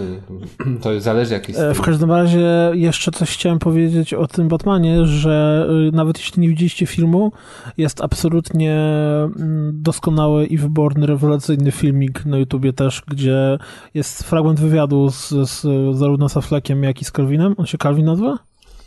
Calvin, Calvin Klein, tak. Ale który? Henry Cavill. No, ten, który gra w Supermana. Henry Cavill. No i e, prowadzący wywiad zadają pytanie, no nie wiem czy wiecie, ale tam coś na zasadzie, że nie wiem, czy wiecie, ale recenzje filmu są bardzo złe i co wy na to. I y, Superman zaczyna odpowiadać bardzo długo, tłumacząc, tłumacząc, tłumacząc, a Affleck siedzi w takiej kompletnej ciszy, taki zapatrzony w pustkę i, i na tym filmiku jest kamera, która robi cały czas zbliżenie na jego twarz, a w tle leci Simon and Garfunkel Hello panie To tak, jest... kurde, wszyscy już to widzieli poza Maćkiem, który co, co chwilę gra w Division, tak ale cudowne. generalnie rzecz biorąc... Y, to nic nie znaczy, skoro film zdobył tyle siana już w tej chwili, że kontynuacje są w ogóle no bo właśnie o to chodzi, że, że w wiesz, czasach, no, gdzie recenzje opinie nikogo nie obchodzą, bo ludzie i tak chodzą do kina. No oczywiście, no zobacz na Division, no wszyscy grają. No, tak. Nie, ale sorry, Kas mówi, że nie chodzi o to, czy ludzie chcą wybuchów. Jest tak, że ludzie, którzy idą do kina, może im się ten film nie podobać, ale to nie no, o to chodzi, oni tylko do niego poszli. No więc o to chodzi, no więc wiesz, im nie, więcej oni tak bohaterów, stary, bo jest hype, to jest zupełnie co innego. Pizdu, nie wiem, i więcej normalnie walenia się po ryjach innych superbohaterów, nie wiadomo jak niezwiązanych z tym uniwersum, to jest tym lepiej. Więc wiesz, no, są... A w tych twoich grach to się nie walą po ryjach, no, co? walą się, ale rzadko grywam coś takiego jak Justice League na przykład. Bo to... A czy w Usagi no, bo nie się walą no, po ryjach? Rzadko. Raczej sobie ucinają Rzadko. ryje, jeśli tak już można Bo ja powiedzieć. chciałem powiedzieć wcześniej, że za naszych czasów to Usagi Yojimbo już pojawił się na świecie, bo w 87 roku został pierwszy wydany. Chyba za wasze. To jest ten Królik Samuraj? A, tak, Królik Samuraj. A w Fuck naszym je, miałem w Polsce, w 2002 roku się w 2002 się w Polsce pojawił. Dokładnie i tutaj obecny Kas już wtedy zaczął kupować Usagi Yojimbo. Czyli lata mijają, kas się nie zmienia, dalej kupuje 14 lat już mija, a Usagi cały czas jest e, na topie według mnie. Piękny i młody. Piękny i młody. Ile jeden zeszyt kosztuje, mój drogi, Wiesz skoro co, zaczynało się od 19,90 a teraz kosztuje 35 zł, najnowsze zeszyt. To ile ty siana już na to wydałeś, człowieku? Wiem, nie opłaca się, no. ale ten, ale... ale generalnie rzecz mówiąc, zależy dla kogo po prostu. Dla mnie się opłaca. W każdym razie. 29 tomów to. plus 3 specjalne. Tak, wszystkie mam. A o, o ile te, no dobra, nieważne z tymi specjałami. Obok komiksów gigantów z tak, Ja dokładnie. mam tylko z pięć Usagi, ale fajne. No ale właśnie Usagi ma to do siebie, bo teraz wyszedł nowy tomik. W zasadzie teraz jest tak, że u nas wydają, do, dotarliśmy do takiego momentu, w którym jesteśmy na bieżąco z tą serią, a, a mianowicie wydają u nas, wiecie, no wyda się jakaś tam w Stanach po pół roku czy po roku jest ten tomik w Polsce i tak to przebiega, bo mniej więcej raz na rok się pojawia nowy tomik Usagiego, taki zebrany, bo to bodaj w zeszytach wychodzi. Też normalnie, no u nas tych zeszytów nie ma. Kiedyś chyba polityka wydawała jakieś takie mm, fragmenty tego Usagiego w formie zeszytów, bo to też uznano za bardzo ciekawy komiks. Mm, e, dlaczego ten tomik? Bo mówię o tomiku, który się nazywa 200 posążków Gizo, y, czy Izo, ale chyba Gizo jest wartym uwagi, a mianowicie z dwóch względów, e, może nawet z trzech. Usagi jest serią, która jest na tyle specyficzna, e, jest epizodyczną serią, na tyle specyficzną, że są tomiki, od których można zacząć czytać jego historię bez znajomości tomików wcześniejszych. I ten jest dokładnie takim przykładem, tego przykładem, bo tutaj już mówiłem wcześniej Maćkowi, że ja uważam, że twórca, czyli Stan Sakai, to on już jest też wiekowym człowiekiem, że on po prostu może mieć zaplanowany już po prostu koniec tej serii i go wyda na, po swojej śmierci zostanie on wydany, po jego śmierci. On leży w sejfie. Tak, on leży w sejfie, bo, bo tak. tutaj y, tu są teoretycznie w tej sadze jakieś główne wątki. Y, pojawiają się postacie, które przenikają się przez kolejne tomy i ta historia niby jest jakoś tam, jakąś zachowuje ciągłość, ale um, ja nie przypominam sobie, ten, ten niby główny wątek ostatnim razem się pojawił może z pięć tomików temu, czy z cztery. Tutaj tego nie ma. Tutaj praktycznie mamy, y, każda historia jest historią osobną, bo jak to wszystko wygląda? Mamy królika samuraja Ronina. Ronina, czyli wędrownego samuraja, który jest pozbawiony swojego pana, zwierzchnika i wybiera drogę takiego pielgrzyma, który, który wędruje po, po Japonii i zdobywa doświadczenie i przez to jakby buduje swój charakter. I Usagi w tym tomiku właśnie zwiedza Japonię, jak to ma w zwyczaju i poznaje nowe, no, nowych ludzi, nowe okolice trafia też na, w pewnym, w jednym przypadku trafia na starego znajomego, ale to jest też tak zrobione, że absolutnie nic nie tracicie, jeżeli nawet zaczniecie sobie poznawać historię tego znajomego od tego tomiku, bo to jest coś na zasadzie, o cześć, znowu się widzimy i dalej leci akcja, e, jest kompletnie no, no, nowa historia, tak? Więc czym jest, czym ten komiks w ogóle e, wygrywa? Mówię, on jest epizodyczny, czyli można sobie sięgnąć po różne tomiki i się dobrze bawić. Kolejna sprawa, która jest w nim po prostu świetna, to to, że Stan Sakai jest Japończykiem, który się urodził na Hawajach. Także on nie miał do końca styczności z e, tą kulturą japońską. Dla niego to nie jest pewnie tak powszechne jak dla typowego Japończyka i on stara się mm, tę historię, tę, te, te, te kulturę Japonii przedstawić na łamach tego komiksu.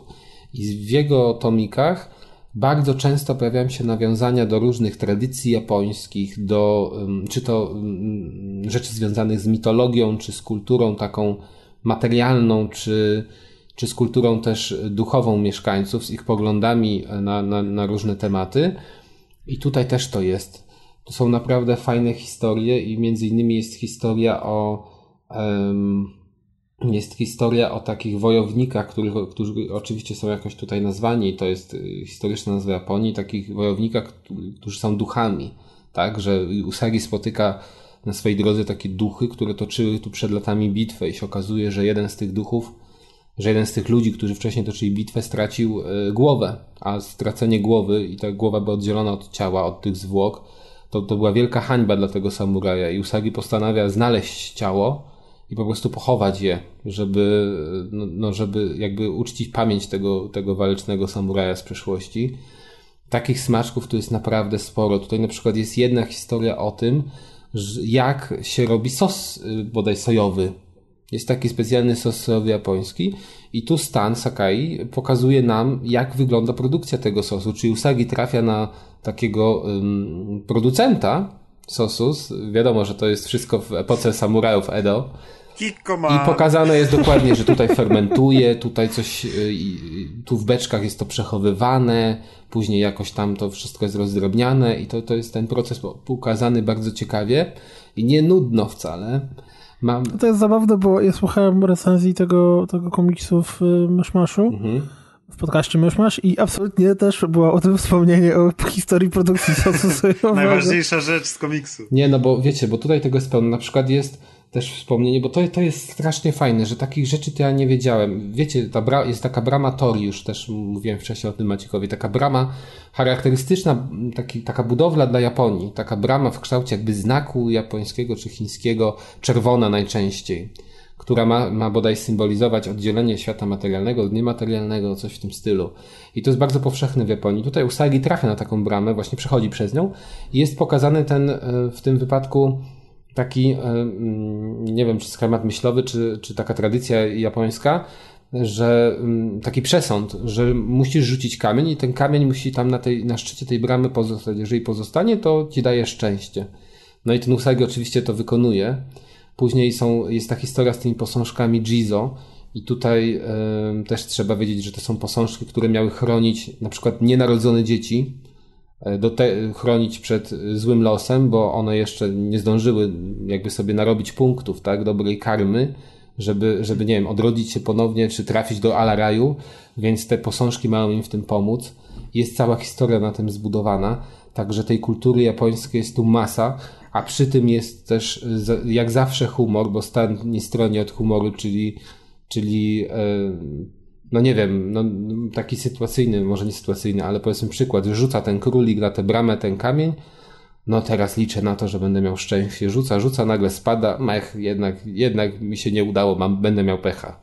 Wiecie o co chodzi. Czyli jak większość gier w twojej recenzji. No, ale to jest, ten, ten, ten jego humor jest naprawdę specyficzny, ale bardzo taki fajnie trafiający w sedno i też są właśnie wyjaśnienia później na końcu w słowniczku, o, o co chodzi z tymi terminami, do czego on się odnosił w danym E, w danej historii. Te historie też są krótkie, więc można sobie je czytać tak na zasadzie, a dzisiaj sobie poczytam 10 minut jedną historię, jutro sobie zacznę kolejną. E, mamy tutaj też wątki, na przykład w tym tomiku kryminalne, takie ala Sherlock Holmes.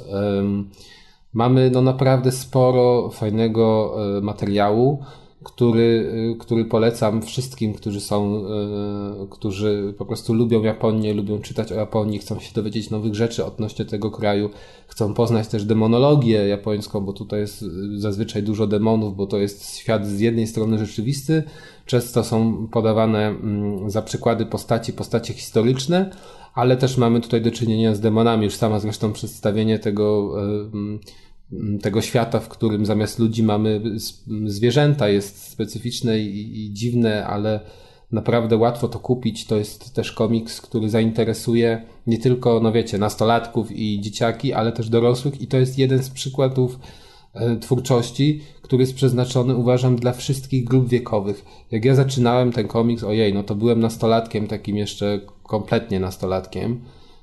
Nie, nie, nie ala Beverly Hills, tylko wcześniej. I ten, i, i wiecie, i to mi się strasznie podobało wtedy. Mija te 14 lat od tego, od tej chwili i cały czas dla mnie ten, ta, ta powieść graficzna jest po prostu czymś fascynującym i nie wyobrażam sobie nie kupić kolejnego tomika, tomiku y, y, twórczości Stana, więc y, rewelacja polecam Usagiego Jimbo. Jeżeli ktoś nie czytał, to naprawdę macie czego żałować, spróbujcie sobie od tego tomiku. Sądzę, że powinniście się bardzo łatwo wciągnąć w tę historię, bo naprawdę warto. Jest mało też komiksów, gdzie mamy jednego twórcę, który i zarówno rysuje, i tworzy historię, i jeszcze tworzy ją w tak e, unikatowy sposób, i to trwa przez 30 lat. Więc. E, Swoją drogą ciekawy jestem, która to jest recenzja Usagiego i Jimbo na rozgrywce. No, któraś, ale akurat ten tomik mi się podobał, bo ostatnie, ostatnie też były ok, ale nie były. Mm, moim zdaniem ten jest lepszy po prostu niż ostatnich kilka. Bo jest tu wszystko to, co ja e, najbardziej lubię w Usagi. Więc dlatego totalnie chciałem do tego wrócić i powiedzieć jeszcze parę słów na ten temat. Ale już kończę i przechodzimy sobie chyba już do ostatniego działu naszego podcastu, czy nie?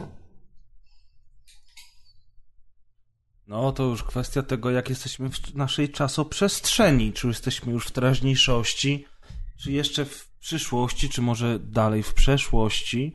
Tego ci nie powiem. Wydaje mi się, że, że. Udan na chwilę zniknął, bo chciał zobaczyć, jak to jest w Quantum Break. Więc. Nie, on, on wyszedł do Empiku teraz po Usagiego. Cofnął się w czasie, żeby otwarte Empik. Dokładnie był... tak. Nie, jeśli mam być poważny, to musiałem sobie przynieść coś do picia, żeby móc, bo gardło nie boli. Jak zawsze, kiedy zbliżamy się do pozdrowień, mm, dlatego też musiałem wspomóc się jakimś napojem. To już twój no organizm tak reaguje, wyczuwa się z pozdrowienia i nagle podupada na zdrowiu. Dokładnie, gdzie ta wódka? Dobrze, mm, jeśli chodzi o e, kulturkę, to tyle. Jeszcze dorzucę informację, żebyście zaglądali na naszego bloga, stronę internetową, witrynę, portal, portal, też jak... Też dodaję. Tak, to, patronajcie. Oczywiście. To różnica, patronajcie. Generalnie to e, jak ktoś nie zaglądał nigdy na nasz YouTube'owy kanał, to powinien zacząć, bo tam pojawiają się teraz regularnie rzeczy i to są fajne i dobre rzeczy. Ostatnio była dobranocka z Mortal Kombat, gdzie pokazałem Prezowi, y, nie znając tej gry, jak się gra w Mortal Ale go sprałeś. dokładnie, dokładnie, wcale tak nie myślę, było. Ale to była taka beka, bo, bo Prez, y, jak wcześniej mówiliśmy, to Prez tam już grał jeden, drugi, trzeci, piąty, wiesz, mówią, dobra, no to, no to okej, okay, to zagramy, zagramy. Usiadłem, zero ciosów, zero niczego. Wiesz, to powinniście nagrać taki filmik, jak to Prez, wiesz, Wypraszam sobie, to jest było, właśnie nowy było równo, bo było dwa na dwa prawie, że. Potem chyba, żeś ostatnio wy, wygrał, więc na pięć pojedynków dwa wygrałem ja, dwa wygrałeś ty, a ten ostatni był więcej, reżyserowany. To mniej więcej tak jakbyś e, zabrał dziecku lizaka i się cieszył, że jednego ci się udało, a jednego z jednym się obronił. tylko szybko, szybko, szybko wtrącę a propos legendy, y, o której od zawsze mówimy, czyli Homeworld Remastered Collection, że właśnie wylądowało nowe Humble Bundle. Tak, jest. Tam jest parę gier, i za najwyższą cenę 12 dolarów, która jest tak naprawdę niewysoka za te wszystkie gry, jest właśnie remaster Homeworlda, którego wszyscy o. bardzo serdecznie polecamy. To jest tyle istotne, że w ramach y, paczki jest też Tropico 5 i jest też y, Chivalry, Medieval Warfare i są też Brothers A Tale of Two no. Sons. Reszty nie znam, ale... No i przede wszystkim Ultimate General Gettysburg. Nasza to ulubiona jest gra. bardzo, bardzo fajna strategia. Zawsze o. chciałem w nią zagrać, ale ona była droga. wszystko a w tej wie. chwili a w tej chwili, a w tej chwili na pewno ją sprawdzę. A za dolarka, to znaczy za centa kupisz. A Wiktor Wran, czyli uboga wersja Van Helsinga? Już Van Helsing jest był więc wiesz, umówmy się. To jest coś. Ale dużo dobrych gier do, na drodze do Homeworlda. W każdym razie, wracając z naszej strony, zaglądajcie, bo jest tam dużo dobra, wspaniałe materiały i tak dalej. Warto zaglądać codziennie, bo codziennie pojawia się coś nowego.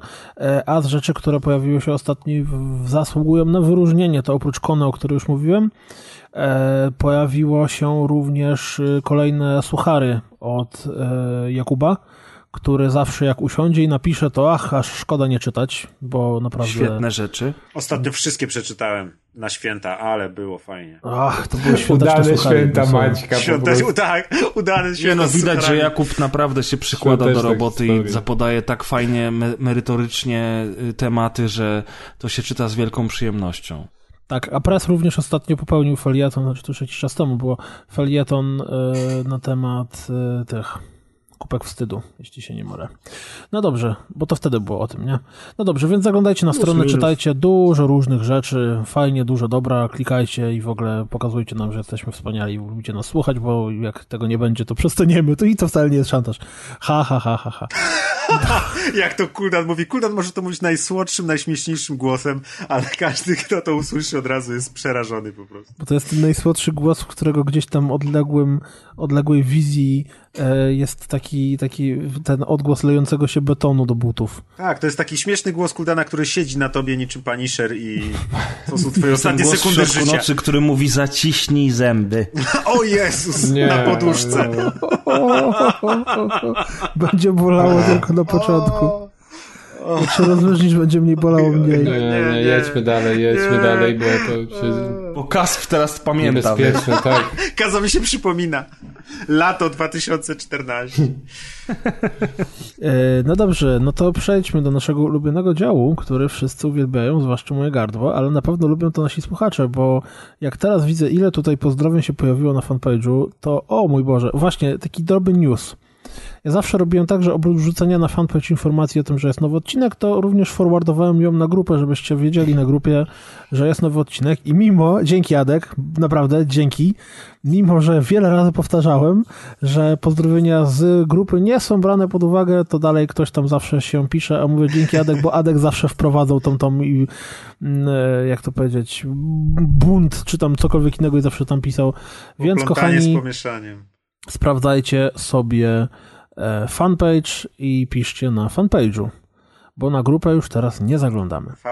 A o czym się dowiemy później nie tylko na fanpage'u. W każdym razie zaczynamy nasz teatrzyk. Milo Jones, pozdrowienia dla Piotra K. Mm. ode mnie i Marty W.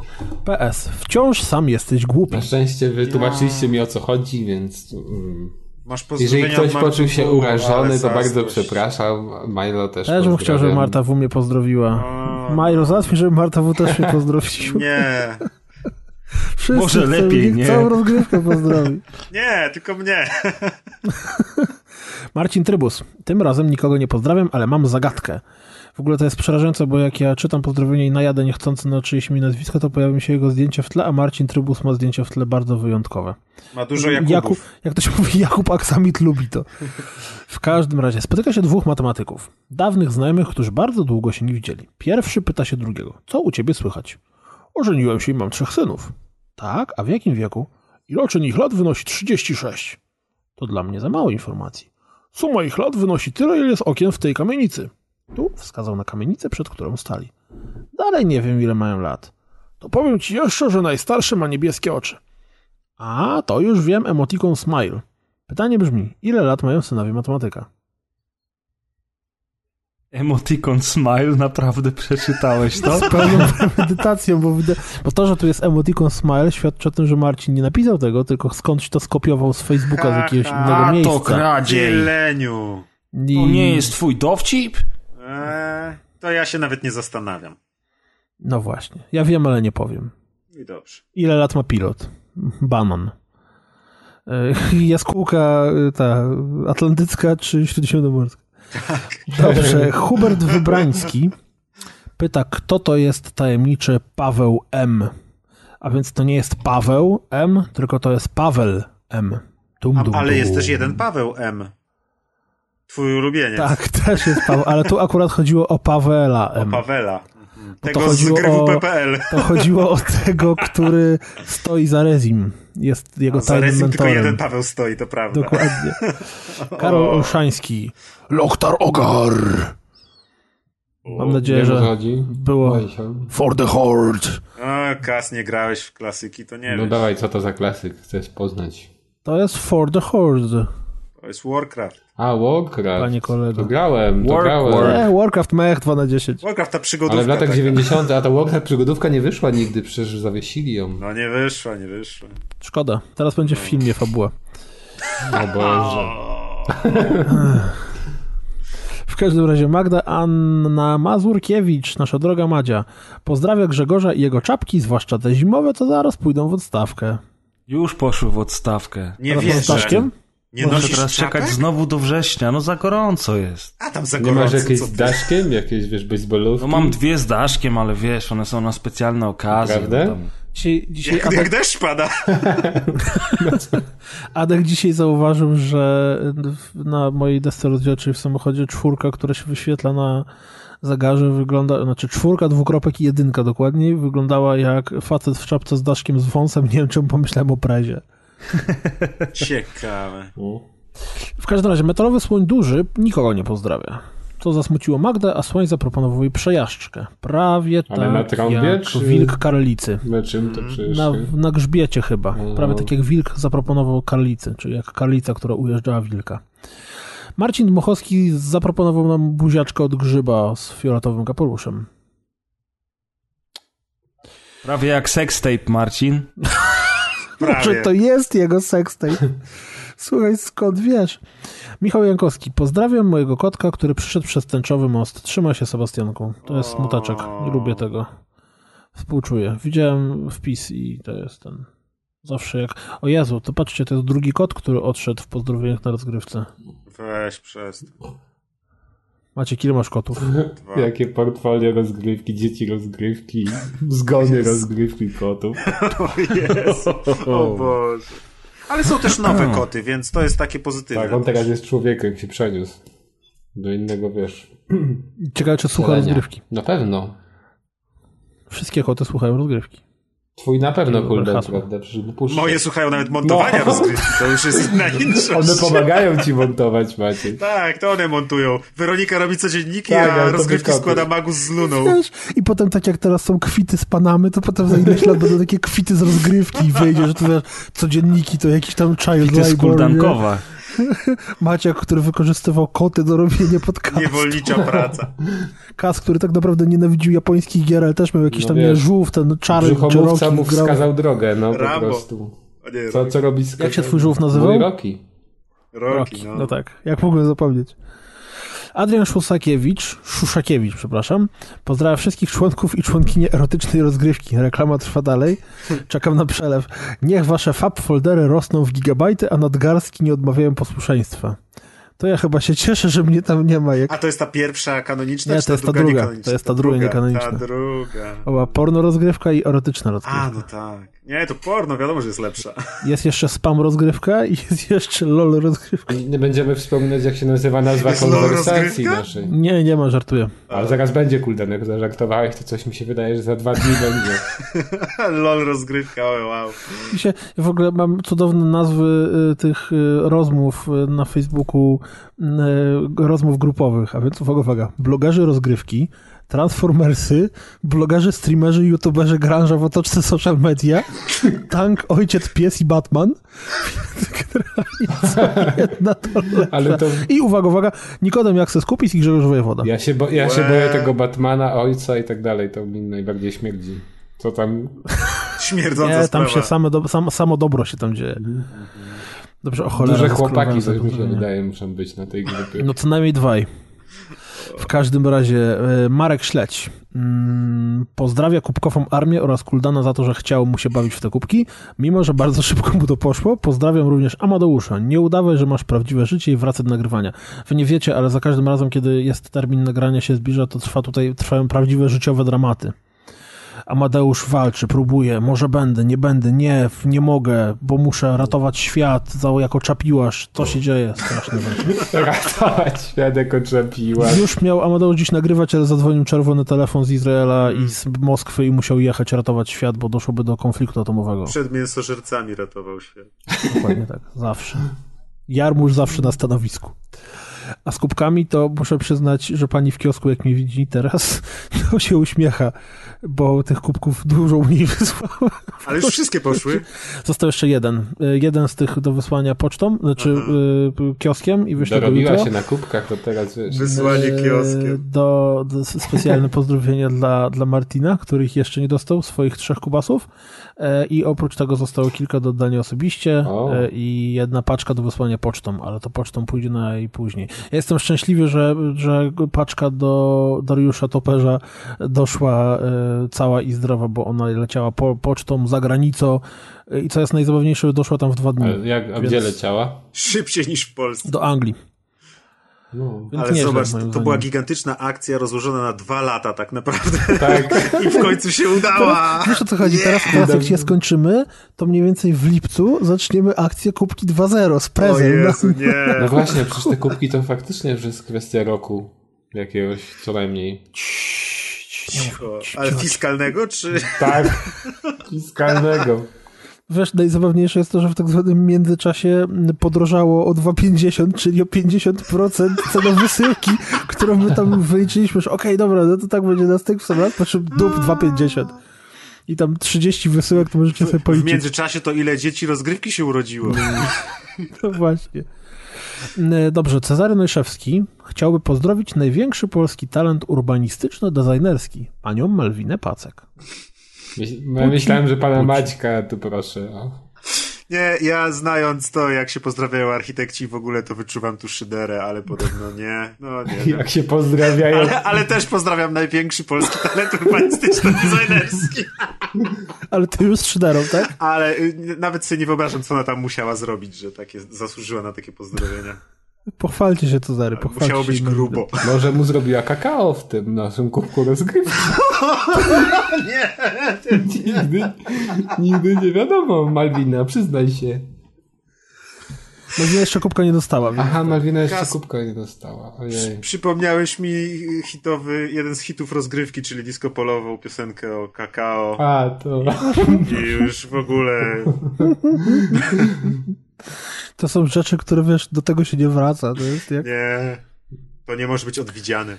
Marcin Tomkowiak, czyli Sakora, pozdrowienia dla wszystkich domorosłych superbohaterów. Czasami pomysły moich córek mnie przerażają.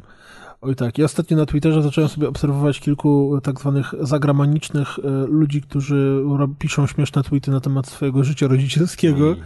i najgorsze jest to, to, ojej, wiesz co, najgorsze jest to, że do wielu z nich można się tak strasznie poczuć faktycznie, że, że powiem, w pełni to rozumiesz, bo małe dzieci mają specyficzne, znaczy generalnie dzieci mają Ja bym dał radę, że będzie, wszystko jest dobrze, póki nie zacznie tam robić czegoś za ciebie w internecie, tak niektóre. Na przykład codziennika, nie? No.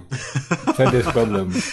Ale ja też kojarzę, nie pamiętam teraz, którzy, ale było kilku stand-uperów, którzy o swoich dzieciach opowiadali, to było przekomiczne.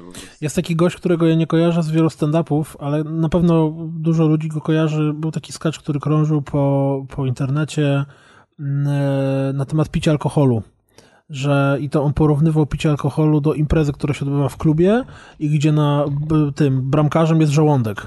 No i że najpierw przychodzą piwa. I on to tak generalnie bardzo fajnie opowiada, jak to, że to właśnie o, i nagle przychodzą tam Guinness przychodzi, ej, Guinness! naśladując akcenty, że tam i na końcu przychodzi Saka i po prostu naśladował ludzi jako, jako alkohole.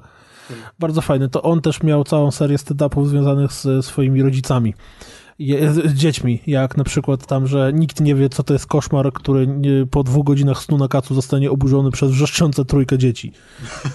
Nie, tam... Ten, y, Louis C. Clark też miał chyba fajne tak, on też dużo o rewelacyjnie, bezlitośnie, tak. Tak, to tam jedno z tego, co ostatnio słyszałem, jak to, że e, córki goście się, się darły cały czas, w końcu się przestarły drzeć, bo bawiły się w czarownicę, e, powiedziały, że o, tato, znudziło nam się zabawa w czarownicę. No to ojciec pomyślał sobie, ach, dzięki Bogu i w tym momencie usłyszał skrzeki tych e, pterodaktoli koło ucha. No dobrze, kontynuując. Bartosz Zawisza, pozdrawiam króla i Jana Pawła Kuldanowego, a także Preza, który jako jedyny chciał być dobrym człowiekiem. Awe. To jest nawiązanie jakieś do chyba poprzednich podcastów, czy coś, ja już nie pamiętam, czemu Prez chciał być dobrym człowiekiem. Nie wyszło. Nawiązanie nie wyszło. Do, do, do, do, człowieka, który chciał być papieżem. Aha. Serio? Aha. Naprawdę? Captain Obvious. Ja nie wiedziałem. No ja, nie, no, a, ja, przez, A wiecie, co jest, absolutnie to jest potwornie straszne, ale przez Jakuba Aksamita mhm. to e, papież już masz uczulenie. mi się z jakimiś dowcipami o picie kakao z kubków i tak dalej. I tymi rysunkami prostu, dziwnymi, tymi kremówkami, rysunkami, tak. dziwnymi o, kremówkami. nas, po prostu Jacobie. straszne, straszne. Kuba Komorowski pozdrawia tych, którzy jeszcze nikogo nie pozdrawiali, bo im umknął wątek pozdrowieniowy. Tam, dam, dam. Tu, tu, tu, tu, tu, tu, tu, tu, tu. Paweł Mosz albo Mosch. Nigdy nie wiem. Muszę się kiedyś nauczyć w końcu. To jest od Moszpita na pewno, czyli tego najlepszej zabawy pod sceną, jaka się dzieje. Paweł Moszpit. Moszpit. Paweł Moszpita nimom, to nara. I o Piotr też zawsze. Ale chrup, chrup. Chrup, chrup to już nie chrup, chrup to zęby łamiesz na takich dowcipach. W każdym razie Paweł pozdrawia wszystkich nagrywających. Preza Nervusa, uuu, krzaczastego Kuldana, uuu, roześmienego Razera, uuu, marudnego kaza króla podcasterów. Uuu. Mech. Mech. Oraz Mech. Piotr Mech Kas. oraz wszystkich słuchaczy. Jeśli kogoś pominąłem, to przepraszam. Mateusz Deusza, Kaczor. Deusza pominął. Dlatego Deusz nie nagrywa. No właśnie. Niedługo będzie zapomniany Deusz niestety. Musi wrócić. Deusz ten zapomniany. Mikołaj, Taki ten, który odszedł do korporacji. Unosi, takie duchy już ten zapomniany. O jest. To co, co, co powiesz o szelaku i tak dalej? Ojej, to, to, to, prehistoria. To prahistoria.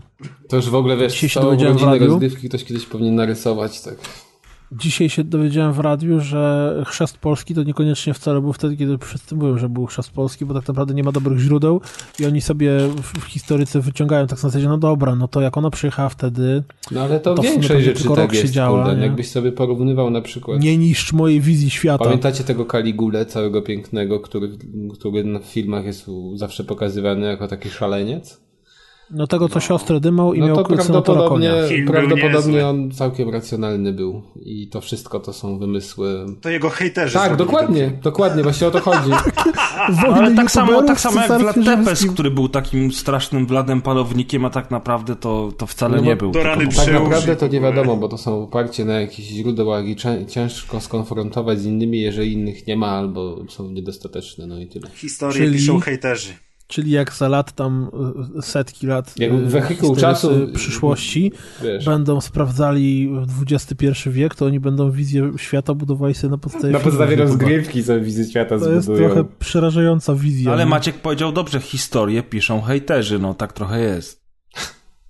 True. No to widzicie, to... Tu. Będę Amaru, zapisany na kartach historii. to jest piękny epilog do tego, czemu cię nie ma na grupie. Historię piszą hejterzy. Nie, nie, A właśnie, nie, tam, nie tam, co, co, się, co się stało? Co się stało, że ciebie nie ma na grupie? Co Wiesz się co? stało, że e, zazdrościł. Napisałem do Milo y, walentynkę taką na forum, na grupie mm. powiedziałem Milo, Milo, cię... czy będziesz moją dziewczyną? A Milo odpisał nie. No i no, no i wybrałeś Maciek. Złamane serce boli. Dlatego... Skończyło się. To jest prawda, złamane, złamane serce boli dwa razy. Jest Milo, jak mogę Mateusz niż dupa. Mateusz Lepiej, żeby bolało cię serce niż dupa. To też jest taka no. światła myśl z wrzeszczką. For life.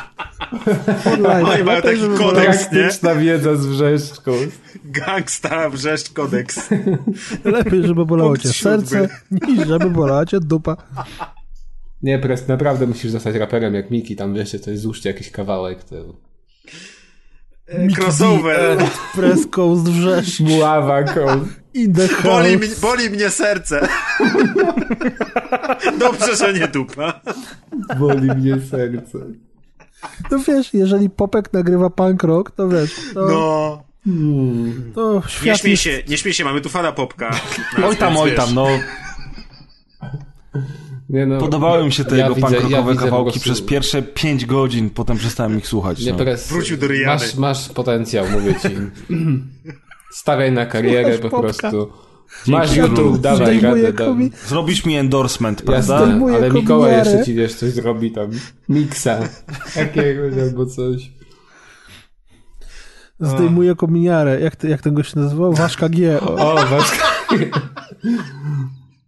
no, Waszka to była pełna klasa, po prostu by dużo do jego brakuje jeszcze. No i jeszcze Lech Roch, mój ulubiony. się wyrobisz, co mi się wydaje. Żeli Papon. No tak. No. Do tej pory ćwiczę przed lustrem. Żeli Papon. I ta Wena jest King Konga, tak?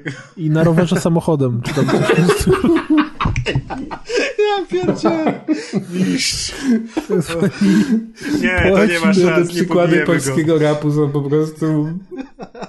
A Kaz myśli, że, tak, że, to, że jest to jest polski, polski rap. rap. Polski rap. Ja dalej się śmieję, jak wspomina mi się, jak to ktoś w pozdrowieniach prosił, że Miki coś zarapował bodajże i Mikołaj odpowiedział, że ale wiesz, ja jestem takim udawanym raperem na co okazji, jak wszyscy polscy. A, to było, to było Ale wiecie, że to w jednym intrze chyba jest nawet rozgrywki. Tak, to, byle, to było w intrze, to było boskie. To było tak dobre. Sama prawda, Kas, prawda całą dobę. Po... God of War 4, mech. Porady takie, wiesz. Dobrze, ja teraz nie wiem, czy ja byłem tu, czy tu. Chyba tu. Mateusz Kaczor. Pozdrawiam Wiktora Gajewskiego. Ten pas was... Ten pas... Kurwa. Ten pas. Ten pan was nie słucha. Wiecie, co z nim zrobić. Dawaj Zaprosić adres. do słuchania. Mateuszu, to twoja rola. Czemu nas nie słucha? Robisz błąd jakiś tego. prezes, prezes strzega, wiesz, Mateusz, jak nie dasz rady, to może cię nie tylko serce zaboli. Nie wiadomo. O jest. Hail to the king, baby. Taki tekst, taki Król tekst, wiesz. szczuje ludzi prezem. Ale wiesz, taką kartkę bym prez wysyłać z takim ostrzeżeniem. Nie? Boli cię serce? Mnie boli wiesz, serce, a ciebie może zaraz coś innego. Piękne hasło na najlepszą reklamę. To jest... E, ja myślę, że to taka kampania wyborcza powinna zostać o to oparta. Widzę tam Grzegorz Wojewoda. To lista numer 7. Z polecenia, z polecenia Kaza i taki Kaz. Rekomenduję tego. Zapowietrzenie. E, Michał Kujawiński pozdrawia Głowiksa. Ja nie wiem, to jest, ja myślałem, że Nikodem taki tylko ma znajomych jakiś, kur... Seba łysy. Seba łysy pałak. Ale Głowiks, ale koleś musi mieć czambu.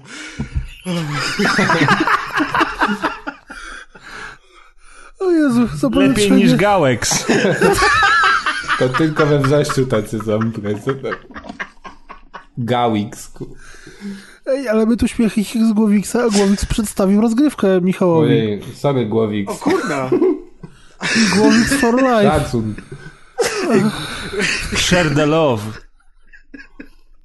Ale Głowix to brzmi jak nazwa jakiejś takiej firmy z lat 90. To wiecie, Staff Mix. Jak na przykład Kulbud. Kulbud nie ma X. na przykład. Bardzo oryginalnie to jest press.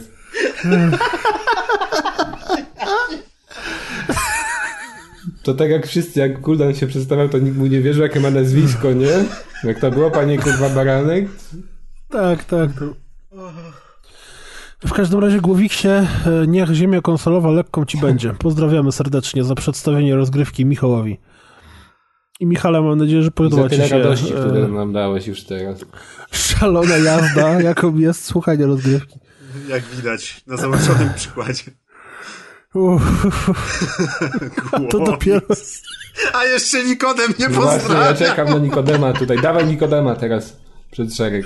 Nie będę szukał Nikodema, się zgubił. No. Paweł... Teraz powinienem przeczytać tak. Paweł M. Nazwisko znane redakcji. Lat 32. Czyli Paweł Matoszewski.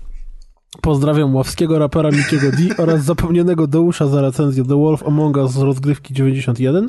Komiksy już kupione. Króla Kaza, jeśli dosiedzi do pozdrowień, Tim Kirby oraz całe Indoor Studios. O, paczek yeah. trafił. Akurat trafił z tym Indoor Studios dzisiaj. No, widzisz, wszystkich pozdrowień, którzy są Deusz Całej... z duchem. A teraz Facebook dał dupy. Znowu? Bo są pozdrowienia Bartosza Mszycy. No. Tak jest, no. I to jest chyba kontynuacja pozdrowień, które są wyżej. Więc chyba muszę... No dobra, mam nadzieję. Zacznij od tego powyżej. Mszyca. Ja chciałem pozdrowić mamę, tatę, świętej pamięci Augusto Pinocheta, Pablo Escobara, też świętej pamięci, Żółwie Ninja, moją pierwszą konsolę Atari 2600, Luna, Luna Freya z y, Atarowca wraz Gumowca, Luna Freya z Final Fantasy XV, kolesia u mnie na osiedlu obok na osiedlu blok naprzeciwko mojego, który puszcza kawałki z lat 90. w tym disco polo, to Seba to pewnie. tak lepsze niż Smoka Wawrowskiego. Będzie o Nioch i Final Fantasy XV musi być. E, to ja teraz już nie wiem, co było na górze, na dole. Może Quantum Break. Złamałeś czasoprzestrzeń. Totalnie. Totalnie. A nie mówiliśmy w końcu o Final Fantasy. No właśnie, zapomnieliśmy. Polecamy. A, może wytnę z bloopers. Polecamy. W następnym odcinku. Tak. Demo. Jak już wyjdzie pełna wersja. Jezus Maria, ile tych pozdrowień jeszcze jest. Dobrze, to teraz, żeby trochę się przestać śmiać i złapać oddech, słuchajcie, tak jak mówiłem wcześniej, w, a propos Quantum Break i tak dalej, konkurs y, dotyczący y, remastera Day of the Tentacle. Mm, ponieważ ta gra jest taka radosna, dowcipna i fajna, to y, kodzik na grę w wersji PlayStation 4 dostanie ta osoba, która napisze najśmieszniejsze, najfajniejsze, najcokolwiek, y, sami to wymyślimy i uznamy, nie będzie żadnej e, oficjalnej drogi, którą można iść. Pozdrowienia na następny odcinek rozgrywki. To ha. Głowix wygra. A teraz, jeżeli zastanawiacie się, jak to zrobić, jak nie macie Facebooka, to absolutnie dokładnie tak samo będzie wyjątkowa okazja. Możecie pisać te pozdrowienia w komentarzach na naszej stronie pod tym odcinkiem. Więc pozdrowienia następnego odcinka pojawiają się pod tym odcinkiem i w poście pozdrowieniowym i ktoś z osób, które napisze coś takiego, to nas rozwali. Jak będzie na to... Na odcinek 119? Na odcinek 119. Jak będzie to e, Władimir Putin, to może w końcu będziemy mieli wycieczkę do Moskwy, żeby wręczyć mu kod na ten, na, na, ten wydrukowany na dyskietce, znaczy na tym, na karcie, kartce. Buja! No, więc, tak właśnie. Nie, ale tak poważnie to pewnie, no dobra, nie wiem. My sobie wymyślimy, kto dostanie ten kod z tych, którzy napiszą najfajniejszy, najzabawniejszy, najśmieszniejszy, naj cokolwiek, naj, najpozdrowienie, najbardziej romantyczne albo najbardziej poruszające za serce. To nie będzie miało zna... Adek. Właśnie chciałem powiedzieć, że to nie będzie miało znaczenia, jeśli to będzie ktoś, kogo bardzo dobrze znamy i y, żadnego kumoterstwa nie ma oczywiście, ale Adek ale... bardzo chciał zagrać w Day of Tentacle, tak mi mówił dzisiaj przed nagraniem. I Adek napisze, yo. Macie ten kod? Koda na loda. Dobrze, Tomasz Frania. Pozdrawiam wszystkich rozgrywkowych miłośników najlepszego podcastu w internecie. Mm, dziękujemy. Taka incepcja. Nie, nie, bo to, to właśnie nie tak. To może chodzić o jakiś podcast, który my lubimy. No właśnie. Ale my nas nie, lubimy. nie, nie, chodzi o nas. My też lubimy formogatkę. Continue. Jakub Antoniuk. pozdrawiam Sylwka Osiłka. Nie, Osika, przepraszam. To ten Grawix mi się za ten... Głowix. Głowix. Grawix. Głowix, Grawix. Pozdrawiam Sylwka Osika, który dniami i nocami siedzi nad Electroride i poprawia co da radę przed prezentacją na Digital Dragons. Wow! Jeśli ktoś będzie na Digital Dragons, to szukajcie gościa z hipsterskimi okularami i dreadami, będzie miał grę i bardzo będzie chciał wiedzieć, co o niej sądzi, co w niej obsysa. Ja zostaję w Lubelu. O. No, dobrze. Nikodem, jak se skupisz? Pozdrawiam wszystkich jarających się Pokémon Go, opolską i okoliczną ekipę w Ingresa z obu stron, znajomego, który polecił mi personę, ale to jest cholernie dobra gra, całą grupę rozgrywki, mamę Sir Atka, świat uratowany. Dzisiaj Adek sam uratował świat. Nagrywających rozgrywkę, nowe stare forum polskiego gafa, znanego również jako stare forum poligami. Nie pozdrawiam za to Bohemii, która trzeci raz spóźniła się z ważnym patchem do Daisy, Facebooka za machlojki z softem do Oculusa i Valve, bo ich mobilna apka Steama wciąż jest krapem. Kiedy Minecraft dobranocce? Dobry pomysł. Nigdy. Dobry pomysł. Ale Deusz, tylko Deusz musi Minecrafta streamować. Będzie zabijał krowy. Jeszcze nie będzie. Pokażę nam, Zmotywujcie jak, jak Deusza wygląda... do Dobranocki i może prowadzić wszystko, moi Deusza drodzy. kuzyni powinni Jak- ogrywać. No, z Minecraftem. Haha, no. No. Ojejku. Łukasz Szok. Nie postarał się ten Pozdrawiamy- Nikodem. Nie, żadnych No. kumpli nie poznaję. Żadnego Seby, tam Ciska. Małe cinka, łysego. Cinka właśnie. To ja pozdrawiam Ciska z After the Credits, korzystając z tej okazji. E, Łukasz Szok pozdrawia Maciusia. Brak sensu dłuższego grania w The Division, moją lewą nerkę, preza na wygnaniu, Adama Małysza, jednego wrednego piksela na moim telewizorze oraz długo oczekiwaną wiosnę. No i Kuldana Punishera za kubeczki. Proszę bardzo. Ale wiosna Niech przyszła. pije ci się z nich z przyjemnością. Dzisiaj byłem w szoku, jak wyszedłem na dwór w podkoszulce i było mi ciepło. No 27 stopni było dzisiaj. Chyba w słońcu. No w słońcu, ale było. 22 było. Dobra. W cieniu było W 25. piekarniku było 200 No. O fuck. A w Kalifornii w było jeszcze więcej. W ogóle to wy ciepło będziecie mieli, jak się będę Dni Młodzieży będą odbywać. Trochę No współczuję. ja się boję, powiem szczerze. Nawet Kas się boję, ja jest się tak boję. daleko. Kas, nie, nie jedź na nie, jak się boisz. Chodź, przyjedź, Kas, fajnie będzie. się Ej, a cieszy może w po, a, ale młodzieży. słuchajcie, a może zrobimy taki numer, że, że pojedziemy na Dni Młodzieży i zrobimy taki zlot rozgrywkowy. Nie, nie pojedziemy na Dni Młodzieży, nie zrobimy Nie tego. Możemy w tym Ale, samym momencie... ale weźmiemy brody i turbany i preza wyślemy na, na pierwszego, który będzie krzyczał. Prezi!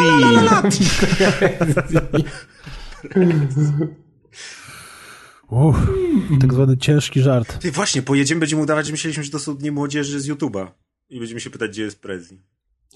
I Franciszka będziesz zaczepiał, jaki ma kanał, ile ma subów. Znasz Preziego? Kto to jest ten biały, koleś w białym obok Preziego?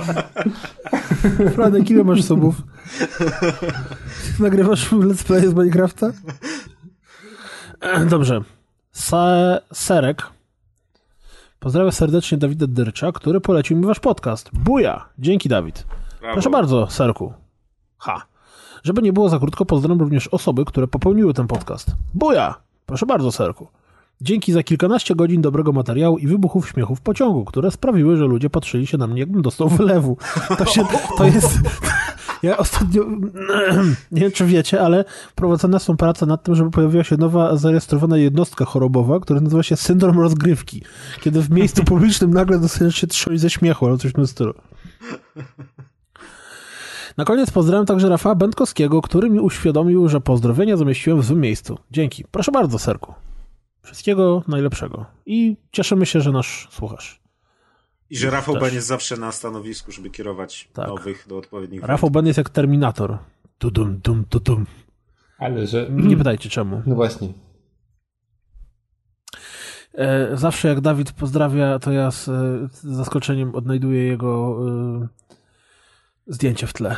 Ech, bo najeżdżasz na te nazwiska, nigdy się nie no, nauczysz, zrobię, żeby nie robić tak. No, no, no, no, lubią jabłka, no. O, o, obaj, obaj lubią. Dobrze, Dobra. że takie duże lubią jabłka, nie takie, co są takie małe jabłka, nie? Mogliby Jabłuszka wtedy by było. Jabłusz. Dobrze, Dawid Dyrcz. Chciałbym krótko zająć czas antenowy, bo to drogie jest, więc do rzeczy. Serdecznie pozdrawiam nagrywających, w szczególności Preza. Słysząc jego głos, za każdym razem mam ochotę smarować się masłem. Fuck yeah! Ale czosnkowym chyba, nie? Oczywiście. masłem? E, dobrze, nie cebulowym.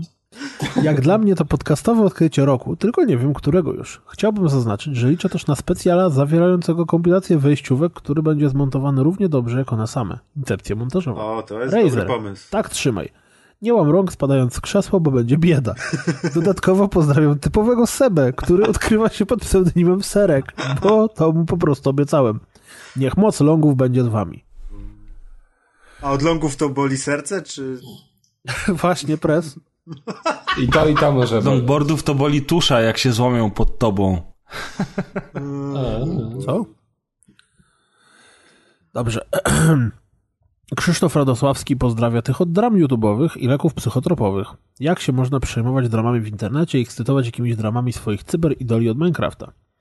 No ja tego nie rozumiem, ale jak widać setki młodzieży to rozumie lepiej. A ciekawe, czy Krzysiek tutaj, czy, czy to jest jakby wspólny zbiór yy, dramy YouTube'owej leków psychotropowych? Tak, jest... bo ty, ty nie jesteś na grupie, to nie wiesz. A dobra, ja to postawiłem, ja się, post, ja postawiłem się poświęcić dla dobra nauki. YouTube'a. Kolejny raz. E, kolejny raz, tak. E, sznyty na ręku, coraz więcej ich. E, I zaatakowałem dramę youtuberską, która się odbywa aktualnie. Mm, generalnie rzecz biorąc, jedno się nazywa Totem te Atory, Impery jedno cała reszta, kasa. jeden drugiego... To już klasyk. Oni się pozwali nawzajem, czy tam no, jeden drugiego pozwał, nieważne. No i o, nie wiem o co, nie Może czytałem pozwu, ale się pozwali. No i myk polega na tym, że obejrzałem właśnie filmik tego drugiego, Gimpera całego, który e, tłumaczył, jak to ten pierwszy, co go pozwał, jest strasznie niedobry i nie fair. I najbardziej mnie rozwaliło to, jak to najpierw to w ogóle też wytknął w, w trakcie rozmowy na grupie ktoś inny, nie pamiętam kto, przepraszam, pozdrawiam, kimkolwiek byłeś, ale ktoś znajomy, że typ najpierw w jednej części filmiku mówił, że ho, ho co za debil, dostał depresji od dramy z YouTube'a, ho, ho, ho, a potem pod koniec tego filmiku pokazywał leki psychotropowe, które bierze dlatego, że ma depresję ze względu na to, że Atel go skrzywdził. I mnie najbardziej rozwaliło, to był ten moment, kiedy takie, takie, dopadło mnie takie zwątpienie, że gość pokazuje psychotropy, które bierze po to, żeby tak urzeczywistnić, urealnić to, jaki on ma problem. Że o, taki biorę i jeszcze taki i tu jest tam taki, a tu mam 16 recept na kolejne dawki. Takie, wow. Inny świat, absolutnie. To my jesteśmy świat. jeszcze słabi zawodnicy. Ja tylko czasem witaminę C biorę. I to jest zupełnie niezwiązane z podcastem, więc w ogóle kicha. w ogóle lipa, powinniśmy na podcaście coś wiesz. Ty witaminę C, ja witaminę B12, nie? Kat jakiś, jakiś klej, gumę arabską, żeby wąchać, nie wiem. Ćpańsko. Jędrzej Mąkosa pozdrawia wszystkich szczęśliwców, którzy w robocie zamiast podwyżek dostają podniżki, a umowa o pracę pojawia się dziwnym zbiegiem okoliczności zaraz po wizycie inspekcji pracy. Hashtag niedobra zmiana, czy hashtag dobra zmiana? Ciężko powiedzieć. No. No tośmy się wypowiedzieli. Ja muszę przepłukać usta, mówcie coś. Płukaj usta. A czym płuczesz usta? Masz, powinieneś sobie wziąć i albo nie. Aloes podobno jest dobry. Oshi Gęsty. z L-karnityną plus. No to nie uśniesz po tym. B3, B5, B6, B7. Naładujesz się energią i będziesz, wiesz, I am Cornelia! I eat TV for my uncle! To był film, to był film. A musiałem wziąć łyka, bo Jacek, jak zawsze, nie zawiódł krótkością tego, co napisał. Weź go zbanuj. Ty sobie gardło tutaj czyścisz, zamiast go zbanować po prostu. Więc Jacek, pozdrawia wszystkie Pozdrawia wszystkich z ekipy spółdzielni Rozgrywka, poza sobą Michała Jankowskiego, Agnieszkę Zygmunt, a na dodatek moją dziołchę, która ostatnio mnie nakarmiła, mojego psa, który ostatnio sam się nakarmił, zjadając mi kolację z talerzy, jak poszedłem sobie zrobić herbatę. tak zwany in your face. Loser! A wiesz, jak się przy kotach trzeba pilnować? O. Ja powiem tak, Nikodem się nie popisał, ale za to Jacek dowiózł. Moich współpracowników, Łysego, Jose, Dykiego, Kauflanda, którzy dzielnie nawalają w czołniku chwali partii. O kurde, ej, ale, ale z, Kauflandem, z Kauflandem i, i, z, i z Jose to bym pograł w czołgi. Z Kauflandem po bułki by Ale super, nie? Kaufland z lewej! Kontuj się, kontuj! Jogurty po złote 29. Strzelają w łysego, dyki ratuj. O, w każdym razie Jacek pozdrawia dalej ekipę podcastu, Psychokastu, M Kwadrat, specjalnie rozgrywkowych, gier, których nie znać, gier, których nie znasz, a powinieneś, bezimiennego podcastu, naszą jedyną i niepowtarzalną rasistkę, panią z opery szczecińskiej, którą widziałem przez okienko w jej domu, kiedy ćwiczyła śpiew. Uuu. Podglądacz. No widać, że lubi Pewnie Japonię. nago. No, Jak, tak? Ja zawsze śpiew ćwiczę nago, nie wiem. Okej. Okay. Hmm. Wszystkich fanów Nintendo, w szczególności Street Passerów ze Szczecina i okolic, no i na sam koniec mam dla was jedno mądre i życiowe przysłowie. Głos starego mędrca Kuldana on. Stare chińskie przysłowie mówi. Będzie cię bolało serce, albo będzie cię bolała dupa.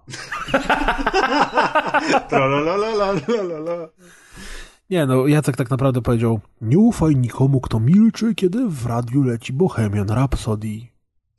Mm. E, ale to tak, Mama, to jest twój głos właśnie, Kulden? I just killed a man. Nie śpiewajmy teraz, błagam. Wiem, wiem, wiem. Tu, tu, tu, tu. Mama Zaraz mia, tak mama mia. się ułożyły, jak te tu, tu, tu, tu.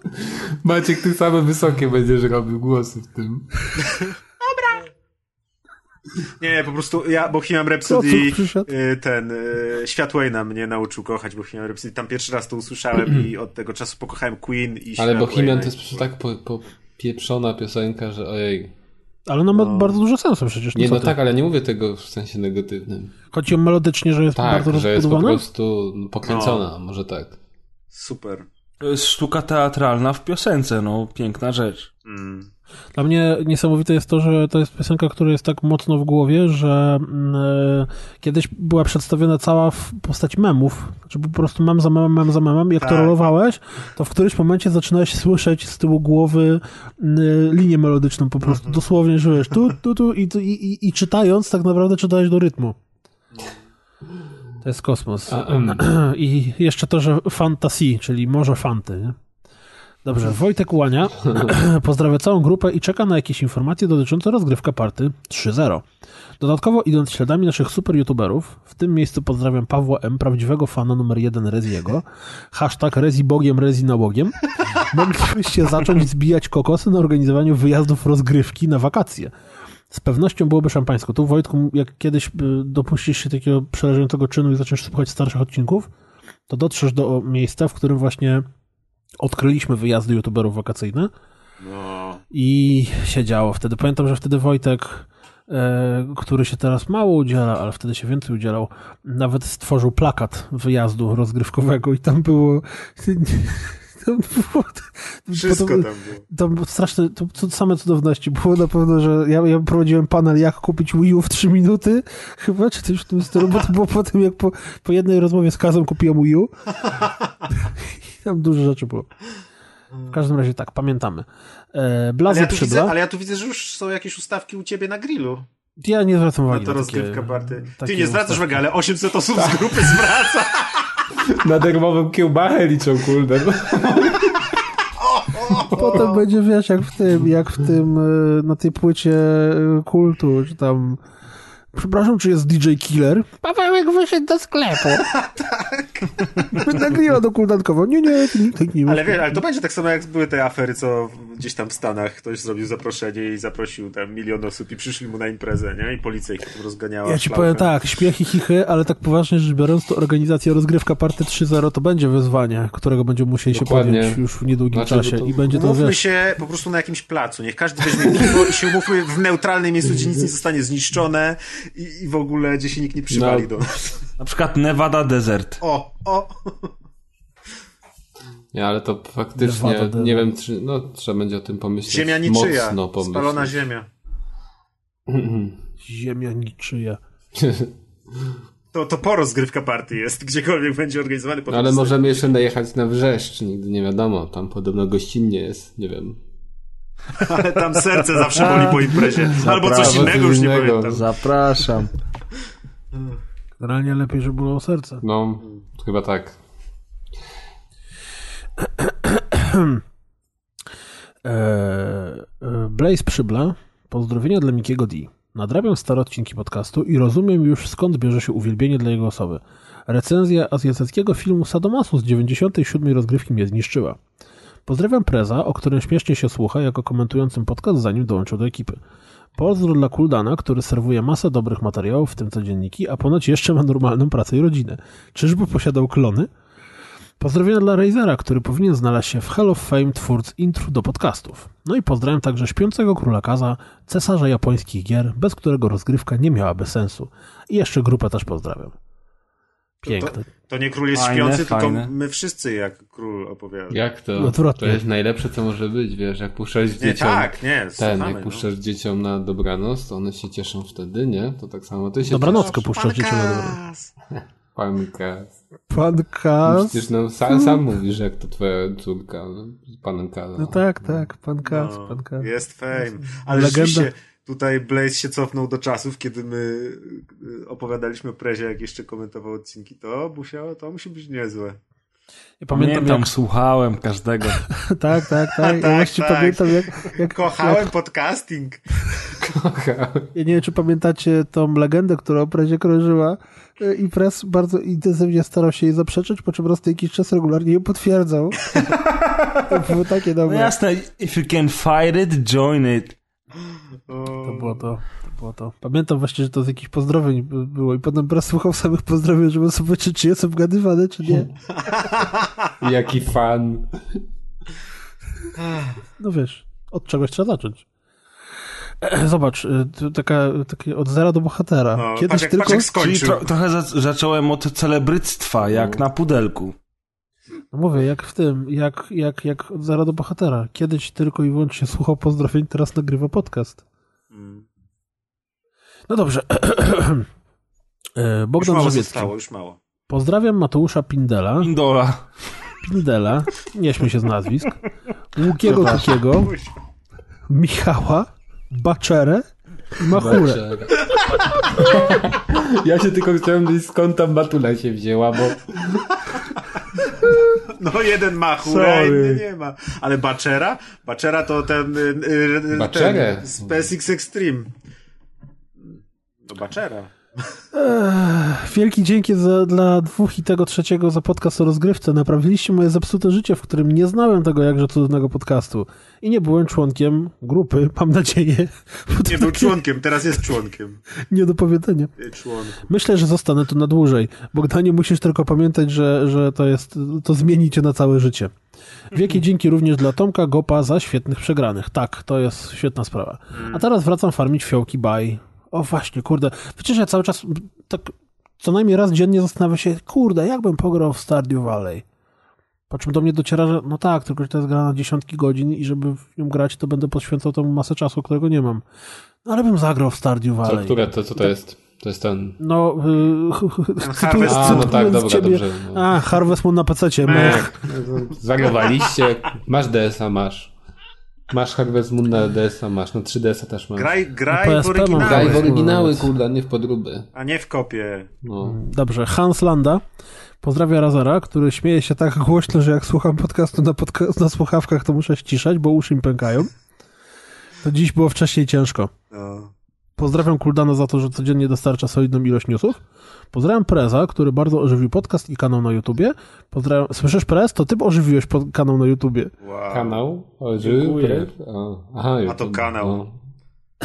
Pozdrawiam Kaza. Kropka. Najlepsze, no. gdzieś nie musiał, nie musiał szukać po to prostu. Przypomina mi się taka... Przypomina nie, no mi się taka, wymyślić, nie? No. Przypomina mi się taka opowieść z imprezy, znaczy nie opowieść, a sytuacja, której byłem świadkiem gdzie stała grupa osób y, w kółeczku, tam jakieś gadki, szmatki, wszyscy pijani. Jeden koleś złapał fazę, że zaczął o wszystkich opowiadać. Tam, o, tu kulda, no, ty jesteś tam, o, tam, tam, bo taki mądry, w ogóle ty jak coś powiesz, o, nie, o, tu Kasia, o Jezu, ty jesteś taką śliczną dziewczyną, to tam. I tak po kolei, po kolei, z czego w przypadku każdej dziewczyny mówił o superlatywach i urody. Czy tak mówi, mówi, tak, o, Marta, i się zatknął. I nie był w stanie nic powiedzieć. Taka ty jesteś taka miła. O Marta! Jesteś a to Marta. Ma martowata. Dokładnie, ty jesteś Martą. Ale dokończ Hansa pozdrowienia. Mhm. Pozdrawiam grupowiczów Gnzap. Dziękuję, dziękuję. Gznap. Ja teraz, czy mi się wydaje, czy teraz Gknzap przeżywa takie... Renesans du, duży, duży napływ z grupy rozgrywkowej. Tak, dokładnie. Emigranci. Niedługo, ja teraz czekam, Pres już, Pres już próbował, założył, Pres już założył jeden wątek muzyczny, niedługo będzie musiał założyć LOL Spam. Zobaczysz jak to jest. A ze mnie to się śmiało. We Dobrze. shall see. Łukasz Rogoziński. Pierwszy raz pozdrawiam. Czy to w ogóle działa? Jak widzisz, Łukaszu? Działa. Działa. Czuję się, jakbym wysłał listem ogłoszenie do telegazety. Na stronie 745 Łączka Teresa Jączka. Łączka Teresa Jączka. Teraz wystarczy czekać. Oczywiście znowu ciemny, ciemny hol, jakieś dziwne odgłosy. Mam nadzieję, że to był kot, a nie ten typ. Nie odwracaj się. Weź przestań, nie do you, wanna, do you wanna play a game? Chcesz, cię serce czy dupa? Seven days! Seven days! dokładnie, dokładnie.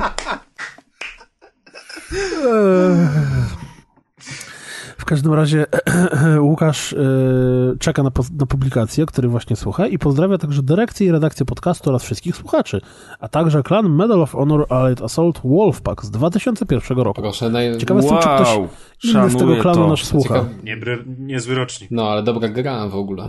Jeden z najlepszych. Mm. Jeszcze kiedy strzelanki mm. były fajne. Mm. O, a jak Kas pochwalił, to ja cię czujecie to po prostu. No Medal of Honor to Fuck. Wiesz, na PC ten pierwszy, na PSX ten pierwszy. 386, nie? Nie, no, na PSX był pierwszy, nie na 386. A Maciek, nie, nie opowiedziałeś jeszcze swojej historii. A to... No, będę no grał. No właśnie. Właśnie, po co kupiłeś ten komputer, a propos? Ale dobra, powiedzmy tak, wstęp taki malutki. Maciek kupił komputer. Komputer sobie kupiłem nowy, no. tylko stary. Długo nad tym myślałeś, nie? Chciałem jakieś dobre Pentium i nie wiem w końcu, co kupiłem. Interesu. No i co? Potem jak, potem jak sprawdziłem w Google'ach, to jakiś chyba mnie oszukali. Tak. Ile kosztowało 2000 tam poznańskich pesos? No, 39 zł plus wysyłka za całą skrzynkę. Ale pełną, pełną dobra. No dobra, ale po co tak serio teraz? Jaki? E, te, jaki? Znaczy, no to jest Pentium 3, tam chyba 500 MHz, mm.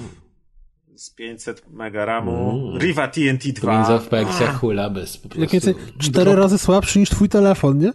No, dziś tak. Dzisiaj, dzisiaj jechałem do Wadowic y, po kremówkę i 14-calowy monitor CRT y, z rocznika 2000 i mam już taką fajną klawiaturę mechaniczną, taką o taką. I mam, słuchajcie, myszkę Inteli, myszkę Microsoftu 2.0, też taki rocznik. Nie wiem jaki, ale miałem ją 20 lat temu. Jako myszkę do mojego pierwszego peceta, więc o, nostalgia. A czemu to zrobiłem, to nie wiem. Jakoś mi w święta tak tknęło. Już teraz nawet nie pamiętam czemu, ale tak sobie stwierdziłem, że kurde, fajnie byłoby zrobić. Za dużo mozulków zjadłeś. Takiego, no, przejedzony byłem i, i, i sobie przypomniałem tam te czasy i jakoś tak stwierdziłem. Nie wiem, czy ceny też sprawdziłem takich na, na OLX-ie, czy coś. Zobaczyłem, że to wszystko jest takie tanie i stwierdziłem, kurde, jakby sobie złożyć takiego. Teraz powrót do przeszłości będziesz pisał. No, takiego, takiego właśnie całego kremowego i, i, ten z małym monitorkiem CRT. A poza tym, pamiętacie, wkleiłem gdzieś screena z Devil Daggers, jak gdzieś ktoś na Twitterze właśnie dał, że tak się powinno grać w Devil Daggers i było odpalone. No dobrze, ale to tylko do wyglądu, czy jednak do gier?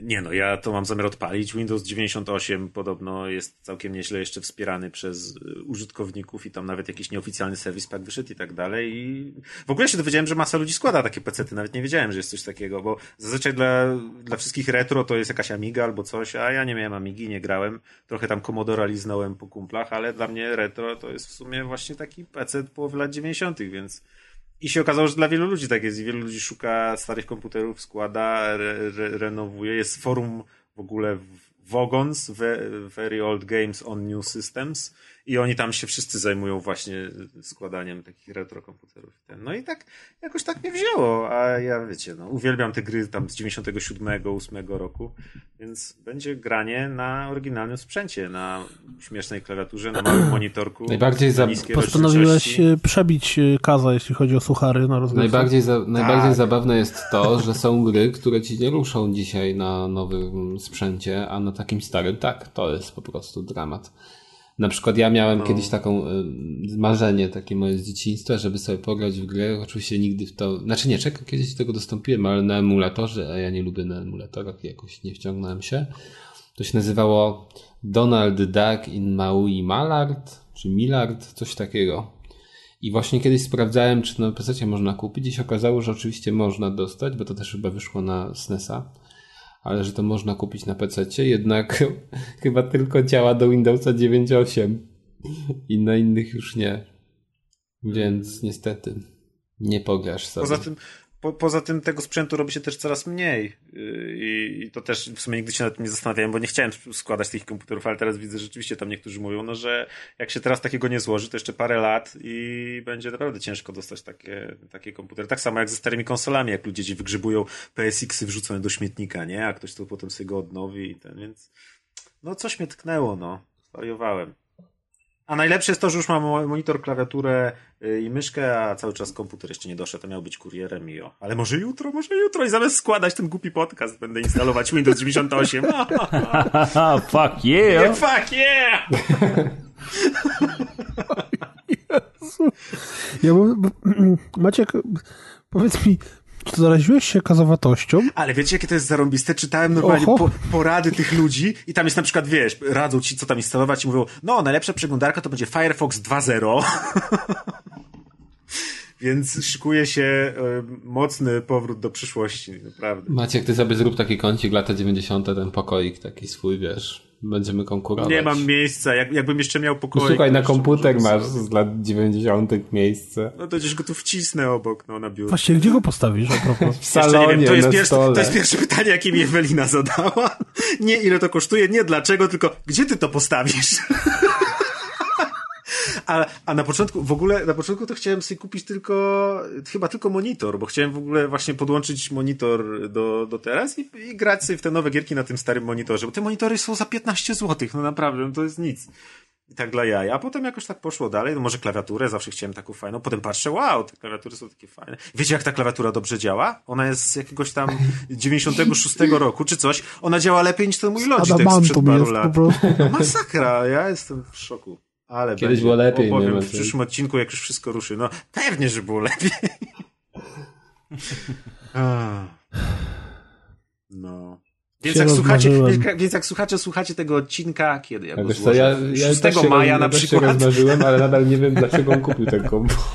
No, żeby grać w stare gry. No, tak, głównie, głównie tak. A to w co będziesz grał tak serio, serio? Nie, no, no słuchaj, no bierzesz listę największych hitów y, PC-owych. Właśnie chcę sprawdzić, chcę podłączyć tą klawiaturę, myszkę i monitor stary do obecnego PC-ta i pograć w kilka gier ak aktualnych.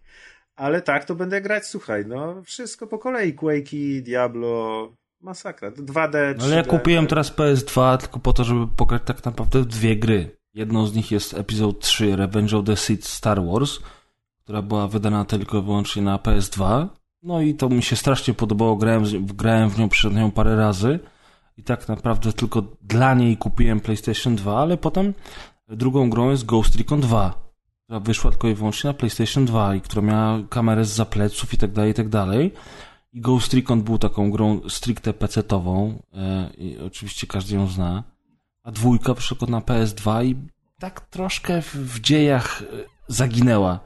I jak kupowałem PS2, to miałem tylko Tylko miałem dwa powody i do tej pory jestem szczęśliwy. Przyszło to dwa tygodnie temu, należy w kartonie, ale zagram, ale zagram.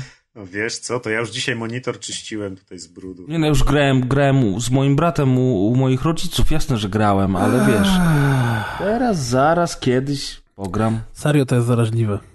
No. Jak będę chciał kupić sobie PSX-a, to zastrzelcie mnie, dobra? Nie, nie, nie ma szans. Zanim się, ma szans. zanim się Przyjedziemy zamienię. grać z tobą. Tak jest, na multitapie. Dobrze, e, nasz drogi Ibuprom, czyli Malwina Pacek, e, pozdrawia Cezarego. Powiedzcie proszę, żeby mi kupił Overwatcha, bo inaczej będziemy rozmawiać. Pozdrawiam również córkę Kuldana, może chociaż nadaje się do portfolio. Nada się do portfolio. Dziękuję. Władimir Władimirowicz Putin. Tym razem mamy e, tak zwany manifest polityczny. Kaczka bez nóg. Co? What? Krop, kropka. Nawet bez kropki. Kwak, nie kłak. Dariusz Topasz-Szymański. Pozdrawiam ekipę z pecetowej dywizji nagrywających i słuchających, a przede wszystkim tych, co pomimo przebywania poza krajem nadal dają sobie nawzajem poczucie przynależności do tak fantastycznej społeczności rozgrywkowiczów. Gry ponad podziałami. O, to było fajne. Dzięki Toparzasty o- ostatnio pomógł mi przejść ostatnie dwie misje w The Division. Dziękuję. Mi się spodobało, jak Dariusz napisał na grupie, że bo w ogóle wy nie wiecie, których was tu nie ma, czyli Pres i Maciek, że ostatnio na grupie panował dobry tydzień albo i dwa tygodnie wrzucania zdjęć y, z kubkami, które docierały i to było strasznie fajne. I Dariusz napisał, i też y, mocną sprawą było to, bo ja zabezpieczałem kubki używając y, starej, starego katalogu Budowlanego. systemów Durexa. profili aluminiowych. Łe, nie Jawala. umiesz w Playboyach wysyłać? No właśnie, za dużo playboyów musiał mieć. I generalnie zastanawiałem się, jak to pakowałem, czy ktokolwiek będzie zwracał uwagę na to, co ja wysłałem. Wszyscy zwrócili. Ka- co druga osoba komentarze, tam, no ja wiem, że drzwi muszą mieć odporność termiczną na poziomie u, tam, to i to. To było takie fajne. Ja jak już wszystkie, wszystkie kubki dotrą i wszyscy będą szczęśliwi, to pozbieram to zdjęcie do, do jednego, jednego miejsca i może folderu. wpis na bloga albo coś tam, czy na stronę, bo to takie fajne było. W każdym razie Dariusz właśnie napisał, że pierwszy raz dostał list za, za, zaadresowany ksywą. No bo ja ładnie napisałem Dariusz Topasz Szymański. A co? A pamiętacie, a propos, a propos zagranicznej społeczności, to pamiętacie naszą mapę, którą kiedyś yy, Trzeba ją odgrzebać i zaktualizował, bo teraz dużo, dużo więcej. zrobił? Nie No, ktoś, ja a Wiktor. A Wiktor, dokładnie. No, Wiktor przecież. No, ale tam było, tam było nawet Kalifornia była zaznaczona wszystko. Była, była kuldankowo było. Łukasz Bieniec, mam nadzieję, że do Łukasza już dotarły kubki, bo były wysyłane w poniedziałek. Kubek, kubki, nie pamiętam.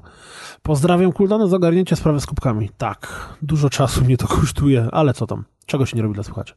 Piotr Ziental, nie mam pomysłu, to pozdrawiam siebie, jeśli nie jest jeszcze za późno, a także wszystkich, co będą umierać w Dark Souls 3 albo w trzeciego DualShocka na przykład.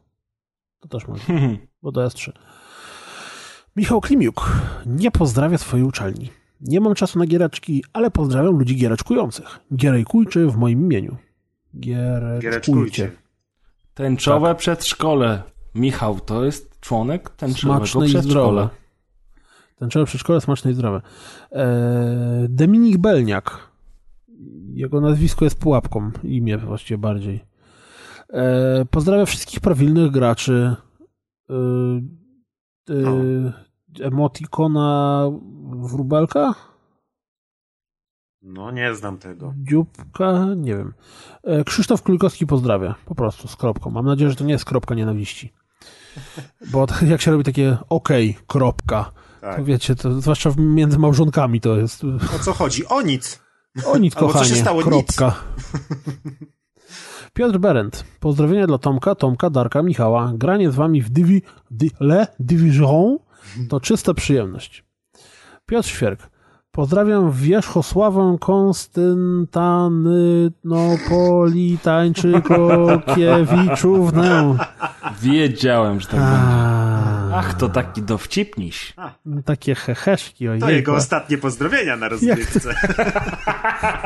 Jak to fuj, wszyscy śmieli się, jak to Adek mówił? Że śmiechu nie było końca. Tak, ho, ho, ho, takie śmieszne.